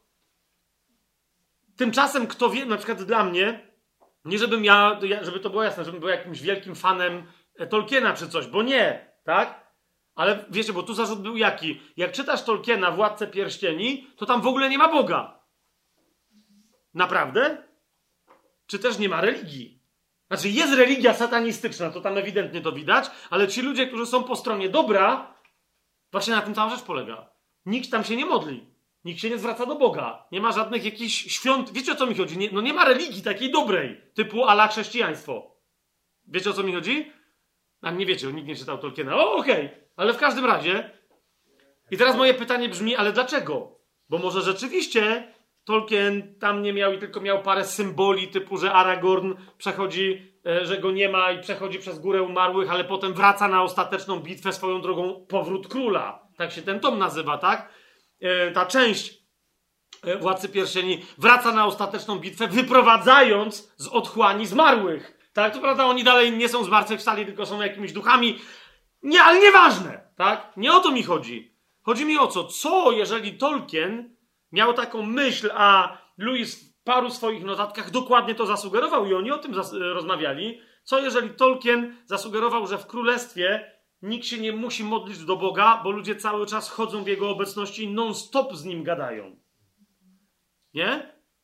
No więc, no to wtedy jak to będzie wyglądało? Że ty rozumiesz w każdym momencie, no a z drugiej strony masz pierwsze do Tesaloniczan, mówi, no non-stop mamy tak robić. Naprawdę dopiero wtedy jesteś w kościele, kiedy się zgromadzisz z resztą ludzi i oni powiedzą w imię Ojca i Syna, albo jakoś inaczej zaczną, a potem skończą błogosławieństwem, teraz ogłoszenia, jeszcze zapraszamy wszystkich do kawiarenki po nabożeństwie i wtedy wiesz, że byłeś na zgromadzeniu? To jest episynagogę? Paweł mówi nie. Jedyne nasze zgromadzenie jest zgromadzeniem się wokół powracającego na ziemię Chrystusa w dniu Jego paruzji. Ale dzisiaj On jeszcze nie wraca ale my dzisiaj wiemy, że to jest ten, który był, który jest i który właśnie nadchodzi. To co to dzisiaj dla Kościoła oznacza? I dokładnie w dziesiątym rozdziale listu do Hebrajczyków Paweł dokładnie o tym mówi. O tym, żeby tego zgromadzenia nikt nie opuszczał. Ok? To jest pojedyncza liczba, a nie zgromadzeń. I to jest ten wyraz. Ale wracamy do bo się podekscytowałem oczywiście. Wracamy do pierwszego listu do Tesaloniczan, gdzie występuje słowo paruzja. Trzeci, czyli mieliśmy drugi rozdział, dziewiętnasty werset, tak? Trzeci, ale zobaczcie, co się dzieje. Bierzemy jeden werset.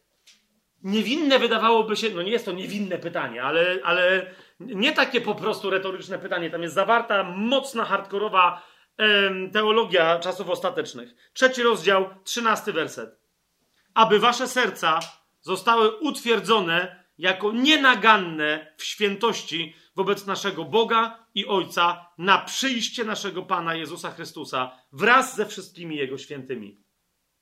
Po co nam jest droga uświęcenia? Żebyśmy my byli w stanie właściwym na powrót Chrystusa. Jaki to jest stan? No, musisz zachowywać takie i takie przekazania. Naprawdę? Jeszcze raz, to jest dokładnie to, co będziesz mieć wypisane na, na szacie. Oto człowiek, który zachowywał 629, 17, 515 przykazań takich i tak. Tego nie zachowywał za bardzo, więc ma tylko trójkę plus, a innych nawet nie wspominamy. To będziesz miał wypisane, to będzie twoje nowe imię na twojej szacie? Na kamyku, który dostaniesz od Pana Jezusa, czy co? Czwarty rozdział, piętnasty werset. Zauważcie, kolejne wystąpienie słowa paruzja w tym, tylko i wyłącznie tym króciutkim tekściku. Czwarty rozdział, piętnasty werset. Bo to wam mówimy przez słowo Pana, że my, którzy pozostaniemy żywi do paruzji Pana, nie wyprzedzimy tych, którzy zasnęli. Dalej, piąty rozdział, dwudziesty trzeci werset. A sam Bóg pokoju, On sam, niech was w pełni uświęci. Po co? Aby cały wasz duch, dusza i ciało były zachowane bez zarzutu na paruzję naszego Pana Jezusa Chrystusa. W samym pierwszym do Tesaloniczan mamy cztery razy powtórzony ten jeden tylko wyraz, paruzja, gdzie w innych, u innych autorów go znajdziesz raz, we wszystkich ich, w całej ich twórczości.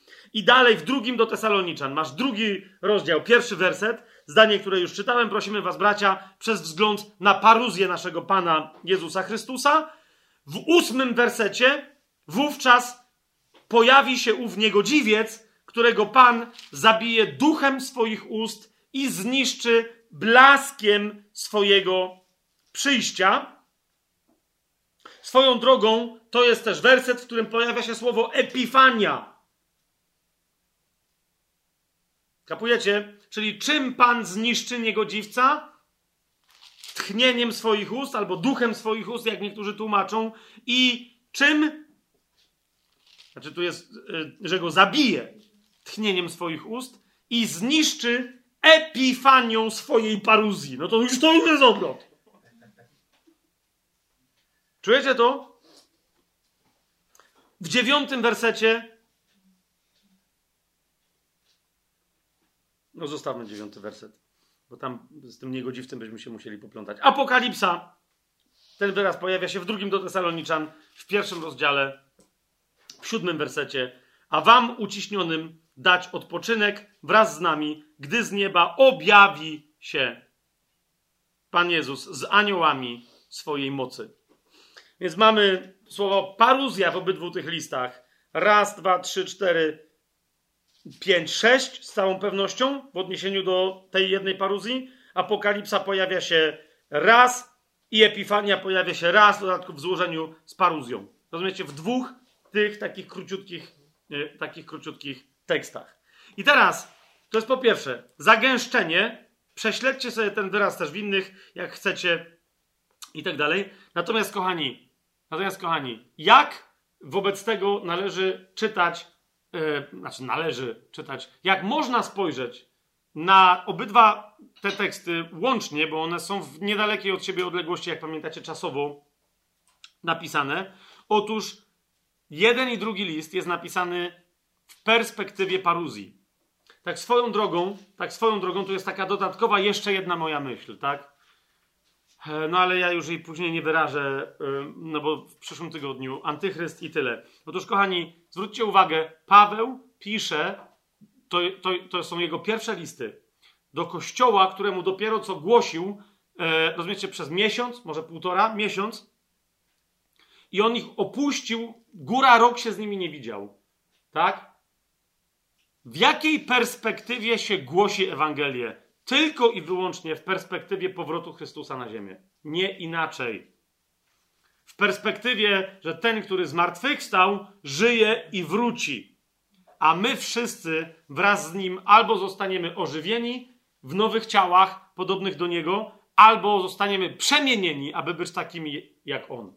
Ok?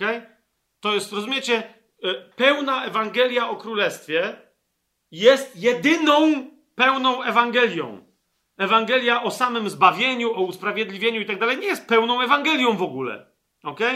Żeby mówić o pełnej Ewangelii, to musi być Ewangelia o Królestwie. A Ewangelii o Królestwie nie da się głosić, kiedy nie głosisz Dnia Pańskiego, kiedy nie ma w tym, co, co głosisz, perspektywy paruzji, powrotu Chrystusa na ziemię. Te ujawnienia się kompletnej prawdy, epifanii Jego jako bogoludzkiej osoby, tudzież ludzko-boskiej. Jeżeli ktoś głosi Ewangelię i nie ma w ramach tego głoszenia kontekstu powrotu Chrystusa na ziemię, przygotowania się na ten powrót, e, tego, co on z sobą niesie dla tych, którzy są i nie są zbawieni, to znaczy, że nie została ogłoszona Ewangelia, a więc ja bym wręcz podejrzewał, że być może ktoś w ogóle nie zrozumiał tego, co mu mówiłeś i nie przyjął wcale Ewangelii. Tylko przyjął jakąś formę chrześcijańskiej religii i nawet nie wiadomo, czy jest zbawiony. Kapujecie? I to jest, pie... jeżeli rozumiesz, przeczytaj sobie, zrób sobie taki eksperyment a propos tego, bo ja zaproponuję tutaj pewien podział. Ale rozumiesz, pierwszy i drugi list do Tesaloniczan co pokazują? Że wszystko w chrześcijaństwie jest niewłaściwie rozumiane, jeżeli jest rozumiane bez Chrystusa w centrum. Pamiętacie? Chrystocentryzm w liście do Kolosan.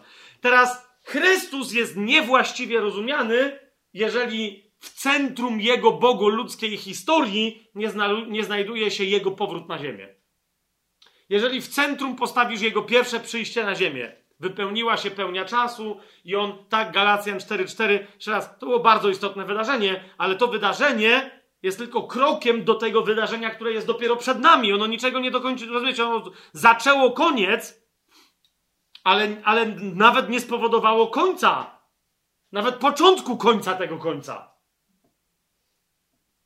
A zatem, yy, a zatem Chrystusa nawet nie da się zrozumieć bez yy, historii Chrystusa, naszej historii z Chrystusem. Nie da się w pełni zrozumieć bez tej perspektywy. Zresztą zauważcie, yy, na każdej mszy y, w kościele rzymskokatolickim w pewnym momencie centralnym dla rzymskich katolików, czyli kiedy e, dochodzi do tej e, tak zwanej transsubstancjacji, czy oni wierzą, że tam dochodzi do jakiejś transsubstancjacji, ale jest ten moment konsekracji chleba i wina, pokazuje się chleb, podnosi się kielich z winem i tak dalej, że to niby się tam coś dzieje, ok. I zaraz po tym co mówi ksiądz w samym siłożyciu, bo to jest najważniejsze wydarzenie, tu był chleb i wino. Katolicy wierzą, że od tej pory tu jest teraz prawdziwy Jezus w ciele i w swojej i jego krew. W swoim ciele i w swojej krwi, tak? Co zaraz po tym mówi ksiądz? Nie? On tam klęka, dzwonią i tak dalej, wstaje i mówi: Oto wielka tajemnica wiary. Na co cały Kościół mu odpowiada: Głosimy. No, obczajcie, co się tam dzieje w samym środku mszy świętej w tak zwanej świętej katolickiej, tak?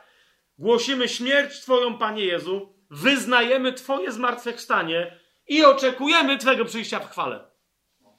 Lub też istnieje inna forma, tam jest parę tych form, ale taka bardzo krótka, mianowicie, że ksiądz może powiedzieć, jak mu się bardzo spieszy, albo po prostu ma krótką formę mszy, albo krótką formę tego wezwania, może powiedzieć tajemnica wiary, na co Kościół mu odpowiada, Chrystus umarł, Chrystus zmartwychwstał, Chrystus powróci. I ja często jako ksiądz, kapujecie, miałem często długie kazanie po komunii, w pewnym momencie już w kościele katolickim, mówiąc, że dopiero co powiedzieliśmy sobie, że na przykład jak był Adwent, nie? Mieliśmy czytanie, że niebiosa rosę spuśćcie nam z góry, śpiewaliśmy piosenki, Archanioł Boży Gabriel, który w Biblii nie mówi, że był archaniołem, ale nieważne, taka jest piosenka, coś tam zwiastował i tak dalej. I teraz my mówimy, Chrystus umarł, Chrystus zmartwychwstał, Chrystus powróci. I mówię, pytam się ciebie, siostro i bracie, w kościele katolickim jako ksiądz, rozumiesz, co to dla ciebie oznacza, że Chrystus powróci? Gdzie?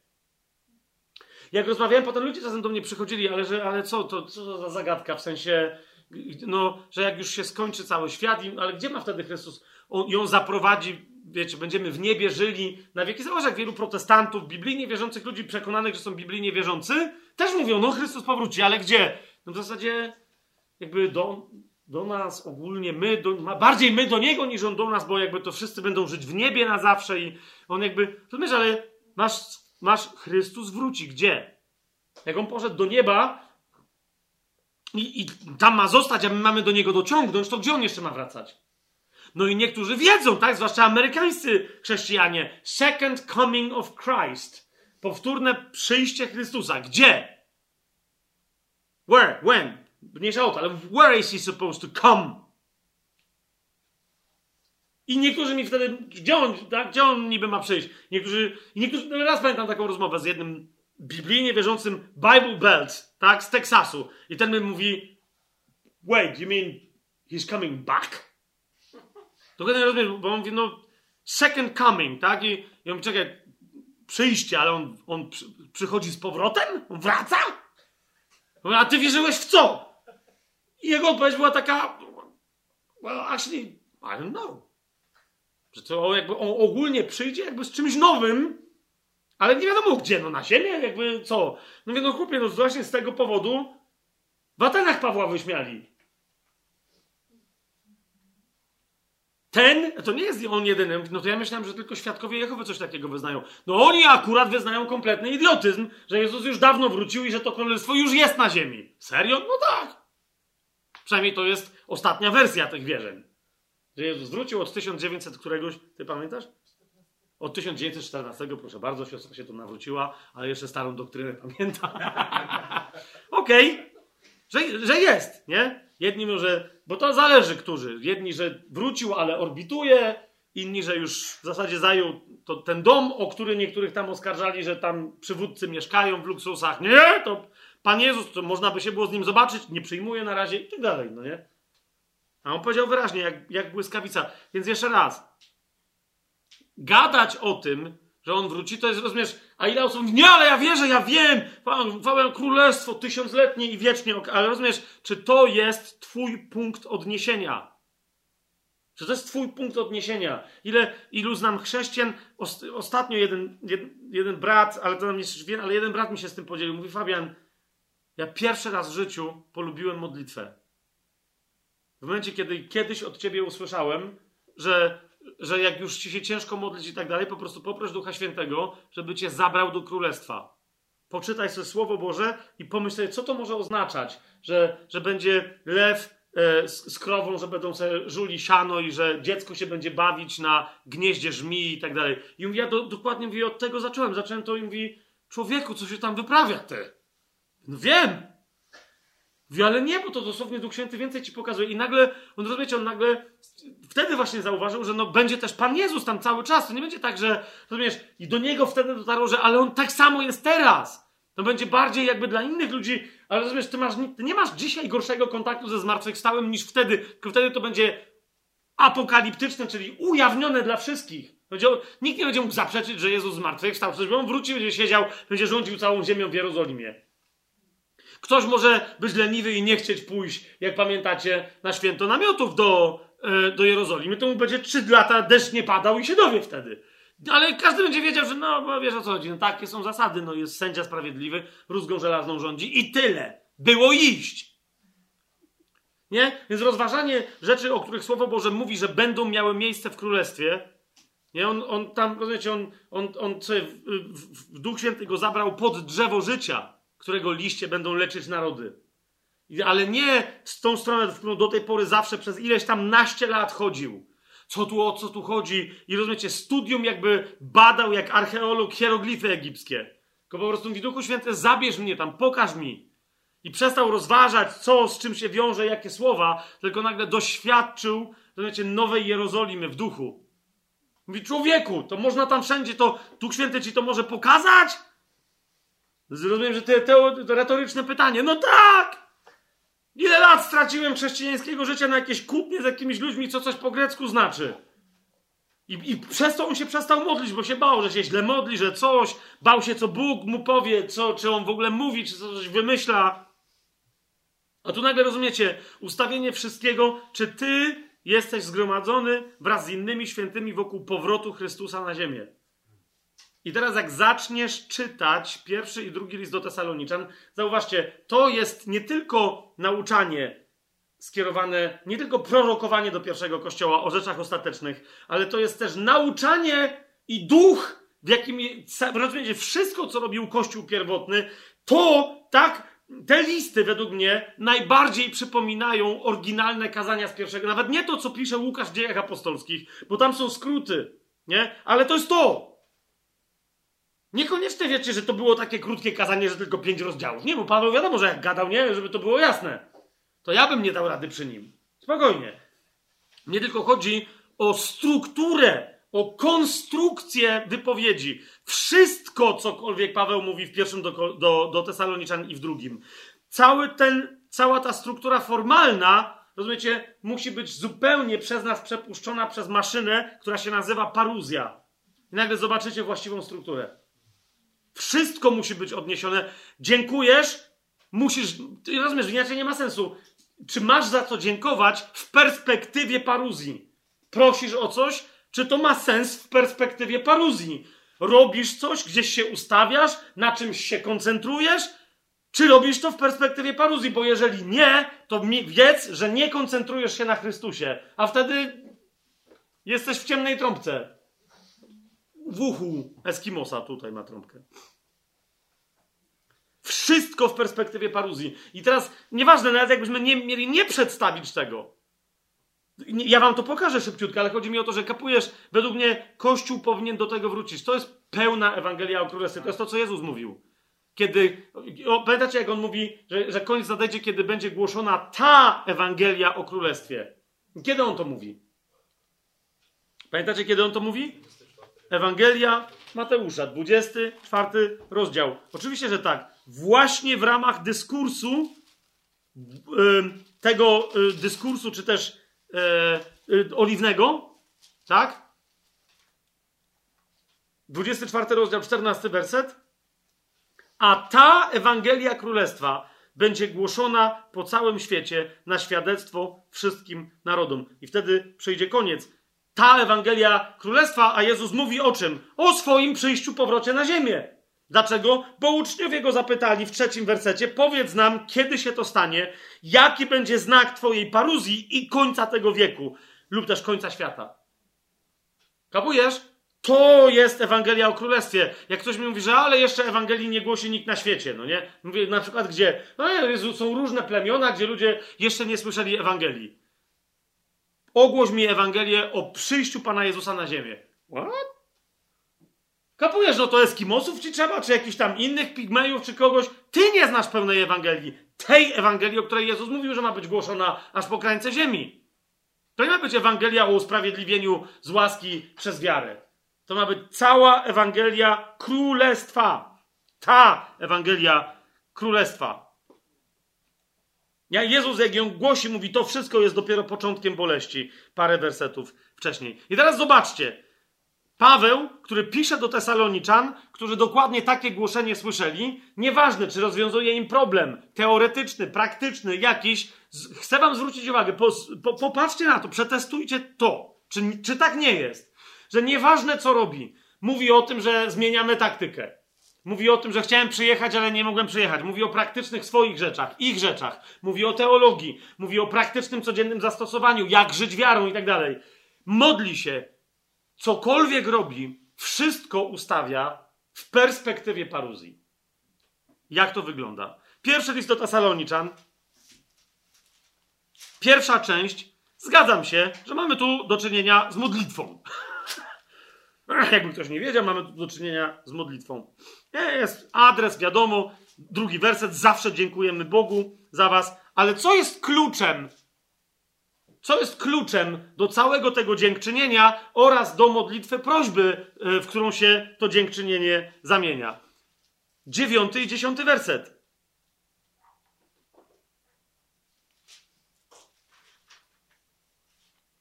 Przepraszam, ta modlitwa prośby to, to, to jest w drugim do Tesaloniczan, nie w pierwszym, tak?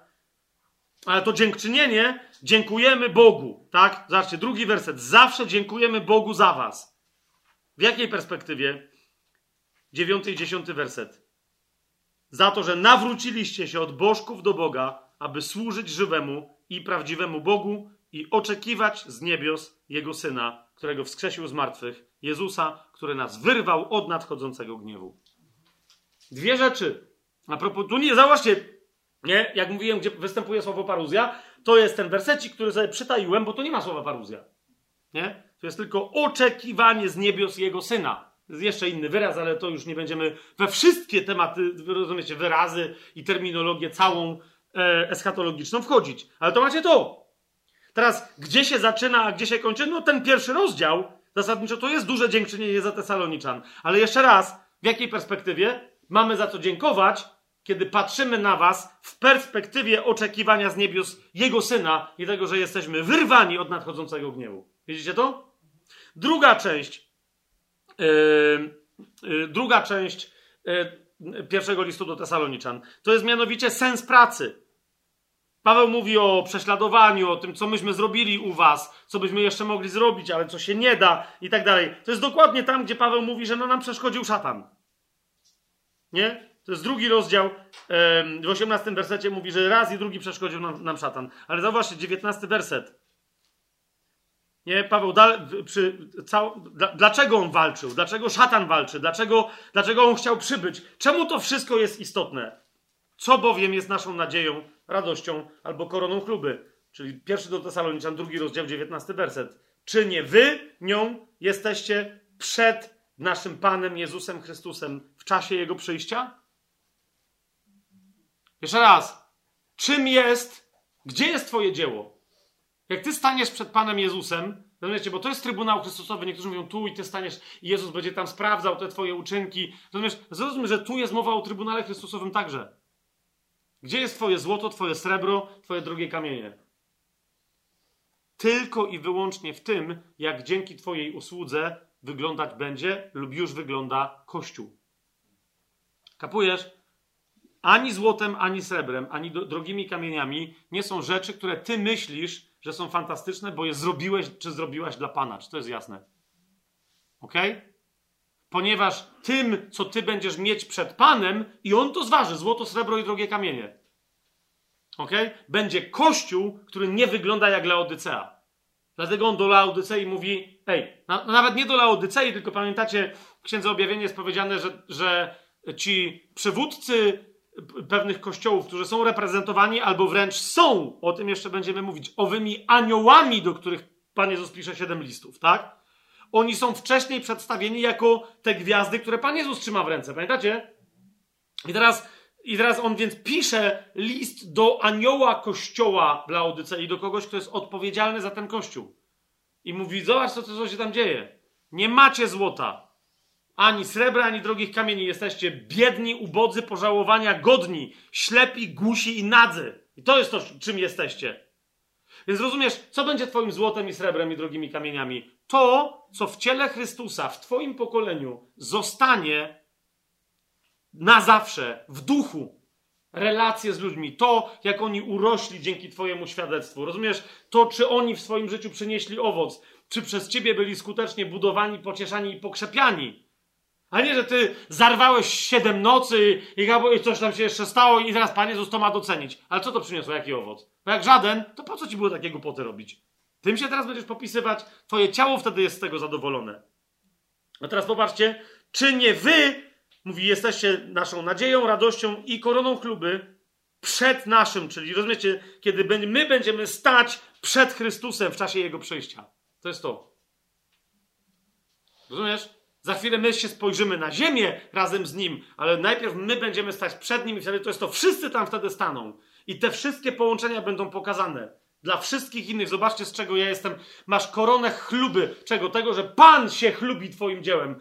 Dlaczego? No zobacz na ten kościół. Popatrz na Tesaloniczan za czasów Pawła. Popatrz na Koryntian. Popatrz na Rzymian. Popatrz na Filip. Wiesz o co mi chodzi?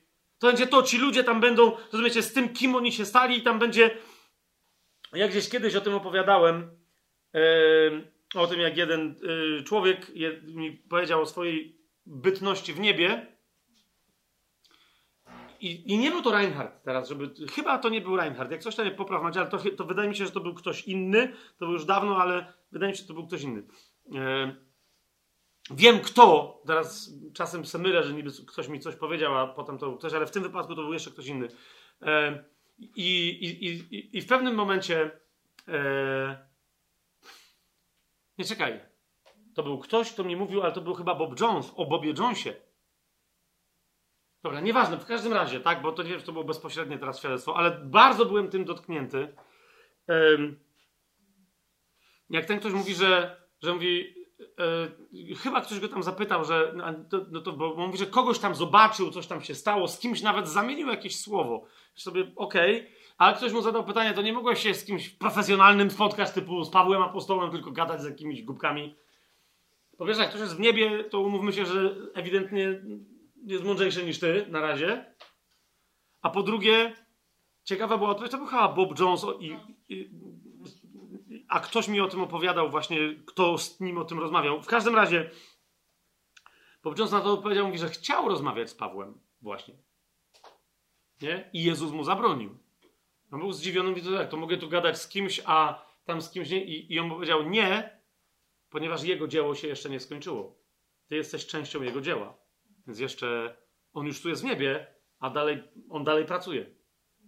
Jak? No bo rozumiecie, jego wierność e, Duchowi Świętemu spowodowała, że mamy w Biblii listy, które Duch Święty. No, wiesz, to jest pytanie, czy, czy my mamy, wiecie, my mamy w Biblii wszystko, co Duch Święty chciał, żeby w niej było napisane.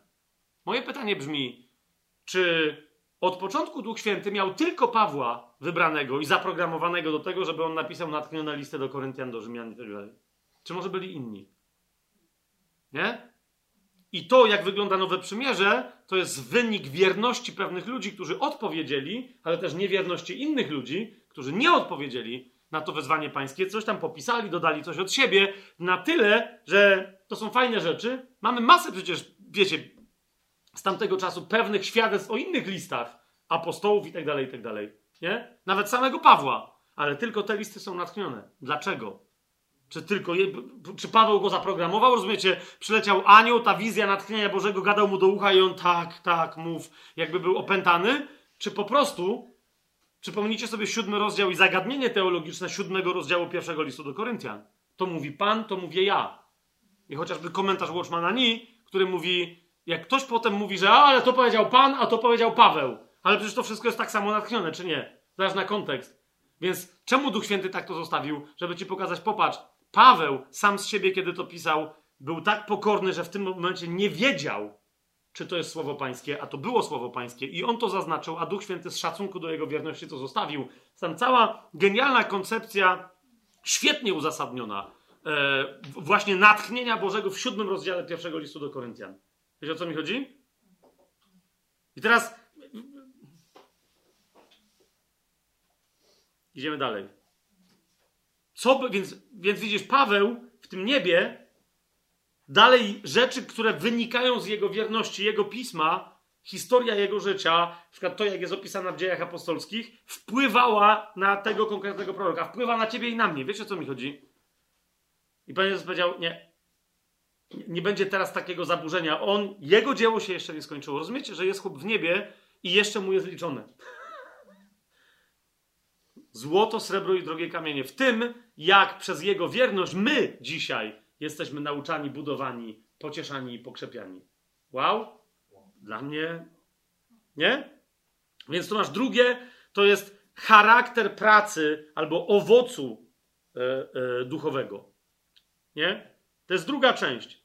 Co będzie Twoją e, nadzieją, radością, koroną chluby? I masz różne, naprawdę różne u różnych egzegetów tu nazwy. Ja nie chcę te, teraz tego nazywać, e, ale, ale wszyscy ci, którzy widzą, że osią, te, kręgosłupem, tematem centralnym, wokół którego wszystko się kręci w pierwszym, drugim liście do Tesaloniczan jest paruzja, oni mówią, cały drugi rozdział musisz czytać w perspektywie tego wersetu. Inaczej nie zrozumiesz tego rozdziału po prostu. I absolutnie się z tym zgadzam. Trzecia część to są mianowicie widziane z perspektywy, widziane z perspektywy paruzji, filary. Yy, aha, jeszcze jedno. To nie jest drugi rozdział, tylko według mnie to się rozciąga dalej, ta koncepcja pracy i owocu na trzeci rozdział. Nie? Czyli jakby, yy, wiecie, to są takie małe chiazmy, których szczytami są te wersy, które nawracają wprost centralnie posługują się słowem paruzja, albo mówią o oczekiwaniu na nadejście Syna Bożego z nieba. To są szczyty w tej, w tej Pawłowej wypowiedzi, takie retoryczne. Więc, więc, e, ale w każdym razie, dalej mamy filary życia duchowego, i teraz popatrzcie, te filary życia duchowego to jest nasze uświęcenie tak? Pamiętajcie, w tej, w, tym, w tej części, yy, w pierwszej egzorcie, one dopiero są widziane w czwartym rozdziale.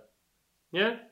Czyli w czwartym rozdziale listu pierwszego do Tesaloniczan, uświęcenie macie w czwartym rozdziale, w trzecim wersecie, miłość braterską, czy też miłość wzajemną, chociażby w czwartym rozdziale, w dziewiątym wersecie. Nie?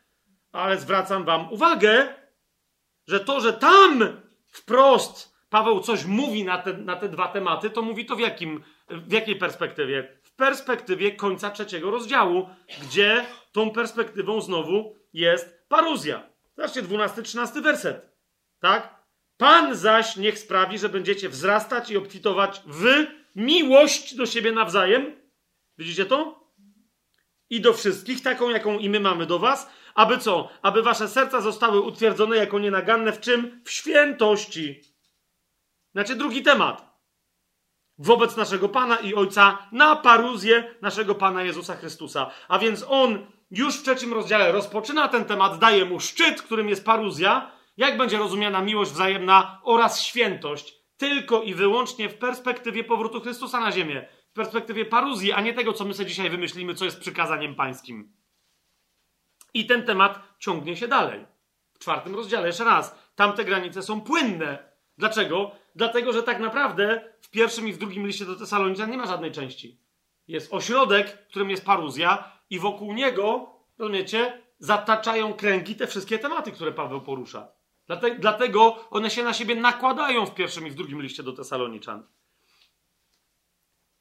Trze, y, y, y, po, po, tych filarach życia Bożego, co się pojawia, kochani? Nie wiem, jak to inaczej nazwać. zagadnienie senne?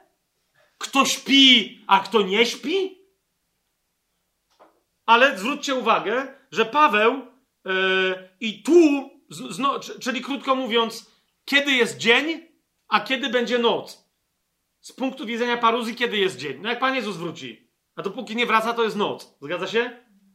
Noc się posunęła, przybliżył się dzień, powie Paweł w liście do Rzymian, dlatego ja wszystkim cały czas, czy w dzień, czy w nocy mówię dobry wieczór, na powitanie, bo cały czas jest noc.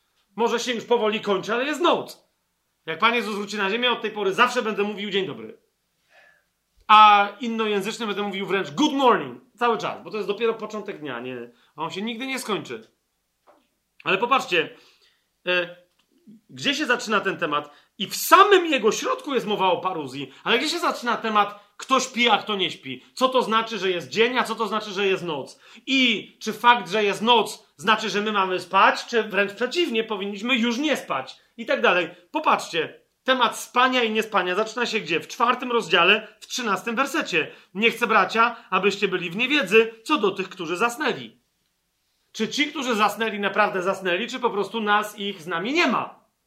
A są tacy, którzy uważają, że ci bracia i siostry, co pomarli, że oni zasnęli, a Paweł mówi, no a wy niby nie śpicie, a właśnie wy śpicie. Tak? Gdzie? No zobaczcie w piątym rozdziale. Piąty werset i dalej. Wy wszyscy jesteście synami światłości i synami dnia, nie jesteście synami nocy ani ciemności. Nie śpimy więc jak inni. Którzy? No ci, co umarli? No nie ci, tylko ci, co tu śpią, mimo że nie umarli. Zauważcie, co tu się dzieje. Więc jeszcze raz, Paweł mówi, kto ma dzień, a kto ma noc. I kto naprawdę jest śpiący, a kto jest trzeźwy. Kto czuwa, a kto myśli, że czuwa, a jest kompletnie nieprzytomny. I ten temat zaczyna się w czwartym rozdziale, w trzynastym wersecie, a kończy się dopiero w piątym rozdziale, w jedenastym wersecie. A, czy, czy powiedzmy, że w dziesiątym, tak? Natomiast punktem centralnym jest czwarty rozdział, piętnasty werset, bo to wam mówimy przez słowo Pana, że my, którzy pozostaniemy żywi do przyjścia Pana i którzy, chociaż do przyjścia Pana trwa noc, mamy być trzeźwi, a nie spać, jak się z całego kontekstu dowiadujemy, nie wyprzedzimy tych, którzy zasnęli, którzy wcale nie śpią, mimo to, że nie żyją i się z nimi teraz nie możemy komunikować. Jasne to jest? Do czego? Co jest kluczowe, przyjście Pana. Wobec przy... ktoś śpi albo nie śpi, wobec tego, jak jest to widziane z punktu widzenia przyjścia Pana. Ci, którzy pomarli w Chrystusie, żyją i tam po drugiej stronie nie śpią. Tak? To było potoczne określenie e, i pogańskie, i żydowskie na tych, którzy umarli. Dzisiaj mamy inne określenia w języku no, po polsku ktoś mówi, że, że, e, że ktoś odszedł. Tak? Nie, nie, że umarł. W języku angielskim się, się mówi, że, że ktoś passed away tak? i tak dalej, i tak dalej, że okej, okay. oni wtedy mówili, że zasnął, ale jest, Paweł skorzysta z tego, żeby tu stworzyć parę naście wręcz interesujących chiasmów, kontrastów, paradoksów tutaj w środku, żeby zagrać na tych słowach, że ktoś śpi albo czuwa, że jest trzeźwy albo że jest nietrzeźwy, że jest dzień albo że jest noc. I żeby pokazać, co nada ci właściwą perspektywę. Prawo, religia, jakieś inne historyjki. Nie, tylko i wyłącznie paruzja, powrót Chrystusa. On, jest punktem, ona jest punktem odniesienia. I wreszcie na samym końcu pojawia się pociecha i zbudowanie. I to jest cała końcówka tego pierwszego listu do Tesaloniczan. Tak, a więc zmotywowanie do tego po prostu. I teraz co cię ma zbudować? To wszystko, co już teraz z punktu widzenia paruzji jest u ciebie właściwe, właściwie ustawione. A co cię ma zmotywować, zachęcić, pocieszyć? Zmiana koncentracji, czyli w innych kwestiach, gdzie jeszcze jako punktu e, ośrodkowego nie ustawiłeś sobie paruzji, czy nie ustawiłaś, ustaw sobie i wtedy się pocieszysz. Nie? Zobaczcie, y, piąty do Tesaloniczan, pierwszy do Tesaloniczan, piąty rozdział. Y, Zaczyna się ten fragment od 11 wersetu. Zachęcajcie jedni drugich i, budujnie, i budujcie się wzajemnie. E, ale jeszcze raz, ale czy to, że wy coś będziecie robić, to ma innym coś zrobić i teraz wy się musicie spinać i teraz aha, musimy, wiesz, jeszcze, jeszcze mocniej, jeszcze wie, co jeszcze zorganizujemy, jaki program teraz, żeby...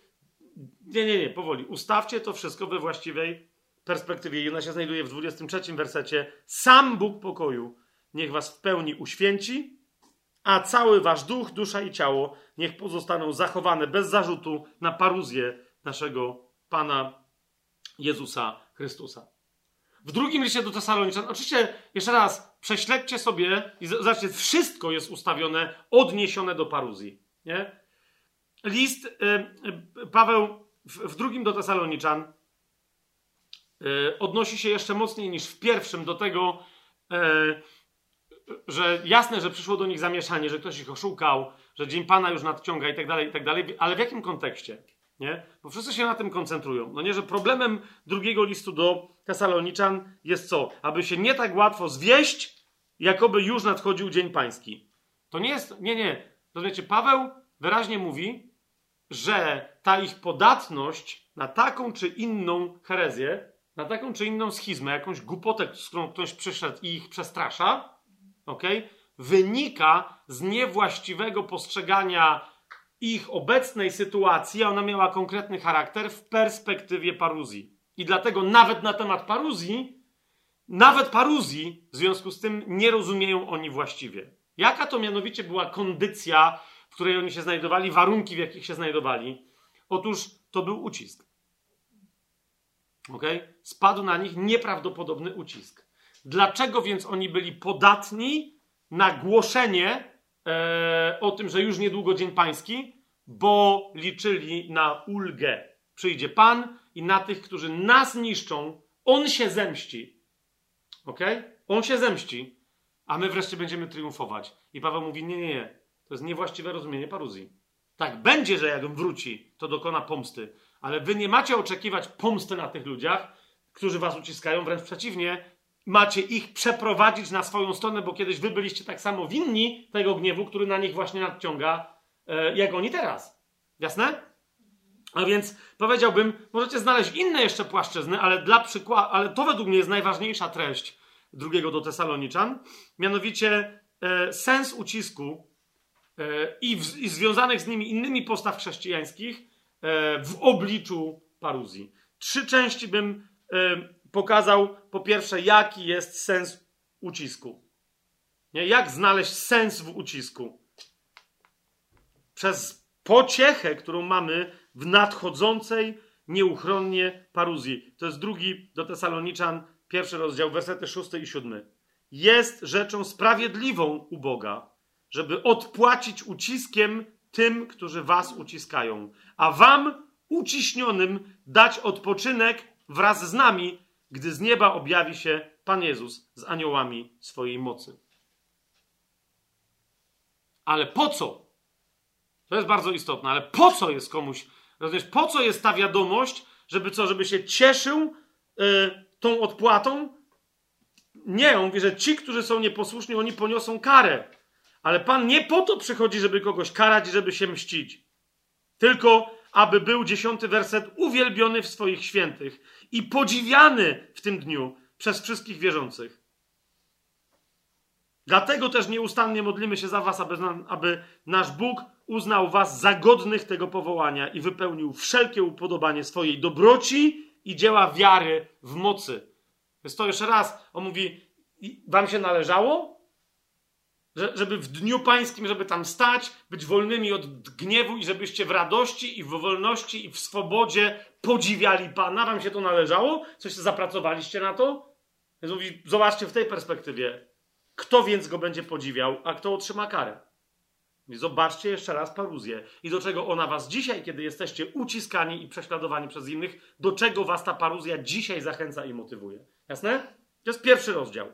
Drugi rozdział to jest sens wierności słowu i sens cierpliwości, nie? który można uzyskać tylko i wyłącznie przez perspektywę eschatologiczną, czyli paruzji Chrystusa. Zobaczcie drugi rozdział.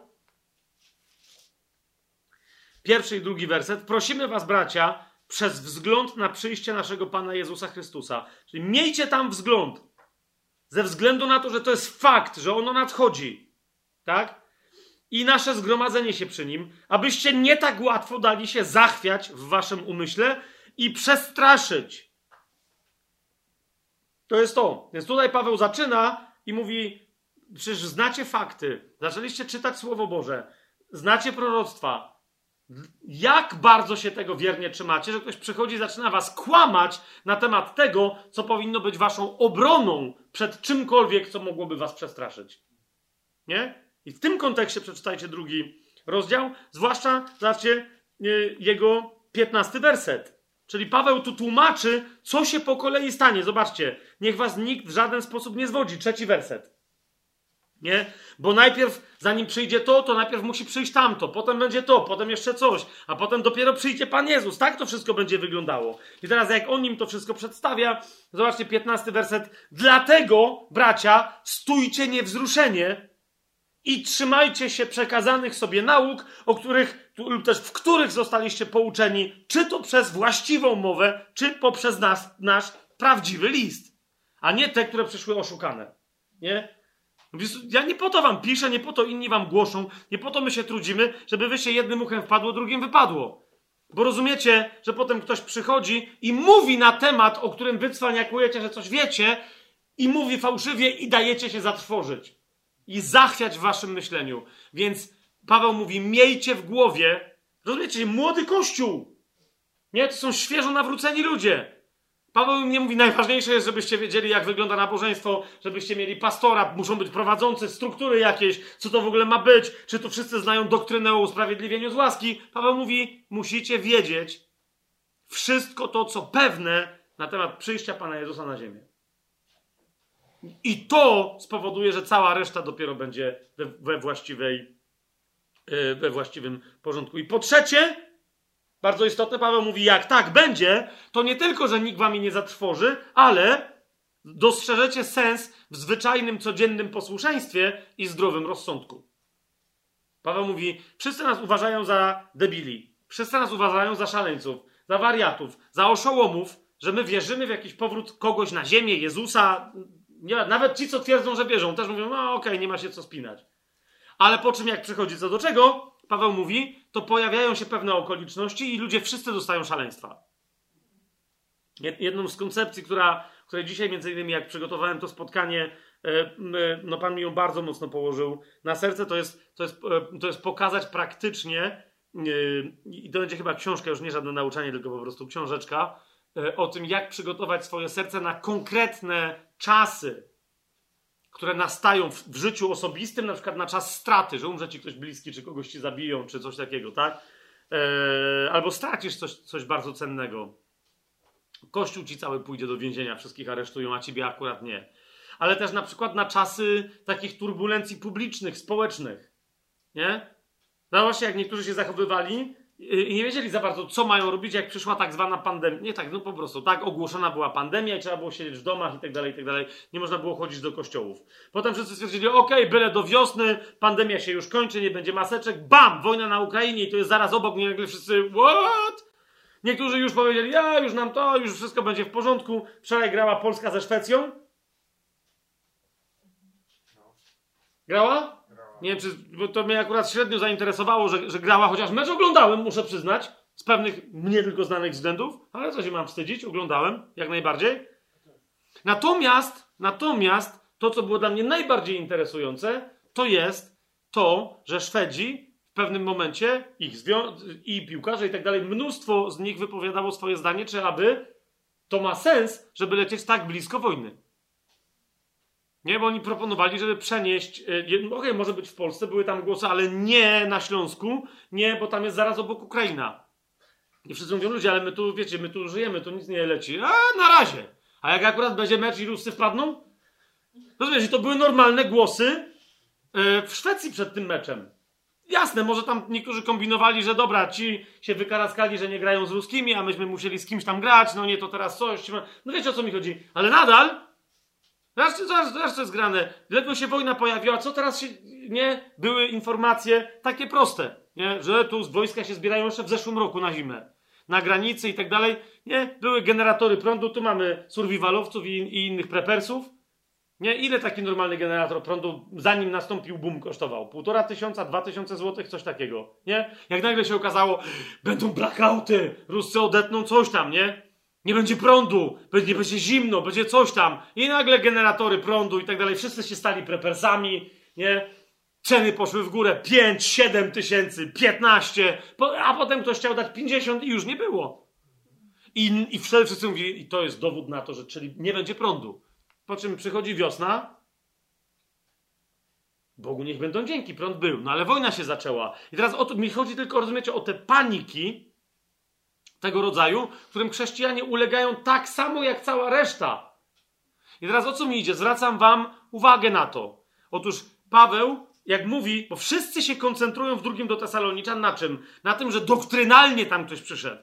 Znaczy, doktryna, cały czas doktryna, właściwe nauczanie. Tylko rozumiesz, że ty wiesz, że ktoś przyjął niewłaściwą doktrynę. Dlaczego? Bo jego życie zaczyna wyglądać jak skończonego kretyna. Co się stało z niektórymi tesaloniczanami, kiedy się dowiedzieli, że jest ucisk, ale zaraz przyjdzie Pan Jezus, dosłownie pojutrze? Co się stało? Przestali pracować. Ok? Przestali pracować. Znaczy, rozumiecie, i to jest ewidentnie, o tym mówi trzeci rozdział. Zdrowy rozsądek, ok? I zdrowe postępowanie. Pa Paweł mówi, czy Pan Jezus powróci? Ha! Założysz się? O co chcesz? Czy Pan Jezus właśnie nadchodzi? Ależ jak najbardziej. Czy w związku z tym ja mam żyć jak nienormalny człowiek, który wie, że Pan Jezus już tu jutro będzie? No chyba cię powaliło. Jedna z najlepszych opowieści, która dokładnie obrazuje trzeci rozdział drugiego listu do Tesaloniczan. Zobaczcie, trzeci rozdział, piąty werset. Pan niech skieruje wasze serca ku ku miłości Bożej i ku cierpliwemu oczekiwaniu na Chrystusa. Tak? Ale dlaczego? Dlaczego? Bo słyszymy, jedenasty werset, że niektórzy wśród was postępują nieporządnie, w ogóle przestali pracować, a zajmują się tylko jakimiś niepotrzebnymi rzeczami. Dlatego nakazujemy im i napominamy przez naszego Pana Jezusa Chrystusa, aby spokojnie pracując własny chleb jedli. I tak dalej, i tak dalej. Jeżeli ktoś nie posłucha naszych słów zawartych w tym liście, 14 werset, to zwróćcie na niego uwagę i nie przestawajcie z nim, aby się zawstydził. Jest właśnie opowieść tego samego pastora Davida Diplessis, zwanego Mister Pentekostem, który opowiadał o swoim dziadku. Jak to głosiciele, którzy mówią, że już Pan Jezus nadciąga i że jak ktoś wierzy, w to, że Pan Jezus nadciąga, to był początek XX wieku. Przebudzenie zielonoświątkowe w RPA bodaj. I że dajmy, dajmy wyraz wiary, że Pan Jezus nadciąga. Jaki? Spalmy wszystkie, bo oni tam mieli, wiecie, takie komuny, takie chrześcijańskie, wspólnoty i tak dalej, tak jakby, nie wiem, kołchozy, jak to nazwać, takie PGR-y chrześcijańskie, mieli wspólne pola, które razem uprawiali dzięki którym potem mieli, wiecie, jedzenie nawet na rok, na dwa, zapewnione pracę i tak dalej, i tak dalej. I ci głosiciele, co tam przyszli, to wiecie, i wszystkich podburzyli, nie wierzycie? Maranata! Kto umiłował przyjście Pana i wszyscy, rozumiecie, z pochodniami wyleźli, żeby spalić zboże, które, które bielało na żniwo. Nie? I młody David Depressy, który nie bardzo wiedział, on tam sam, z tego co pamiętam, on tam z tymi wszystkimi tam, wiecie, tymi krzykaczami, że spalić zboże! Okay? Zobaczył swojego dziadka, no jak go zobaczył, to się przestraszył, to było natychmiast, wiecie, y, miał pierwszą y, epifanię. Wtedy, żeby raczej z tymi gośćmi nie stać. Dlaczego? bo dziadek tam zajechał na koniu jako porządny e, chrześcijanin z RPA. Nie, żeby to było istotne, że biały, ale chyba biały, ale może był czarny, nie wiem.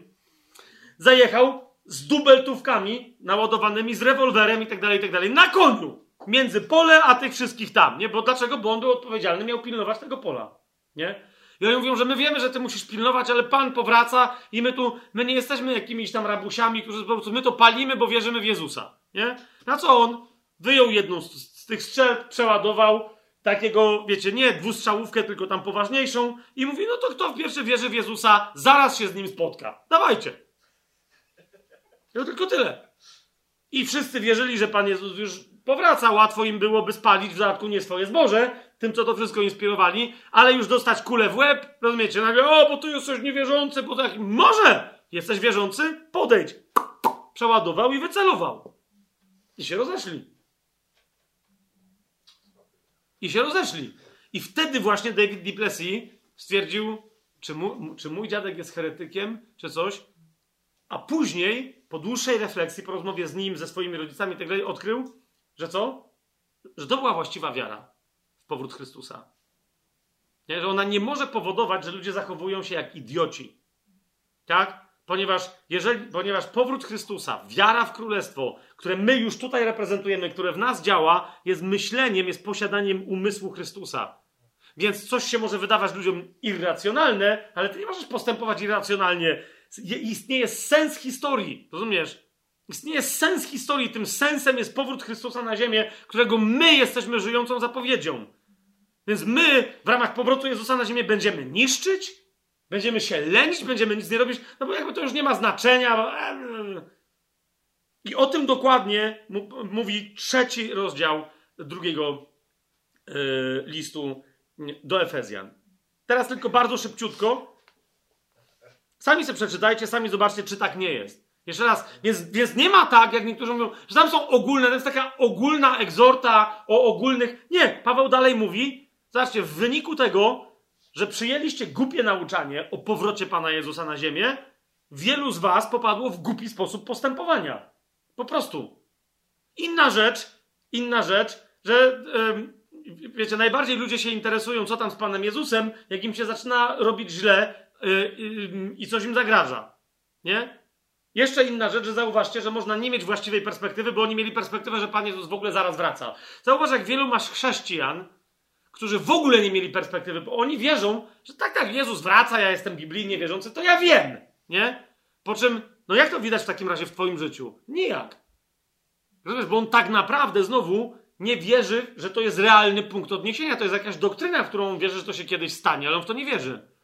Masz, masz chrześcijan, których perspektywą jest pochwycenie a nie powrót Jezusa na ziemię. Ten, który zaprowadzi, czyli paruzja, tak? Jeszcze może być tam, mogą się wydarzyć inne historie po drodze, o czym nie dzisiaj. Ale rozumiesz, o co mi idzie? To, to nie jest pochwycenie i, i większość z nich wierzy w to pochwycenie tak zwane przedtrybulacyjne, czyli przed wielkim uciskiem. Dlaczego? Bo jest fantastycznie mieć taki punkt odniesienia, w ramach którego, a tam Pan Jezus wróci czy nie wróci, wcześniej będzie wielki ucisk, a tam wielki ucisk. Ważne, że nam się należy, żeby nas pochwyciło wcześniej. I nas to wszystko, mieliśmy nudne życie, cielesne, doczesne, duszewne. I tak nam się jak psu kość należy, żeby Pan Jezus nas uchronił przed tym wszystkim, co nadciąga. Chociażby z tego prostego powodu, że to powoduje tego typu lenistwo u ludzi, ja mówię, tak nie będzie. Czy ty w takim razie jesteś mid-trybulacyjnym teologiem, Fabian? Albo wręcz post-trybulacyjnym? Nie. Ja tylko mówię, że tak nie będzie w twoim życiu.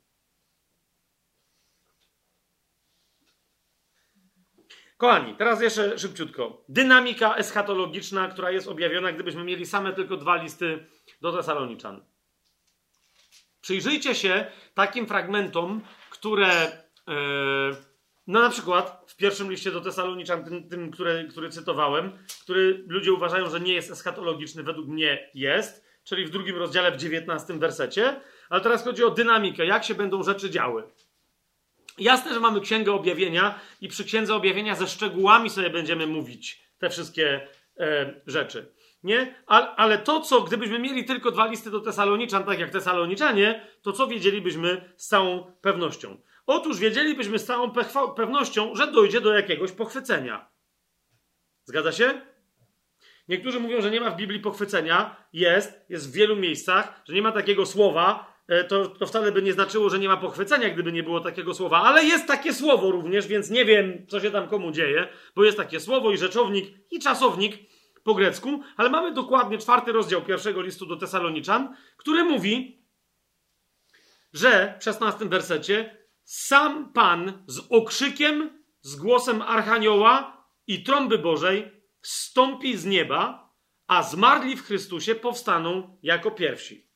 I po nim następuje werset: Potem my, którzy pozostaniemy żywi, razem z nimi będziemy porwani w obłoki, w powietrze na spotkanie Pana, i tak zawsze będziemy z Panem. Czemu ja więc zaczynam, jak mówię o dynamice od pochwycenia? Bo niektórzy mówią, przecież jasno z tego tu fragmentu wynika, że pochwycenie będzie miało miejsce potrybulacyjnie, dokładnie w Dzień Pański i będzie związane z pochwyceniem tylko i wyłącznie tych ludzi, którzy wtedy będą na ziemi jeszcze wierzący, bo na przykład się nawrócą, bo pamiętacie, będzie, no właśnie, będzie Kościół czy nie będzie w czasie jednak wielkiego e, ucisku na ziemi, ale tak czy siak, będą jacyś wierzący, bo nawet gdyby pochwycenie było przedtrybulacyjne, to pamiętajcie, że ma anioł specjalny, profesjonalny, latać po całej ziemi i wszędzie głosić królestwo nad całą ziemią. Księga Objawienia o tym mówi, tak?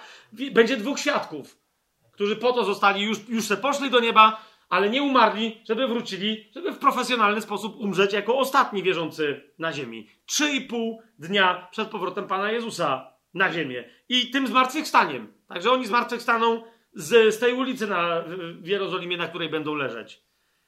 Rozumiecie?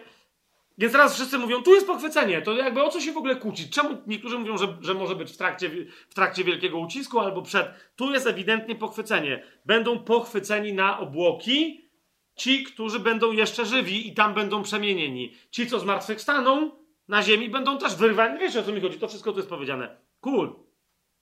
Tylko, że to jest pochwycenie zmartwychwstaniowe.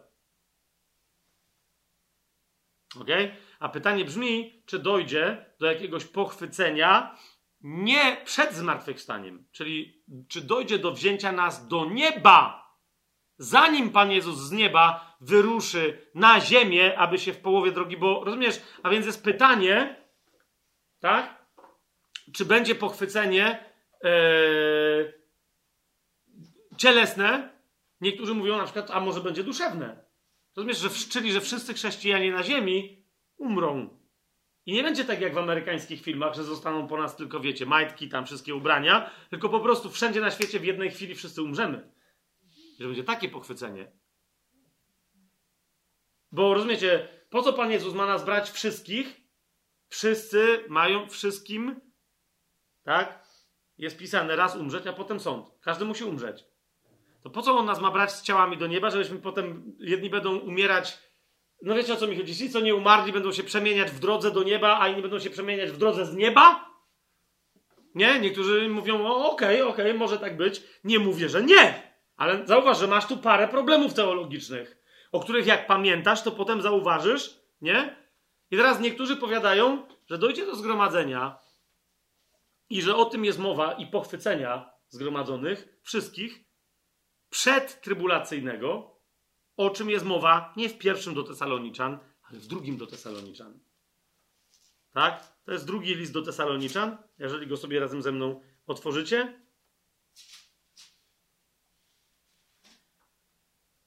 Piąty werset i szósty. Czy nie pamiętacie, że jeszcze będąc u was mówiłem o tym, a teraz wiecie, co przeszkadza, tak, że się objawi w swoim czasie? Nie? Tajemnica nieprawości bowiem już działa, tylko że ten, który teraz przeszkadza lub też powstrzymuje objawienie się antychrysta, będzie przeszkadzał, aż zostanie usunięty z drogi i wówczas pojawi się ów niegodziwiec. Niektórzy mówią, to jest to, to jest pochwycenie Kościoła. Duch Święty wraz z Kościołem, że tak powiem, się usunie, będzie krążył ponad ziemią, będzie dalej naciskał, ale nie będzie Kościoła, który będzie widocznym znakiem i tyle. Wtedy będzie się mógł objawić antychryst i coś tam powiedzieć. ok?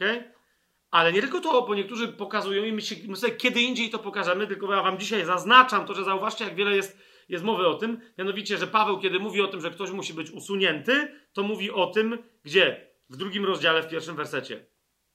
Prosimy was, bracia, przez wzgląd na przyjście naszego Pana Jezusa i nasze, niektórzy dodają, uprzednie zgromadzenie się przy Nim. Nie? Okej, okay, ktoś powie, no ale nie ma tutaj tego yy, w Biblii. Nie, nie, ma, tylko że ze względu na to słowo, episynagogę i na pewne teksty Starego i Nowego Testamentu, yy, ktoś mówi, to nasze zgromadzenie musi mieć miejsce wcześniej. I dlatego można łączyć ten werset z następnym, że nasze zgromadzenie będzie usunięciem się tego, który tu, będąc jeszcze na ziemi, powstrzymuje pojawienie się antychrysta. Jest, jest to jasne? Jeszcze może to nie jest jasne teraz, tylko wam mówię, gdzie są te wersety, na które później ci, co się kłócą o różne pochwycenia, na które wskazują, tak? W dwóch tych listach do Tesaloniczan. Ale jeżeli by miały te sugestie być słuszne, to Paweł w drugim do Tesaloniczan, właśnie, zwłaszcza w tych miejscach, mówi o prawdopodobnie, całkiem jest to możliwe, że mówi o pochwyceniu, tym przedtrybulacyjnym, a później o pochwyceniu przy okazji zmartwychwstania, to jest, nie, to jest inna rzecz, już w ramach swojego powrotu. Jeszcze raz, jest inna koncepcja, która mówi, że nie ma żadnego innego pochwycenia, jak tylko i wyłącznie to, do którego dochodzi przy powrocie Jezusa na ziemię. Jasne? I to, to jest, to jest to ta, ta koncepcja pochwycenia posttrybulacyjnego albo potrybulacyjnego. Tak? Ale jest też inna i my będziemy zobowiązani przy okazji Księgi Objawienia obydwa te, e, o, obydwa, o, o, obyczy, e, wszystkie te trzy koncepcje rozważyć. Dlaczego ktoś w ogóle na to wpadł, biblijnie myśląc i stwierdził, e, a może jednak przyjrzyjmy się temu e, jeszcze z tej albo jeszcze z tamtej strony. Więc być może, że jest tak, że Paweł mówi w tych dwóch listach o tym, że będzie pochwycenie przedtrybula przedtrybulacyjne.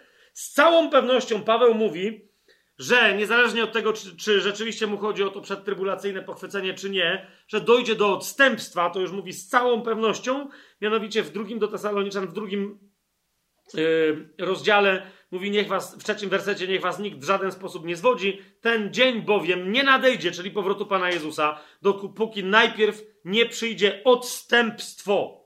I tutaj chodzi o odstępstwo, które ujawni schizmy i herezję e, zjednoczone w duchu antychrysta e, w kościele. I teraz jeszcze raz, jeżeli tak, to być może część kościoła będzie pochwycona, a część kościoła z tego powodu odstępcza będzie musiała zostać na ziemi. Przypomnijcie sobie chociażby werset z listu do Filadelfii, gdzie Pan Jezus mówi: Wy zostaniecie uchronieni przed, tym, przed tą próbą, która przyjdzie na całą ziemię. Tak? Ale tylko wy.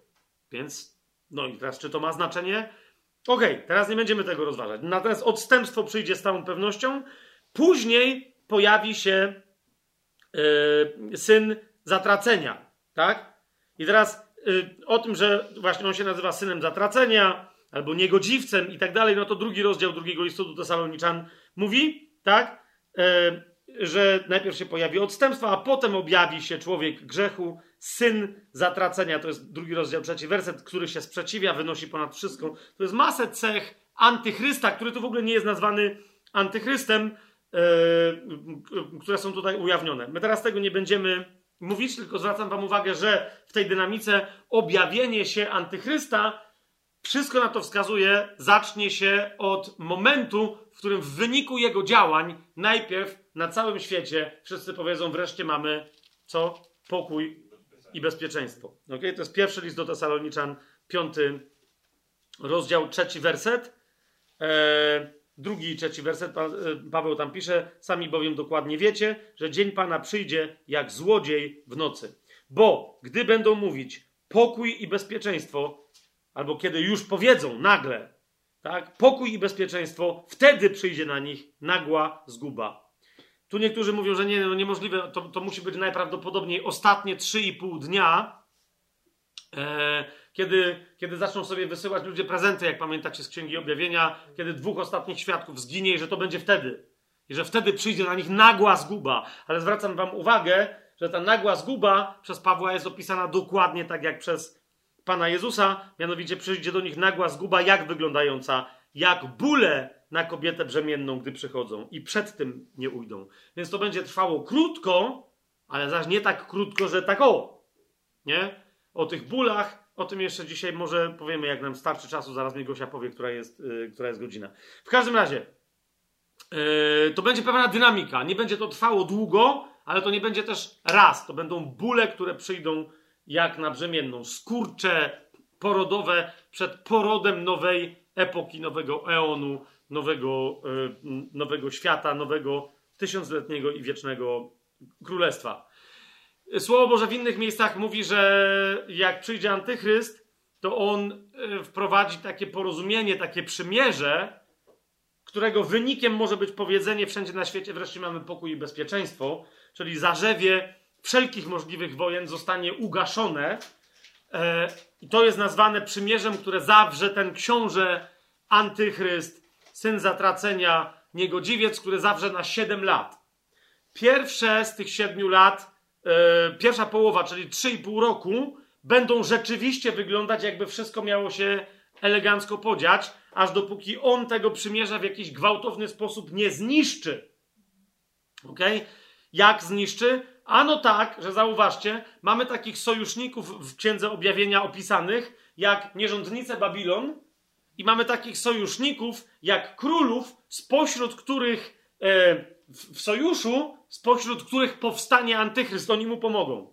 Tak? Księga Objawienia mówi wyraźnie, że antychryst osobiście ukatrupi to wszystko, czym była, jest i jeszcze będzie nierządnica babilońska.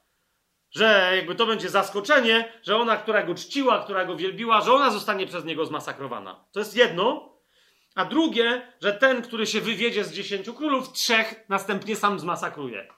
Dlaczego o tym mówię? Bo nawet ostatnio z kimś rozmawiałem i ktoś mówi, że ale o co to chodzi z tym końcem czasów, bo przecież to Żydzi się mają nawrócić, a przecież to jak oni uznają go jako antychrysta, jaka tam będzie świątynia, co się w ogóle dzieje. Zauważcie, że atak sojuszu, czy tam aliansu, sojuszu militarnego Goga Magoga na Jerozolimę, atak na Żydów, cały tak zwany kłopot Jakubowy, wszystko wskazuje na to w Biblii, że będzie związany z ich do koń, prawie że do samego końca e, trzymaniem się antychrysta, dzięki któremu będą mieli odbudowaną świątynię, rozumiecie, i tak dalej. Nawet jak on się okaże, że jest kim jest, może oni nawet później nie będą chcieli z nim trzymać sztamy, ale oni będą oskarżeni o wszystko.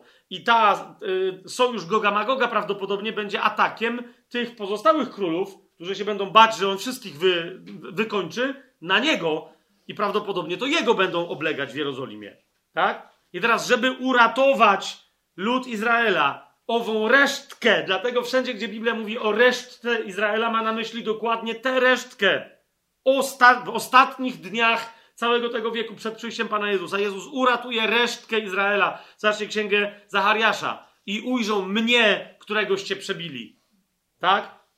Zobaczycie kogo? Chrystusa. On przyjdzie, żeby ich ratować, ale dokładnie tym objawieniem swojego przyjścia, które, którym ich uratuje, zgładzi niegodziwca.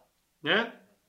Więc to jest ta historia, ale pamiętajcie, że ten sojusz, który zaprowadzi pokój i bezpieczeństwo w pewnym momencie na świecie, skończy się wielkim uciskiem i to jest ostatnie 3,5 roku z tych zapowiedzianych przez, em, przez em, antychrysta pseudosabatowych 7 lat. Nie? To będzie drugie 3,5 roku, nie całe 7 lat, tylko drugie 3,5 roku. To będzie wielki ucisk i to będzie oznaczało masakrę wszędzie na ziemi spowodowaną przez antychrysta, ale też jakby yy, niekoniecznie, że on będzie kogoś uciskał, ale na przykład, że to wywoła wojny i tak dalej, i tak dalej. Całą masę różnych zjawiska atmosferyczne, katastrofy, choroby, z podziemi, tam wiadomo, że wyjdzie Abaddon i tak dalej, i tak dalej. Jasne to jest? Więc Y, o tym stricte ze szczegółami w pierwszym, w drugim do Tesaloniczan nie czytamy, ale jak Paweł mówi, że pamiętacie, że was nauczałem, to znaczy, że to ym, nauczał, no, bo on zawsze, jeżeli nauczał, to nauczał, jak przystało na porządnego, nawróconego Żyda na bazie Starego Przymierza, więc to musiał nauczać wszystkiego tego, co jest w Starym Przymierzu, a kompilację tego wszystkiego i właściwe tylko rozjaśnienia znajdujemy e, w Nowym Przymierzu, zwłaszcza w Księdze Objawienia. Ale bez Starego Testamentu my byśmy nic nie wiedzieli. A zatem być może pochwycenie przedtrybulacyjne, z całą pewnością odstępstwo w kościele, dalej pojawia się antychryst, ale on na początku jest, jest przez, przez wszystkich przyjęty, włącznie prawdopodobnie z odstępcami kościelnymi. ok? Nowonarodzonymi osobami, które są oślepione, zatwardziałe w swoich sercach, wprowadza pseudopokój, ale za chwilę zaczynają się bóle e, porodowe i potem e, Pan Jezus e, wraca na to, gładzi niegodziwca.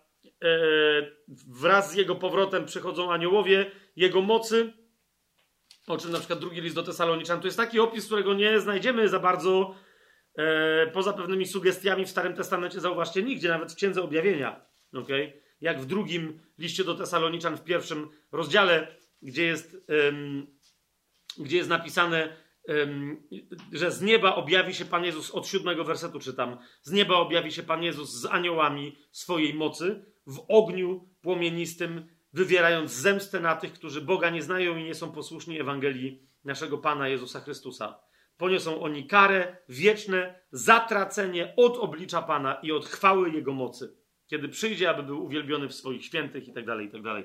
Ale ci aniołowie mocy, to wszystko, rozumiecie, to, to nam uzupełnia inne znowu opisy biblijne, ale jeszcze raz, to wszystko przy okazji Księgi Objawienia. My tutaj tylko mówimy o tym, że de facto cała dynamika tu jest zachowana. Wraz z tym, że pojawi się trąba, pojawi się okrzyk, czwarty rozdział pierwszego listu do Tesaloniczan, pojawi się powszechne zmartwychwstanie wierzących, a nie w ogóle wszystkich wierzących, aby weszli, e, aby weszli do, e, do, tysiącletniego, e, do tysiącletniego królestwa.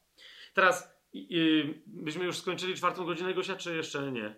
Dokładnie w tym momencie żeśmy mm, skończyli. Ok, to teraz powiedzcie mi, bo możemy to przełożyć tylko. Ja bym chciał w przyszłym tygodniu już tylko, wiecie, dosyć poważnym, obszernym tematem antychrysta się zająć. A wraz z tym, co my tu dzisiaj mówimy, mamy jeszcze jeden mały problem, który się w teologii nazywa e, problemem tego pokolenia. Poruszamy go dzisiaj, czy odkładamy go na, na za tydzień?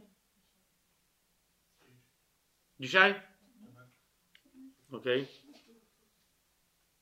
okay. spróbuję być tak treściwy, jak, bo to wbrew pozorom nie jest bardzo skomplikowane. Na czym polega problem, na czym polega problem tego pokolenia egzegetyczny? I teraz niby problem tego pokolenia, wszyscy, co to w ogóle... Ja znam chrześcijan, którzy nie mogą sobie z tym poradzić, bo są tym pseudoproblemem atakowani przez niewierzących na przykład, nie? Otwórzmy sobie Ewangelię Mateusza. Przeczytam wam konkretne fragmenty, żebyście rozumieli o co, yy, o co chodzi. On się zasadniczo tyczy trzech wersetów, tak? Y, ale ja podam więcej, y, bo niektórzy mieszają te tematy i, i mówią, że to jest jedno i to samo. Po pierwsze, to jest Ewangelia Mateusza, 24 rozdział, 34 werset. Nie? Czyli widzicie, co to jest 24 rozdział? Widzicie to? Nie, że, się, że Pan Jezus wraca na ziemię, wszystko się masakruje, naród przeciwko narodowi. No wszystkie tu, widzicie tu 24 rozdział Ewangelii Mateusza? I w 34 wersecie Pan Jezus mówi: Zaprawdę, powiadam wam, nie przeminie to pokolenie, aż się to wszystko stanie. Ok? Mamy dalej Ewangelię Marka, 13 y, rozdział, 30 werset. Znowu. E, Pan Jezus mówi o, o, o masakrze, tak? 23 werset. Wy więc uważajcie, wszystko wam przepowiedziałem. W tych dniach po tym ucisku zacznie się słońce i księżyc nie da swojego blasku. Jakim? No tym, o którym właśnie mówiliśmy, o wielkim ucisku. Ale w 30 wersecie Pan Jezus mówi, zaprawdę, powiadam wam, nie przeminie to pokolenie, aż się to wszystko stanie. Niebo i ziemia przeminą, ale moje słowa nie przeminą. I ludzie mówią, no jakoś przeminęło tamto pokolenie i jakoś się to wszystko nie stało. Jakie chrześcijanie macie teraz wyjaśnienie, żeby ratować Pana Jezusa, które coś fałszywie przepowiedział? w Ewangelii Łukasza w 21 rozdziale ten sam dyskurs, okay? rozprawa y, oliwna na górze oliwnej, 21, y, 21 rozdział, znowu 32 werset. Możecie sobie zobaczyć cały, jakby macie, wiecie, paralelne teksty, to, to jest 24 rozdział Mateusza, 21 Łukasza i tak dalej, i tak dalej. No nie? Ale znowu mamy 21 y, rozdział, 32 werset. Zaprawdę powiadam wam, że to nie Y, że nie przeminie to pokolenie, aż się to wszystko stanie. Niebo i ziemia przeminą, ale moje słowa nie przeminą. Takie są pewne. I teraz niektórzy mówią, no i tu jest zasadniczo ten problem, nie? E, no nie! Dodajmy, dołóżmy jeszcze, do, dolejmy oliwy do ognia.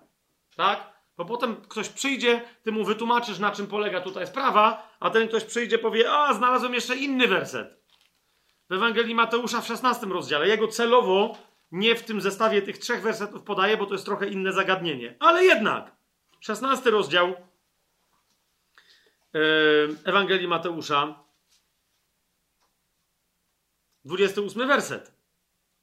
Zaprawdę powiadam wam, są wśród stojących tutaj tacy, którzy nie zakosztują śmierci, aż ujrzą Syna Człowieczego przychodzącego w swoim królestwie. No to to już jest prosto, już nie, bo tam niektórzy próbują się wykaraskać, że to jest to pokolenie, czy tamto pokolenie, czy coś, to jest powiedziane, tu stoją ludzie, którzy nie zakosztują śmierci.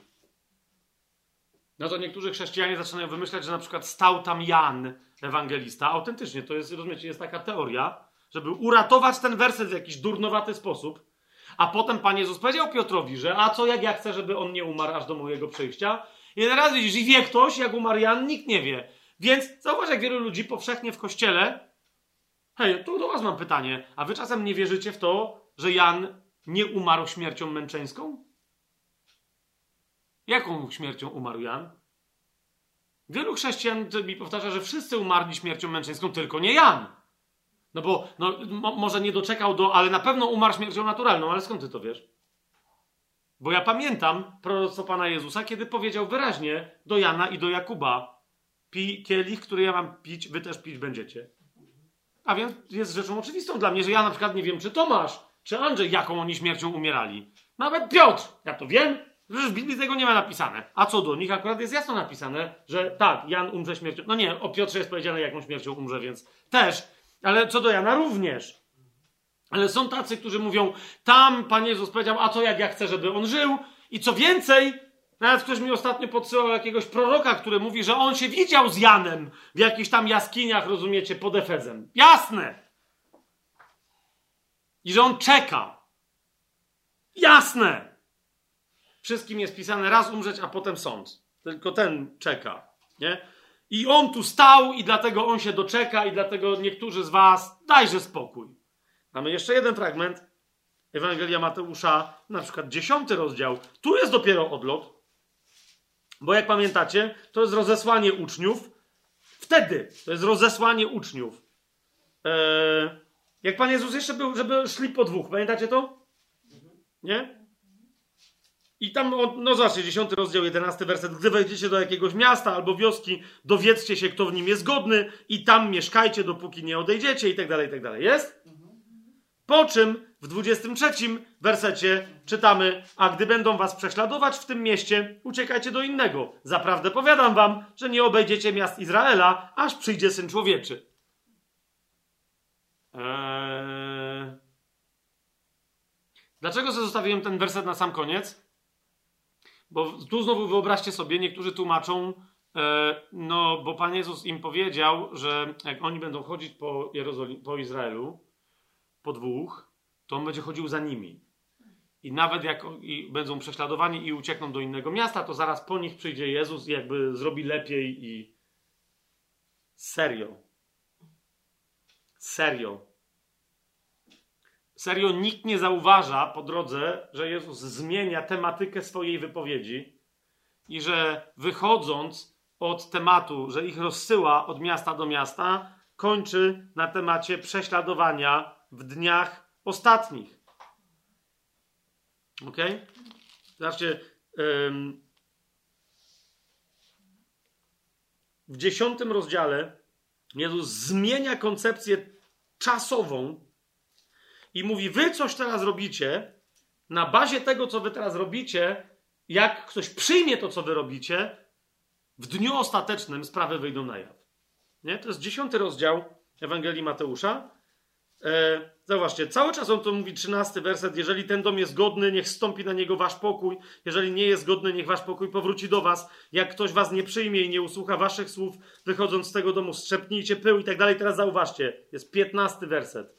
Zaprawdę, powiadam wam, lżej będzie ziemi sodomskiej i gomorejskiej, tudzież gomorskiej, w dzień sądu, paruzja, niż temu miastu.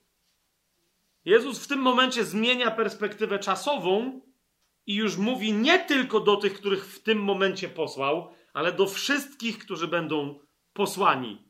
Oto ja was posyłam jak owce między wilki. Okay? Bo podaje uniwersalne zasady, nie na to konkretne wyjście, ale w ogóle na życie chrześcijańskie. Okay? W momencie, kiedy przeniósł temat do paruzji, o czym mówi? Mówi o tym, co się będzie działo przed paruzją. 21 werset i dalej.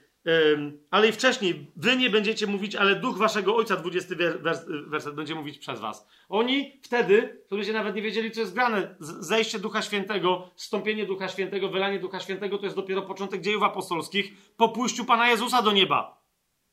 A więc musi przyjść Duch Święty, który będzie przez was mówić. Oni w czasie tego wyjścia, oni nie mieli tego.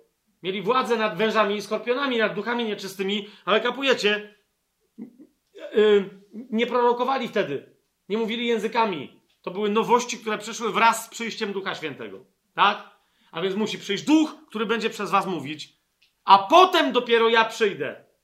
Tak? Ale tu jest mowa o rzeczach, które się będą działy, zanim ja przyjdę.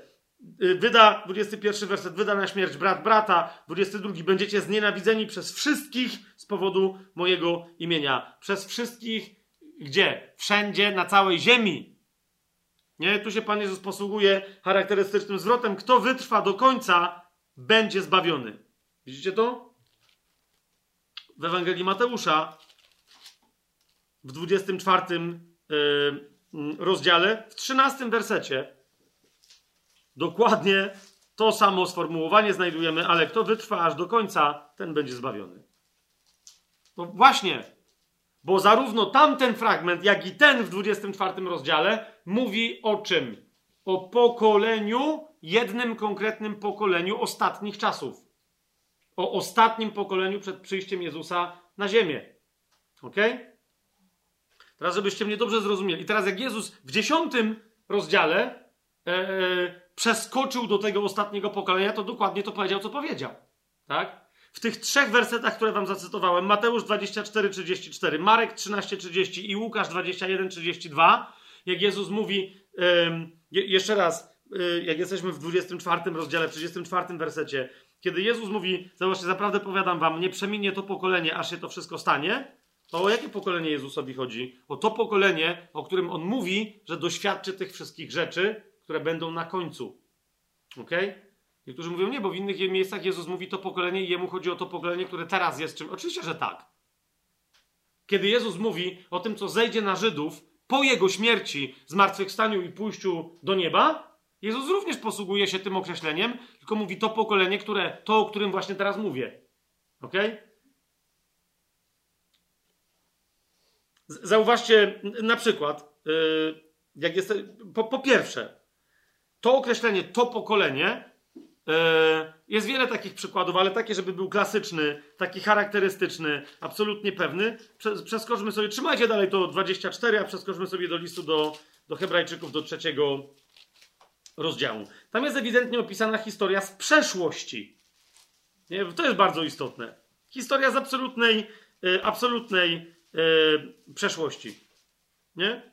W trzecim rozdziale w dziewiątym, w ósmym, dziewiątym wersecie mamy napisane: Nie zatwardzajcie waszych serc, jak podczas rozdrażnienia w dniu próby na pustyni, gdzie mnie wystawiali na próbę wasi ojcowie i doświadczali i oglądali moje dzieła przez 40 lat. Kiedy to było?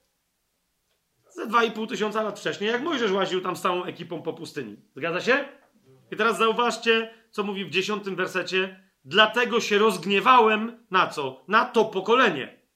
Czyli ponieważ tamci zrobili coś 2,5 tysiąca lat temu, to on się rozgniewał na to pokolenie, do którego teraz pisze Paweł Hebrajczyków? Nie, na to pokolenie, o którym tu jest mowa. To jest jasne? I teraz popatrzcie. Macie następne to pokolenie, gdzie wróćmy do tego 24 rozdziału. Otóż co, czego doświadczy to pokolenie, które jest współczesne Jezusowi? I rzeczywiście Jezus często mówi, to pokolenie domaga się znaku. Nie? Ale w reakcji na co? Zawsze patrz na kontekst. Kiedy to pokolenie, na przykład ustami faryzeuszy, domaga się znaku. Jezus mówi, to pokolenie domaga się znaku. Które? No to, które właśnie widzisz, że się domaga. Tak? I teraz, kochani, o tym, co stąpi na Żydów, co sami na siebie ściągają, Pan Jezus mówi wcześniej. Jaka masakra, że nie zostanie kamień na kamieniu i tak dalej, i tak dalej. Pan Jezus mówi wcześniej, w 22, zwłaszcza w 23 rozdziale. I tam mówi, że no i to się stanie w wyniku do, dokładnie, mówi to jest, i teraz to wie, podaje znaki konkretne, ok? Jak popatrzycie w 23 rozdziale, zobaczcie, 23 rozdział, 24 werset. 23 werset. Biada wam, uczeni w piśmie i faryzeusze. Widzicie to? Bo dajecie dziesięcinę i tak dalej, i tak dalej. Biada wam, to jest cały czas biada wam. Biada wam aż do 29 wersetu. Pan Jezus mówi konkretnie, komu? Wam biada. 34 werset, dlatego ja posyłam do was proroków, mędrców i uczonych, niektórych z nich jeszcze zabijecie i ukrzyżujecie, a niektórych ubiczujecie w waszych synagogach, będziecie ich prześladować od miasta do miasta. O tym Jezus mówił właśnie w 10 rozdziale wstępnie, ale o tym, że się to później będzie w ogóle działo. Aby spadła na was wszelka krew sprawiedliwa, przelana na ziemi od krwi sprawiedliwego Abla, aż do krwi Zachariasza, syna Barachiasza, którego wyście zabili między świątynią a ołtarzem.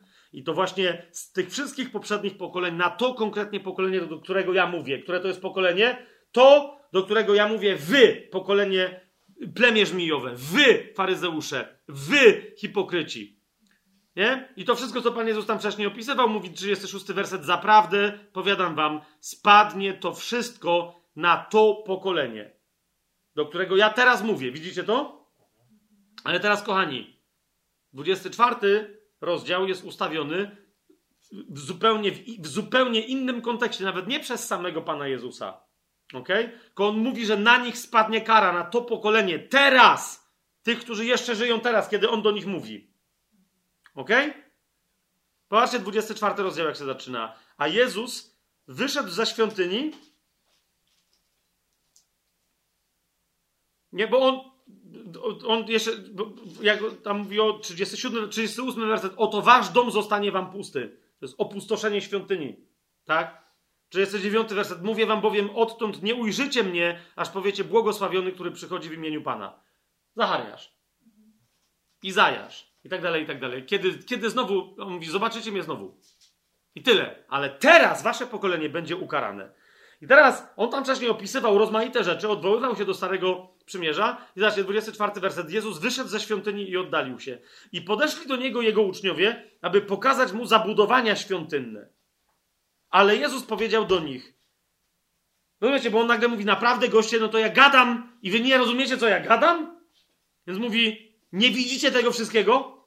Bo oni mu mówią, ej, nie widzisz tego, zobacz, popatrz to, popatrz tamto. A, mówi, a wy nie widzicie? Bo ja widzę. I to, co się z tym teraz dzieje, i to, co się za chwilę z tym stanie w tym pokoleniu. Ok? Zaprawdę powiadam wam, nie zostanie tutaj kamień na kamieniu, który by nie został zwalony.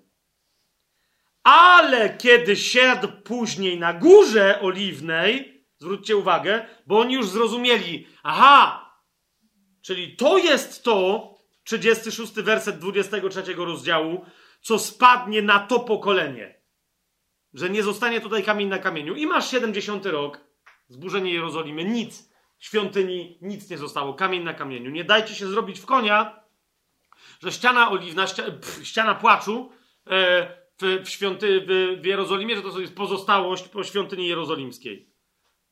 Ok? Nie będę teraz się w to wdawał, ale jest ewidentne kłamstwo ośmieszające Jezusa jako proroka przez Żydów.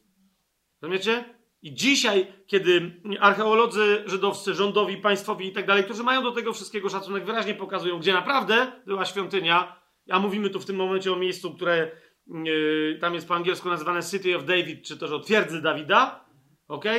Wyraźnie Biblia mówi, że świątynia tak się zapadnie, takie było proroctwo w Starym Testamencie, że na niej będzie ziemia, na niej będzie następna ziemia i chłop, który będzie tam pole uprawiał, normalnie rolne, nawet nie będzie wiedział, że orze nad świątynią.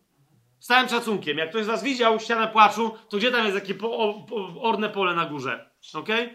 To jest coś, co zbudowali Rzymianie. To była podstawa pod ich e, stacjonujący tam legion. Legion, który, e, jak pamiętacie, legioniści rzymscy, na przykład w dziejach apostolskich jest wyraźnie powiedziane, że to, to miejsce było zbudowane jeszcze kiedy istniała świątynia i ono było wyższe od świątyni. Jak wiecie, gdzie jest City of David, gdzie jest e, twierdza Dawidowa, to wiecie doskonale, że ona jest niżej, bo Syjon nie jest najwyższym pagórkiem na całym tym pogórzu e, syjońskim w Jerozolimie. Okay?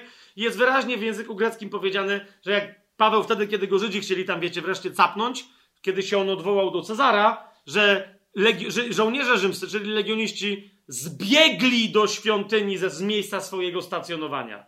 I to jest dokładnie to. Te schody tam świątynne, co pokazują, że tutaj, że tutaj się coś działo, to nie są żadne schody świątynne. To jest, to jest stare, dlatego rozumiecie, e, e, muzułmanie się nie bali zbudować tam swój meczet, którego zresztą w ogóle nie czczą. Powiedzieli, że to jest żadne, żadne święte miejsce. Miejsca po świątyni Salomonowej by się bali. Nawet po Herodowej. Tego się w ogóle nie boją. To nie jest żaden, ale o tym będziemy mówili, o znaleziskach archeologicznych mm, i o tym, gdzie miała być świątynia i gdzie teraz normalnie państwowi izraelscy archeolodzy, naukowcy, w ogóle międzynarodowa ekipa tam bada i gdzie oni pokazują, gdzie jest świątynia, to sobie kiedy indziej o tym e, o tym będziemy mówić. Ale w każdym razie, to jest to, Jezus mówi, nie zostanie kamień na kamieniu. A tam, jak widzieliście, ścianę płaczu to jest, wiecie, tych kamieni nie wiadomo, są rzymskie. Z całym szacunkiem, jak się Żydzi lubią modlić do rzymskich kamieni, to fajnie. Tylko po co tam tłumaczyć, że to jest jakaś pozostałość po ścianie i oni coś tam opłakują?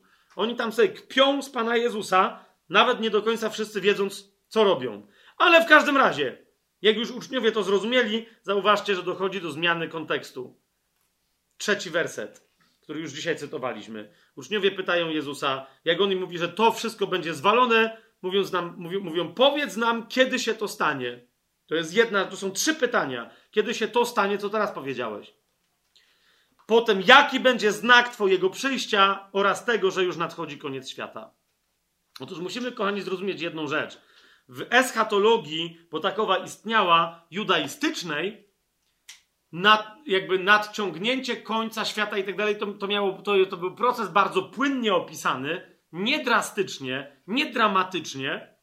I wielu wtedy wierzyło, zresztą i dzisiaj wielu wierzy, że to będzie bardzo rozciągnięte w czasie. Otóż odpowiedź Pana Jezusa w Ewangelii Mateusza, w Ewangelii Marka i w Ewangelii Łukasza oznacza jedną rzecz. Wiedzcie jedno, znaki będą takie, ale one nie będą rozciągnięte w czasie. Kiedy się już zaczną dziać, to to pokolenie, które je zobaczy, zobaczy też moje przyjście. Ok?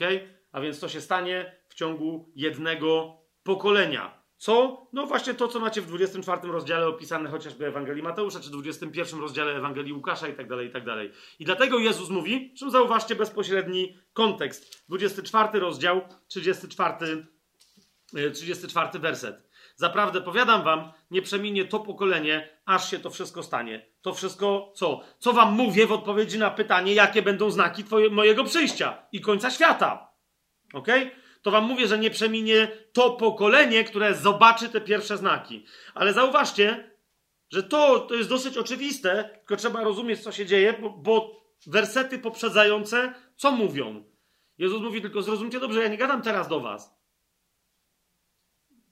Tylko mówię, on tu wprost mówi, że mówi, że trzeba się orientować i ci, którzy będą tym pokoleniem, mają się zorientować. Zobaczcie, 32 werset, co Pan Jezus mówi a od drzewa figowego uczcie się przez podobieństwo. Gdy jego gałąź już staje się miękka i wypuszcza liście, poznajecie, że lato jest blisko. Tak i wy, ci, którzy słuchają tego słowa, gdy ujrzycie to wszystko, o czym ja teraz powiedziałem, wtedy wiedzcie, że blisko jest u drzwi. Amen, powiadam wam, nie przeminie to pokolenie, które, które zobaczy, ucząc się od drzewa figowego, że gałąź jest miękka. Rozumiecie, o co mi chodzi? Nie przeminie to pokolenie, aż się to wszystko stanie. Co? To, co wam powiedziałem od początku 24 rozdziału, od czwartego wersetu. A nie to, co mówiłem wcześniej. Nawet w 24 rozdziale, w drugim wersecie. Rozumiemy się? Jeszcze raz, my sobie zrobimy przy okazji Księgi Objawienia bardzo szczegółowe porównanie wersji e, tego traktatu, czy tego dyskursu, czy tej dysputy, czy, czy rozważania, czy jeszcze zwał jak zwał z Góry Oliwnej, porównanie na przykład tekstu z Łukasza i tekstu z Mateusza. Nie? Jak, y, jakby skąd my wiemy, w którym momencie Jezus przeskakuje, zwłaszcza, że pewne cechy zniszczenia Jerozolimy i zburzenia świątyni są charakterystycznymi w sensie znaku dla pewnych cech, które, które później się staną, których doświadczy później cały świat. Jest to jasne? Więc istnieją pewne paralele. I teraz Jezus, zwłaszcza Łukasza, tam takich paralel dokonuje, ale to nie jest tak, że my teraz na siłę musimy ich szukać, tylko one są ewidentnie widoczne w tekście. Jasne? Teraz oczywiście istnieje pewien problem, no bo nadal to, czyli naprawdę chodzi o jedno pokolenie i o tamto pokolenie, które będzie pokoleniem ostatnim przed moim przyjściem, mówi Jezus, nie? Ale wciąż mamy problem z Mateuszem 16, 28. Prawda?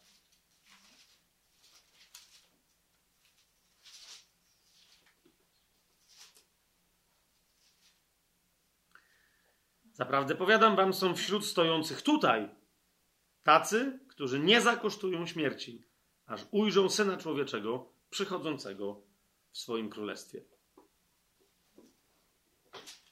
I ponieważ akurat odpowiedź na to pytanie jest inna, bo rzeczywiście chodzi o ludzi, którzy tam wtedy byli, ok? To zostawiam was na razie z taką zagadką. O co tutaj Panu Jezusowi chodziło? Bo rzeczywiście tak się stało. Jak to? To Pan Jezus już przyszedł w swoim królestwie? Dokładnie, kluczem jest zrozumienie tego, co Pan Jezus tu mówi. Przyjrzyjcie się całemu tekstowi. ok? Bezpośredniemu kontekstowi. Nie? Tylko tak, żeby troszeczkę pomóc. 27 werset i 28 werset. Łukasz już kiwa głową. Ok? Zobaczcie. Syn człowieczy przyjdzie bowiem, i tu jest mowa o jego paruzji, w chwale swojego ojca ze swoimi aniołami i wtedy odda każdemu według jego uczynków. Ale też mówię wam, że są wśród stojących tutaj już tacy, którzy nie umrą, aż ujrzą Syna Człowieczego, który przychodzi w swoim królestwie. Jeszcze raz, mówiąc o paruzji, tutaj Jezus mówi: Syn człowieczy przyjdzie w chwale swojego Ojca. A za chwilę Jezus mówi: Ale tu już stoją ludzie, którzy mnie zobaczą, jak przychodzę w swoim królestwie. Ok? Co więcej, według mnie, w mojej interpretacji, mamy wręcz przynajmniej jedną taką scenę, mamy więcej tekstów, ale jedną scenę, w której my dokładnie to widzimy. Człowiek, który wtedy tu przy Jezusie stał, zobaczył go przychodzącego w swoim królestwie. Ok? Ale jeszcze raz, jeszcze raz, e, nie będziemy dzisiaj tego mówić, bo to według mnie nie ma związku z eschatologią. Tak? W sensie 20, w 16 rozdziale 27 werset ma, ale 28 nie ma. Ok? Nauczanie Jezusa o Jego królestwie, zwłaszcza w Ewangelii Mateusza, e, jest, jest zwłaszcza w Ewangelii Mateusza. To jest co innego tu Jego królestwo, królestwo Ojca, królestwo niebieskie, rozumiecie, królestwo Boże i tak dalej, to nie, to nie jest, to nie są tożsame terminy, tak jak we wszystkich innych Ewangeliach. Ok? Czyli u Niego królestwo niebieskie to nie jest koniecznie królestwo Boże z Ewangelii Łukasza.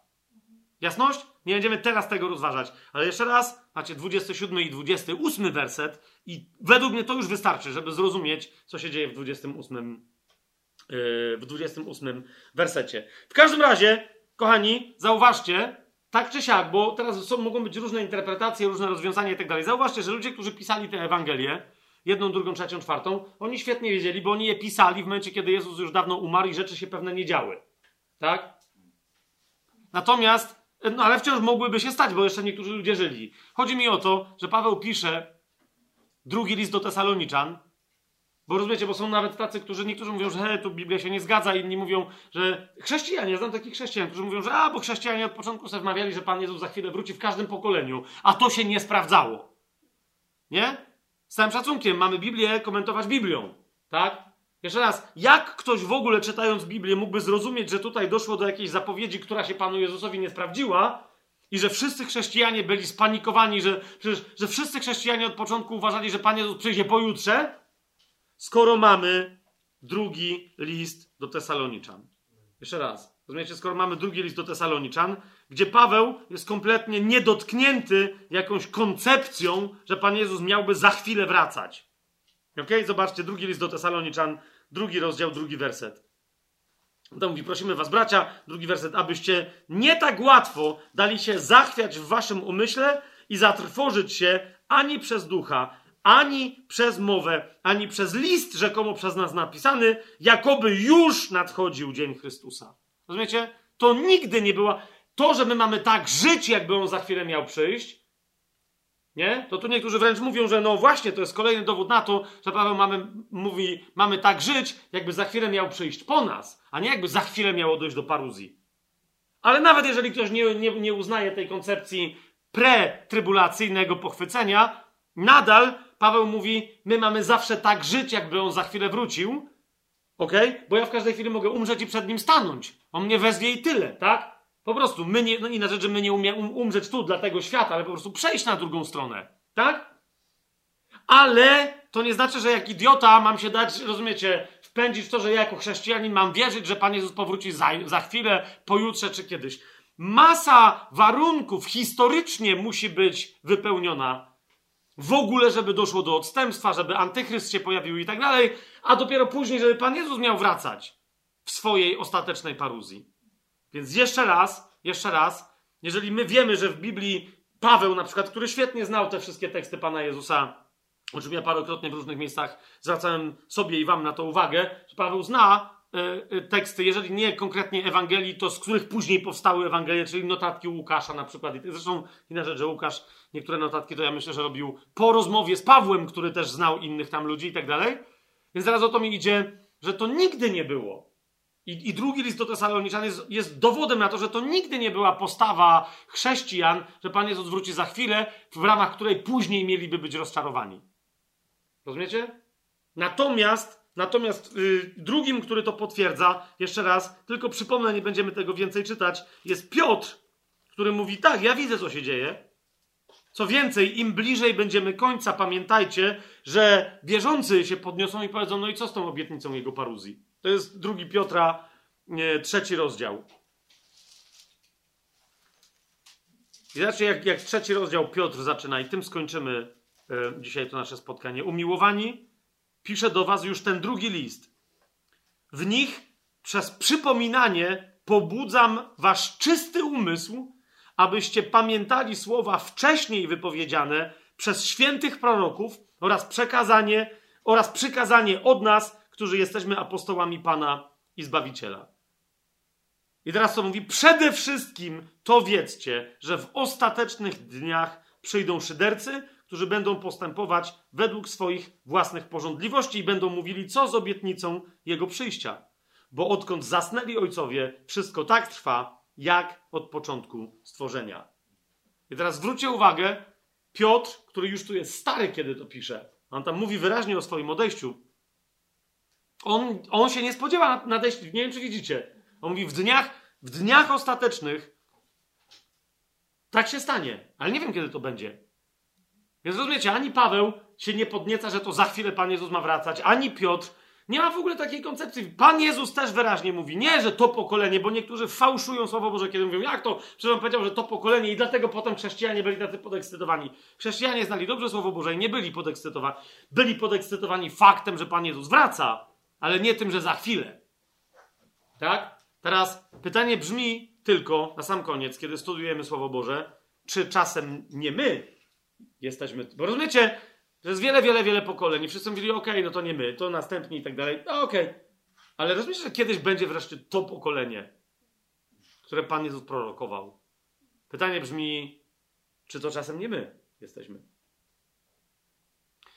Do tego, żeby wiedzieć, czy to, czy to czasem my, potrzebujemy wiedzieć, czy już nadeszło, nadeszło odstępstwo w kościele, czy nie, i jak szybko należy się spodziewać antychrysta, z jakimi on przyjdzie cechami charakterystycznymi, które wręcz poprzedzą jego nadejście, a które wzbudzą, e, być może przyczynią się do obudzenia tej fałszywej, heretyckiej, schizmatycznej postawy w kościele. No ale o tym wszystkim sobie więcej powiemy przy okazji postaci antychrysta, chociaż też to nie będzie cała dynamika czasów ostatecznych, bo to będzie dopiero Księga Objawienia, ale następne spotkanie od początku do końca uznajmy, że drugi, pierwszy i drugi list do Tesaloniczan nas wywołał do tablicy, yy, żeby opowiedzieć sobie o antychryście, bo w związku z tym tego poplecznika diabła yy, już nie będziemy za specjalnie wspominać w czasie studium Księgi Objawienia, bo Księga Objawienia jest księgą radosną, nie będziemy, nie będziemy tracić czasu na takiego szmaciarza.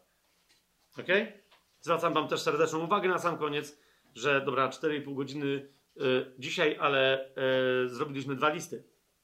To są dwa spotkania tylko. Jeszcze raz ostatnio Tymek zwrócił uwagę, że pędzę w duchu, ale no tak jest.